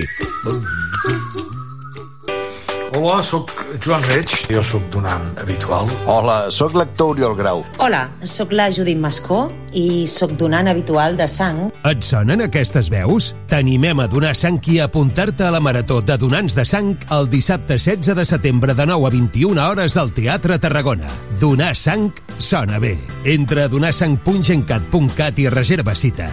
Em sona bé. Per quart cop a la història, el Mercat Central tornarà a obrir fins a la mitjanit per oferir tastos musicals i gastronòmics dins i fora de l'equipament modernista. Deixeu-vos sorprendre per les propostes culinàries dels nostres paradistes i veniu amb la família i amics a gaudir d'una nit molt especial. I fins ben entrada la matinada, un darrer tastet musical a plaça Corsini per agafar forces per als intensos dies de festa major que vindran. Una alimentació sana, exercici físic i una bona assegurança mèdica. A MGC Mútua millorem cobertures i serveis per oferir la millor assegurança mèdica segons els professionals de la salut. MGC Mútua. Inverteix en salut. Informa't en el web mgc.es. No coneixes la nova oferta de la ciutat? No saps què ensenya als teus convidats? Sorprèn-los amb el Mapping Tàrraco, una experiència immersiva dins de la volta del Pallol, un videomapatge que interactua amb la maqueta romana i que t'endinsa durant 20 minuts a la Tarragona de fa 2.000 anys. Gaudiràs de la nostra història d'una manera original, de dimarts a diumenge. Disponible en quatre idiomes. Reserva ja la teva visita a mappingtarraco.cat. Ajuntament de Tarragona. Vermell, Roig. Grana. Carmesí. Matros. Naltros. Natres. Nosaltres. Patata. Pataca. Creïlla. Trumfo. Record. Homenatge. Memòria. Evocació. Vent. Rufagada. Bufada. Torp.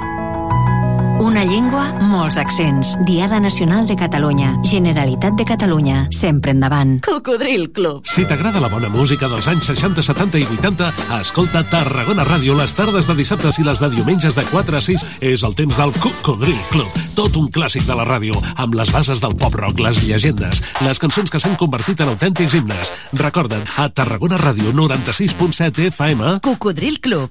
El programa revival de l'Albert Malla. Hasta luego, cocodrilo. No pasaste de caimán. Hasta luego, cocodrilo.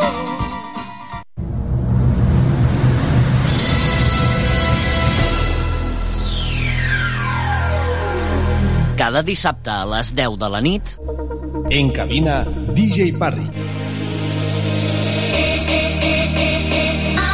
DJ Parry, el DJ resident de Tarragona Ràdio, t'ofereix la millor selecció musical perquè et montis la festa allà on vulguis. Els darrers èxits musicals els trobaràs a Tarragona Ràdio, cada dissabte a les 10 de la nit i amb DJ Parry.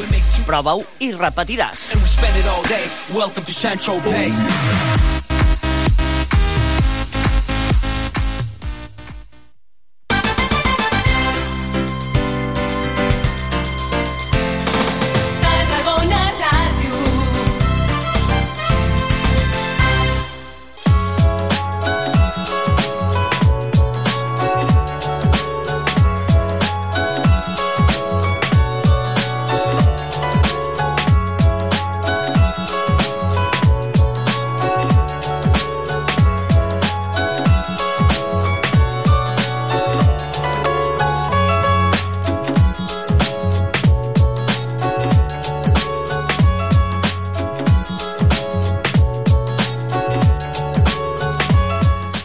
Pendents d'emetre la darrera entrevista del Mercat d'Estiu. Ara arribarà de la mà, de fet, de la nostra companya, el Joan Andreu Pérez. És una entrevista en què parlarem amb el representant del Vall de Diables de Tarragona. Estan d'aniversari, fan 40 anys enguany.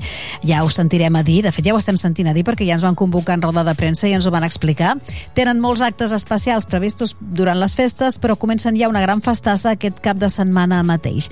Per tant, ara contactarem amb ells i farem entrevista. Abans, però, deixeu-nos doncs, això reprendre, recordar el film musical que avui ens recorda que ens ha deixat Maria Jiménez als 73 anys i estem repassant la seva discografia, escolta, enorme, eh? Llarguíssima.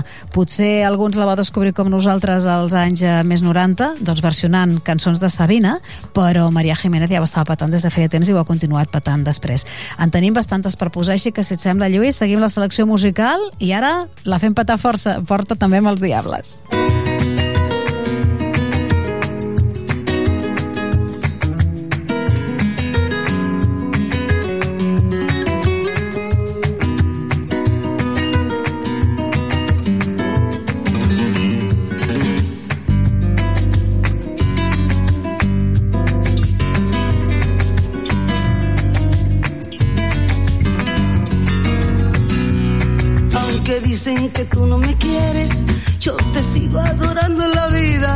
Aunque sé que otro amor tú prefieres, he resuelto curarme esta herida. Mi cariño se ha vuelto sincero, por lo tanto no puedo olvidarte. Cada día que se va más te quiero, yo no sé cómo voy a lograrte. Aunque tú no me quieras, te quiero. Aunque tú me desprecies, te adoro. Tengo fe que las leyes del cielo han de darme la dicha que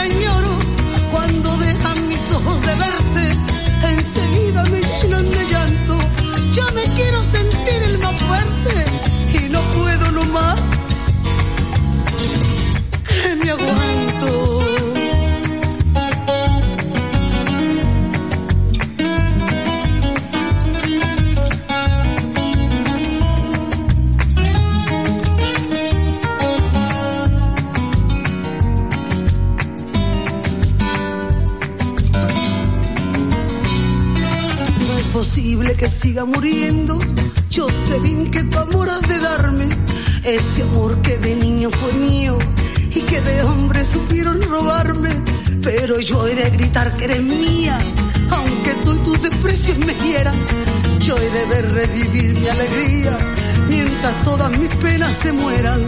Aunque tú no me quieras, te quiero, aunque tú me desprecies, te adoro. Tenga fe que las la dicha que añoro. Cuando dejan mis ojos de verte, enseguida se llenan de llanto. Yo me quiero sentir el más fuerte y no puedo nomás, no me aguanto. Cuando dejan mis ojos de verte, enseguida se llenan de llanto. Yo me quiero sentir el más fuerte y no puedo nomás. No puedo. Yo ya no puedo nomás.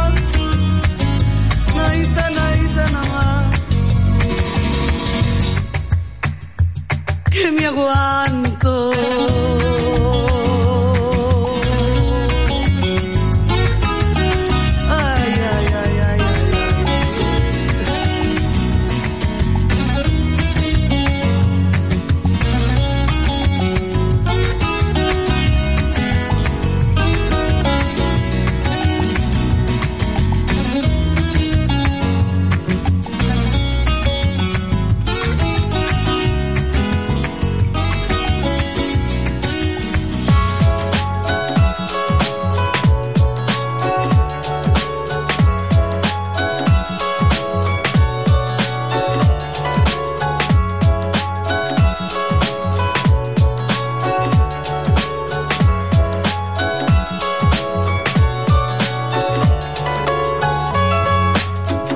Doncs ara sí, escoltem l'entrevista que feia el nostre company Joan Andreu Pérez, el president del Vall de Diables de Tarragona. Estan d'aniversari, fan 40 anys i comencen a celebrar aquest cap de setmana.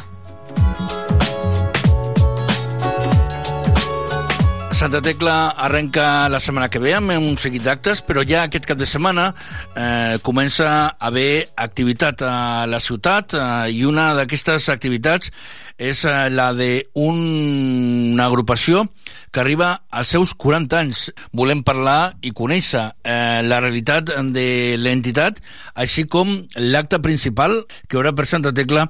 I per això saludem al Dani Montero. Dani, bon dia. El Dani Montero, saludem, bon dia. Bon dia. Eh, parlem, Dani, sobre el Vall de Diables. Eh, després eh, demanaré que parlem una mica de la realitat eh, que s'ha donat al llarg dels anys de, de l'associació del, del Vall de Diables, però fes-me cinc cèntims. Què ens podem trobar aquest dissabte a Tarragona de vosaltres, de l'organització que teniu prevista?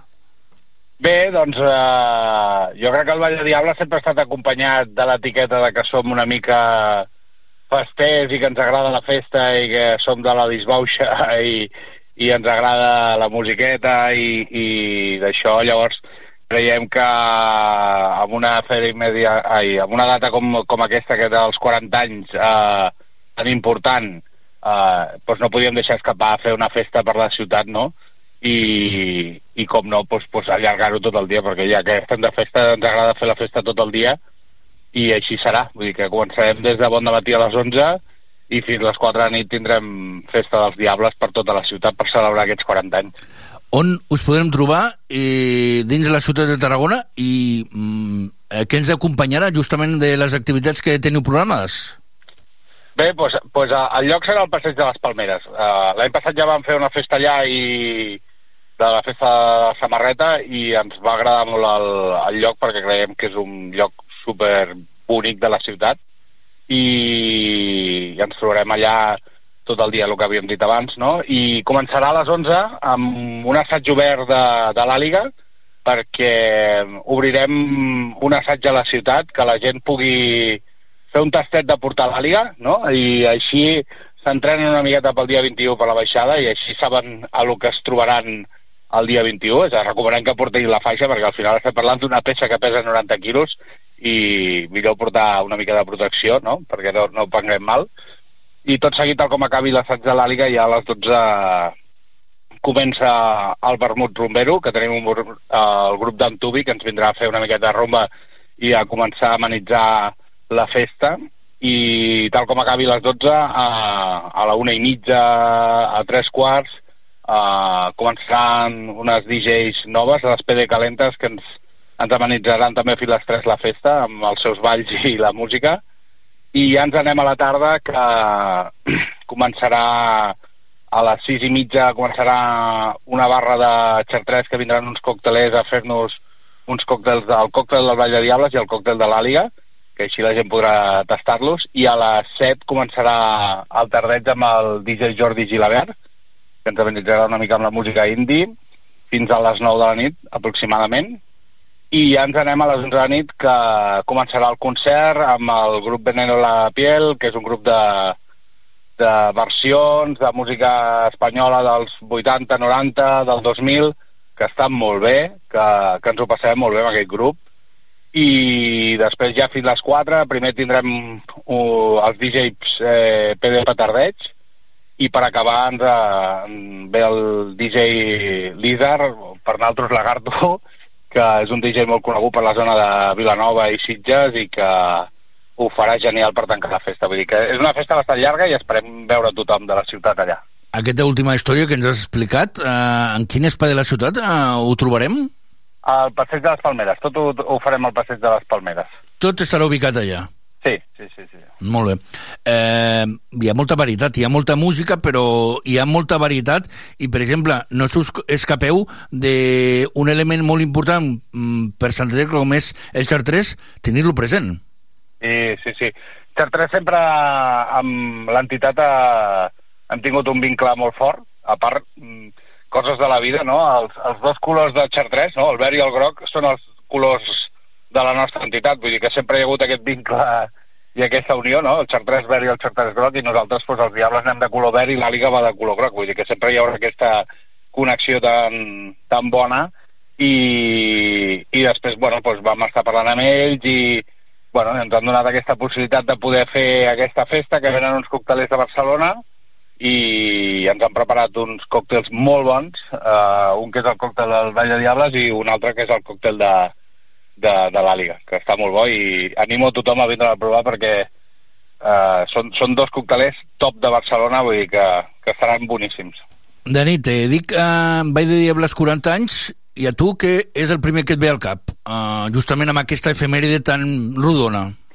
Pues jo diria que, que tradició, festa, i una entitat superviva. Mm, jo crec que en 40 anys el Vall de Diables sempre ha estat innovant a la festa, sempre ha volgut aportar coses que la festa guanyés i jo crec que moltes uh, coses que hi ha a la festa avui en dia mm, són gràcies a, a les ganes d'aportar coses de la gent que hi ha hagut al Vall de Diables dintre aquests 40 anys, eh, des de la baixada de l'Àliga, des de la samarreta de les festes, des de la Santa Tecla Petita, des del Correfoc, és que podríem dir moltes coses que han fet que la festa major, gràcies a nosaltres i a totes les entitats de la ciutat, tinguem aquesta festa que tenim. Però jo ho resumiria amb això, que, que estem molt vius, que tenim moltes ganes de fer coses i que seguim amb aquesta vitalitat d'aquests 40 anys que portem enrere. Mm, Ara em trasllado a, com si fos una persona que no és de Tarragona, que vinc a Tarragona i pregunto, el Vall de Diables, què composa el Vall de Diables? Què és una mica el perfil de persones que estan al capdavant de l'entitat? Uh, és, és, uh, és una entitat mm, variopinta, no? jo diria, uh, perquè dintre de l'entitat tenim quatre seccions, no? Uh, hi, hi ha el Vall de Diables Gran, que seria la, pues, la principal en aquest sentit, que és la, la primera, que és la que està des dels 40 anys, però dintre hi ha la secció de l'Àliga, la secció de l'Àliga petita i el Vall de Diables petit, i que tenim un, una entitat que uh, estem aglutinant quasi, estem parlant de 150 persones, vull dir que té bastanta gent, i clar, això comporta que hi ha tot tipus de gent. El que sí que jo crec que tots tenim un, un fil conductor, que és que l'entitat ens l'estimem moltíssim, que volem sempre, busquem, estem pensant, sempre estem eh, mirant a veure què podem aportar, què podem fer, què podem innovar sense sortir de la nostra tradició, perquè això sí que ho tenim clar, i això és el, el, la xispa que té uh, l'entitat, no? les ganes aquestes de, de, de voler fer més i, i, i seguir creixent. és eh, un col·lectiu amb tradició, per tant, eh, entra gent nova o tots sou d'aquestes generacions eh, que aneu passant de pares a fills o, o, o una mica la, la família es va incorporant al, al Ball de Diables? Doncs, uh, mira, dintre d'aquests 40 anys, bueno, l'entitat, el, el, la manera de, de ser, eh, tu et trobes amb altres entitats, amb altres Valls de Diables, quan vas mm, per fora a actuar, que ells te van explicant de, doncs, de que ells tenen com, com uns anys estipulats de que pots ser membre i després deixes de ser soci no actiu o col·laborador, no? Aquí, aquesta manera no, no hi és. Aquesta manera no l'entenem. Nosaltres l'entenem de que cadascú ha, ha d'entendre quin és el seu moment per acabar. Ningú et dirà quan has de marxar ni quan has de no vindre. Tothom és benvingut a l'entitat i això fa que l'entitat sigui molt viva, perquè dintre una sortida tens gent que porta des de, quasi des dels primers dies de, de l'entitat i gent de 18 anys que està començant a entrar. Clar, això et fa que aquest any mateix hi hagi hagut una entrada de gent que havia actuat al Vall de Diables Infantil, hi ha un forat entremig que no poden actuar, i ara poden tornar a començar, no? Ja han fet els 18 anys, i clar, molts resulta que són fills de diables que estan en actiu. Llavors, clar, ara també es troba no? la, la versió aquesta del pare i fill, els pares i fills que, que, que actuen junts. I, bueno, eh, això fa que, que l'entitat, doncs el que et deia, que sigui viva, que, que tinguis tanta connexió i que l'entitat sigui sempre, segueixi amb aquest conductor, perquè els grans expliquen als joves què és l'entitat. I llavors s'entén ràpid i ho agafen rapidíssim. Vaig acabant. Eh, te pregunto que lo del cap de setmana, del dissabte a la tarda, és un petit tastet de lo que anirem veient del Vall de Diables al llarg de la Santa Tecla. Com es presenta les festes? Com, com les heu preparat? Bé, esp espero poder arribar al correfoc, perquè amb les activitats que tenim i, i, i el que volem fer amb aquest aniversari se'ns uh, se gira feina, no? Però encantadíssims i, i poder treure la feina que portem ja de molt de temps a, a, dintre el local fent, de que tota la gent de l'entitat ens està ajudant moltíssim i això està tirant endavant, no? Uh, volíem començar amb la festa aquesta que farem el, el dissabte, que tenim moltes ganes de fer-la perquè creiem que és, que és un punt també molt alegre, però ja després, el primer dia de festes ja fem l'estrena dels nous vestits, que aquest any ja toca el canvi de vestits, que ens l'ha fet a l'Edu Polo i que són uns vestits brutals, que convidem a tothom a que ens vingui a veure a la Rambla Vella. I ja no parem, perquè dissabte tenim la mostra de folklore que organitzem nosaltres, que va relacionada amb, amb els vestits nous. Tal com acabi la mostra, tenim la primera carretillada infantil del Camp de Tarragona, que creiem que el Vall després de fer 25 anys, es mereix un acte propi eh, ben xulo, com fan els grans, cada, cada 5 anys que fem una carretillada, que nosaltres, el farem el dia 20. I després també tenim com una sortida així extraordinària, que és la sortida del dia 17, que la sortida comemorativa, que traiem tots els vestits de l'entitat i és un moment on podem veure els cinc jocs dels vestits i podem veure els diables que van començar tot, tota aquesta idea de, de Vall de Diables i els diables actuals. I això porta quasi 120 vestits al carrer. Vull dir que serà una cosa ben xula de, de veure i després ja, doncs, ja entrem amb el ritual típic de la festa, la baixadeta, el se- seguís infantil, correfoquet, la carretillada del dia 20 i ja pues, a baixada, ofici, eh, seguici que m'ha deixat i, i professor i correfoc, vull dir que unes ganes brutals. Eh, M'he perdut, eh, ja per acabar, ja per tancar, eh, hi ha un component que és el foc, que va molt acompanyat amb vosaltres, i això fa que segurament hi ha molt col·lectiu que li agrada, però hi ha algun sector que potser no li acaba de convèncer l'estar al costat de tot el que feu. Què li diríeu a aquesta gent justament que no li va el soroll dels petardos i de més? Mm, bueno, jo, al final el que no li agrada la pirotècnia jo no puc convèncer de que li agrada la pirotècnia. Uh, jo sí el que sé és que la pirotècnia ha estat uh, unida a la festa major de Tarragona, sempre. Uh, el tema pirotècnic, mm, vegis tots els cartells de festa major, sempre hi ha hagut Castell de Focs, sempre hi ha hagut Diables al 1800, eh, pensa que nosaltres tenim referències molt antigues i el foc sempre ha anat relacionat amb la festa major i és una manera de ser nostra. Evidentment que nosaltres no, la pirotècnia que tirem no ho fem ni per molestar ningú, al contrari, creiem que és una pirotècnia festiva que alegre i que, que fa que la festa sigui tan, tan divertida i que al final eh, la ciutat eh, no entendria sense pirotècnia. Jo avui en dia no, no, m'imaginaria una festa sense diables, sense drac, sense víbria, sense bou, el griu i sense un castell de focs. No, no podria entendre. A mi m'has convençut. Uh, president del Vall de Diables, eh, 40 anys i tot un seguit d'activitats. Les primeres aquest dissabte a la tarda i matí, però sens dubte molta participació al llarg de les uh, festes de Santa Tecla. Gràcies i fins aviat. Molta festa major. Gràcies a vosaltres i us espero a la festa i tots els dies al carrer, que és on més ens agrada veure'ns. Ahí estarem. Gràcies. Adéu. Me cabe todo. Metele todos los instrumentos, monstruo. ¡María!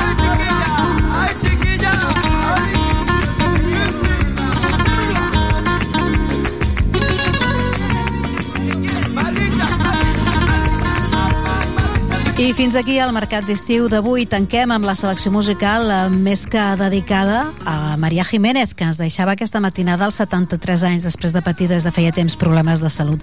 Hem estat llegint la seva biografia, aquests dies n'aniran plenes, eh? Les, uh, la premsa rosa, les uh, pàgines d'internet i els programes de televisió, doncs això, més sensacionalistes. Més enllà de la persona, mm, ens queda el, també mm, amb moltíssim carinyo, hem recordat avui la, la professional, la cantant, aquesta artistassa en tots els aspectes que era Maria Jiménez i la seva música. Vinga, va, que ho deixem aquí, us desitgem que acabeu de passar molt bon dijous, demà és divendres i tornarem amb més notícies, més entrevistes al Mercat d'Estiu. encuentran un amor. Tómbola. En la tómbola mucha suerte porque todo mi cariño a este número jugué. Yo soñaba como loca y esperaba conocerte y la tómbola del mundo me premió con tu querer porque la vida es una tómbola. La vida es una tómbola de luz y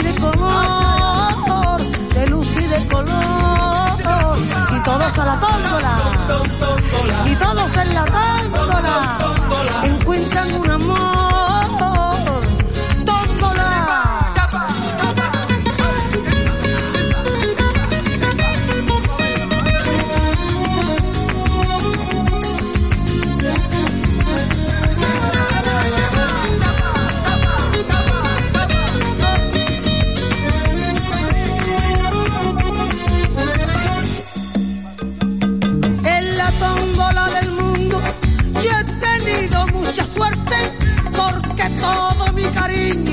a este número jugué.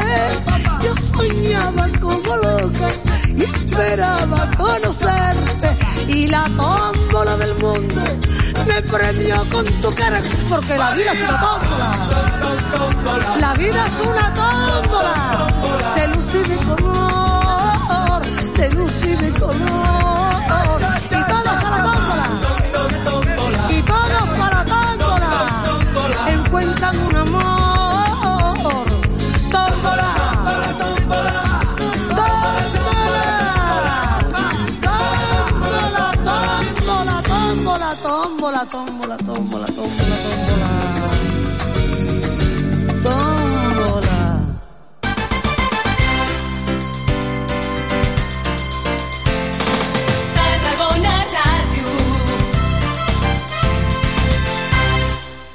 De Costa, la Rambla de la Cultura a la vora del mar. Vine i passeja per l'eix de la cultura, del lleure i de l'esport al Port de Tarragona. Hi trobaràs museus, exposicions, teatre, activitats, espais per passejar i fer esport. Completa la teva visita amb un tas de la gastronomia marinera del Serrallo. Més informació a porttarragona.cat. Vermell, roig. Grana. Carmesí. Matros. Naltros. Natres. Nosaltres. Patata.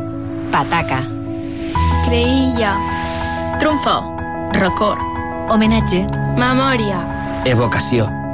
Vent. Rufagada. Bufada. Torp. Una llengua, molts accents. Diada Nacional de Catalunya. Generalitat de Catalunya. Sempre endavant. A Tarragona Ràdio som 40.000 oients. Anunciat a la ràdio local líder en l'actualitat, entreteniment i informació tarragonina. Contacta amb nosaltres al 977 24 53 64 de 9 a 2 del migdia o escriu-nos a publicitat arroba emmct.cat perquè a Tarragona Ràdio t'escoltem.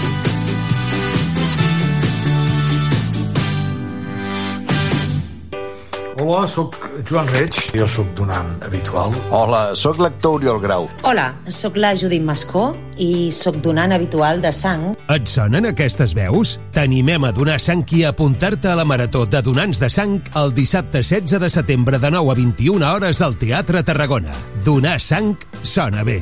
Entra a donarsang.gencat.cat i reserva cita. Em sona bé.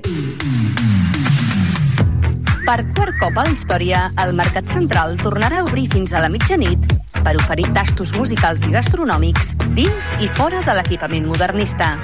Deixeu-vos sorprendre per les propostes culinàries dels nostres paradistes i veniu amb la família i amics a gaudir d'una nit molt especial. I fins ben entrada la matinada, un darrer tastet musical a plaça Corsini per agafar forces per als intensos dies de festa major que vindran.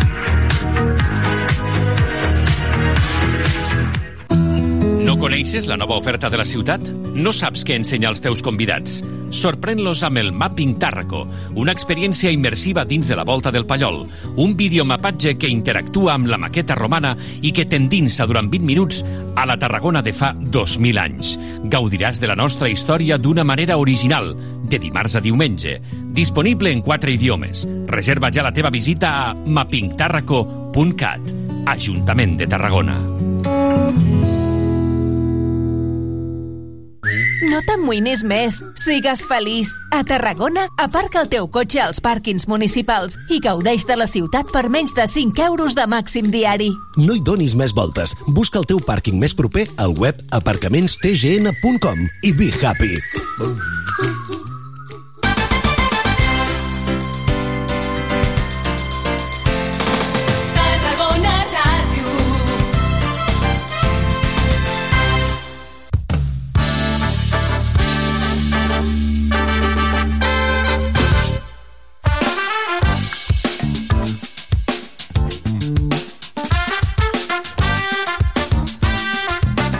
A fons. Entrevistes en profunditat amb Joan Andreu Pérez.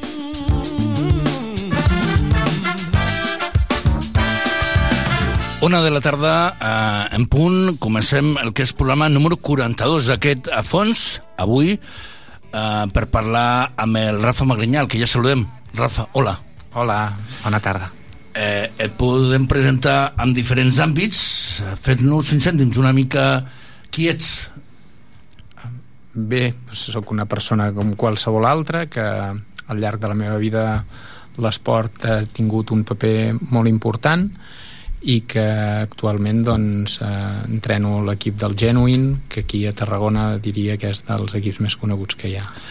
Et deia que podíem presentar en diferents àmbits perquè, com deies, ets el responsable, un dels màxims responsables del Nàstic Genuïn i a la vegada a Girona ets el director acadèmic de l'EUSES, eh, centre escrit a la Universitat eh, de, de Girona. déu nhi quins camps en els que treballes i on el tema formatiu està per bandera.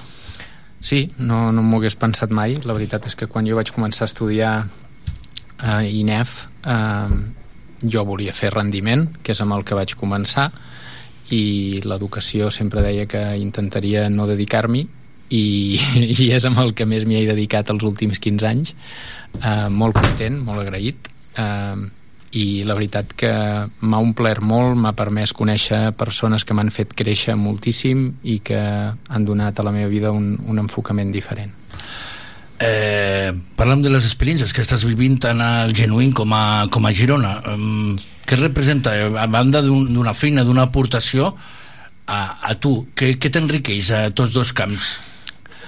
Mira, en, en el tema, comencem pel primer, potser cronològicament, des del 2009 que vaig començar a treballar a Girona, eh, treballar a la universitat m'ha permès eh, introduir-me de nou en l'àmbit de coneixement del que jo venia, eh, no només ser una taronja que van exprimint des del punt de vista laboral, sinó que a més a més et vas alimentant de, pues, del coneixement, de les, de les coneixences, de les amistats i a més a més en un projecte que comença i que va creixent doncs veure'l créixer és una cosa que eh, la veritat és que ens il·lusiona molt i que ho disfrutem moltíssim de veure com vam començar l'any 2009 i que avui en dia doncs, tinguem centre, el centre gran a Girona, tinguem un centre Terres de l'Ebre, eh, tinguem un centre relacionat amb videojocs que es diu Enti a Barcelona, una universitat a Mèxic que es diu Amerique i una universitat nova al País Basc que es diu EUNEIZ eh, la veritat que en 15 anys mm, si m'ho diuen 15 anys enrere no m'ho crec no? i a nivell de, del Genuine doncs és una cosa que la veritat és que em va sorprendre molt quan, quan m'ho va proposar el Lluís Fàbregas eh, que la meva dona sempre explico que és la principal responsable de, de que ho fes, que em va animar molt, perquè jo, amb tot això que he explicat de, de la feina al centre universitari, doncs ho veia molt complicat, i que m'ha permès posar-hi doncs, un, un parèntesi, un nou enfoc a, a la meva vida que ha traspuat a tots els altres àmbits i que m'ha permès tenir una, també una mica aquella calma i aquella visió que et donen les persones que formen part del Genuine que, que és fantàstic. Teniu un dels teus jefes eh, en antena, no sé si el vols saludar, un dels teus jefes o una de les persones que van lligar tot allò en la que tu estàs al capdavant a nivell acadèmic. El Jordi Roig. Jordi, bon dia. Hola, molt bon dia. Com estàs? Molt bé. Em fa molta il·lusió sentir en Rafel en aquesta entrevista i a més a més que li facis tu, perquè tu també ets una persona que tenim molt bona relació des de fa moltíssims anys. Per tant, m'agrada molt poder participar avui doncs, en aquesta entrevista que li estàs fent amb en, amb en Rafael. Eh, et vam trucar, et vam agafar en una reunió, però de seguida ens vas dir sí a poder participar amb una figura, eh, la del Rafa Magranyà, que ja porteu junts eh, anys. Eh, què podries explicar? Què podries detallar del convidat avui del programa? Home, eh, puc explicar primer que és una persona molt compromesa ho demostra no només a nivell professional, sinó eh, en el projecte doncs, del Genuine Nàstic, no? Com ha demostrat, doncs, no només es compromet a nivell laboral, que a més a més s'hi compromet i molt, és una persona, diguem, patidora, responsable, patidora, sinó que també en el Genuine també ha demostrat no? eh, el seu coneixement del futbol com i la seva experiència en el món del futbol poder-ho poder també aportar doncs, en, en un equip tan especial com el Genuine Nàstic doncs et demostra doncs que és una persona que també aporta o vol aportar quelcom més que a la societat que no sigui només l'àmbit, diguem, purament laboral. Des del punt de vista professional, doncs, fa doncs, quasi bé 15 anys o més de 15 anys que estem col·laborant junts. I la veritat és que sempre eh, m'ha demostrat un gran coneixement, una gran experiència en el món educatiu, és un referent a Catalunya, en el món, diguem, no només en el món esportiu, sinó també en el món de lo que és la qualitat universitària. És a dir, que ell al començament doncs, va assumir doncs, el que era la direcció acadèmica de l'escola universitària Esport i Salut a Girona, EUSES, i posteriorment doncs, va anar evolucionant no només amb Girona, sinó sent un puntal dintre del que és doncs, el, el grup eh, universitari com a responsable de qualitat i per tant és una persona que marca les pautes de la qualitat en els nostres centres i són centres molt, molt, molt ben valorats. Per tant, et demostra doncs, la seva capacitat. I després, personalment, doncs, tenim una relació que s'ha convertit no només en una relació laboral, sinó al final s'ha convertit en una relació també d'amistat i de confiança. I això a vegades passa en el món laboral i a vegades no passa, per molts anys que et vinculis o tinguis vinculació. I és un altre punt doncs, que, que poso com a valor. No? Eh, Jordi, crec que has fet una radiografia completa ni anant a un centre sanitari te la fan tan completa com la que acabes de fer del Rafa Magrinyà. T'agraeixo especialment la teva aportació. Rafa, no sé si vols comentar alguna cosa, que t'has quedat callat. Mm, perquè m'ha sorprès.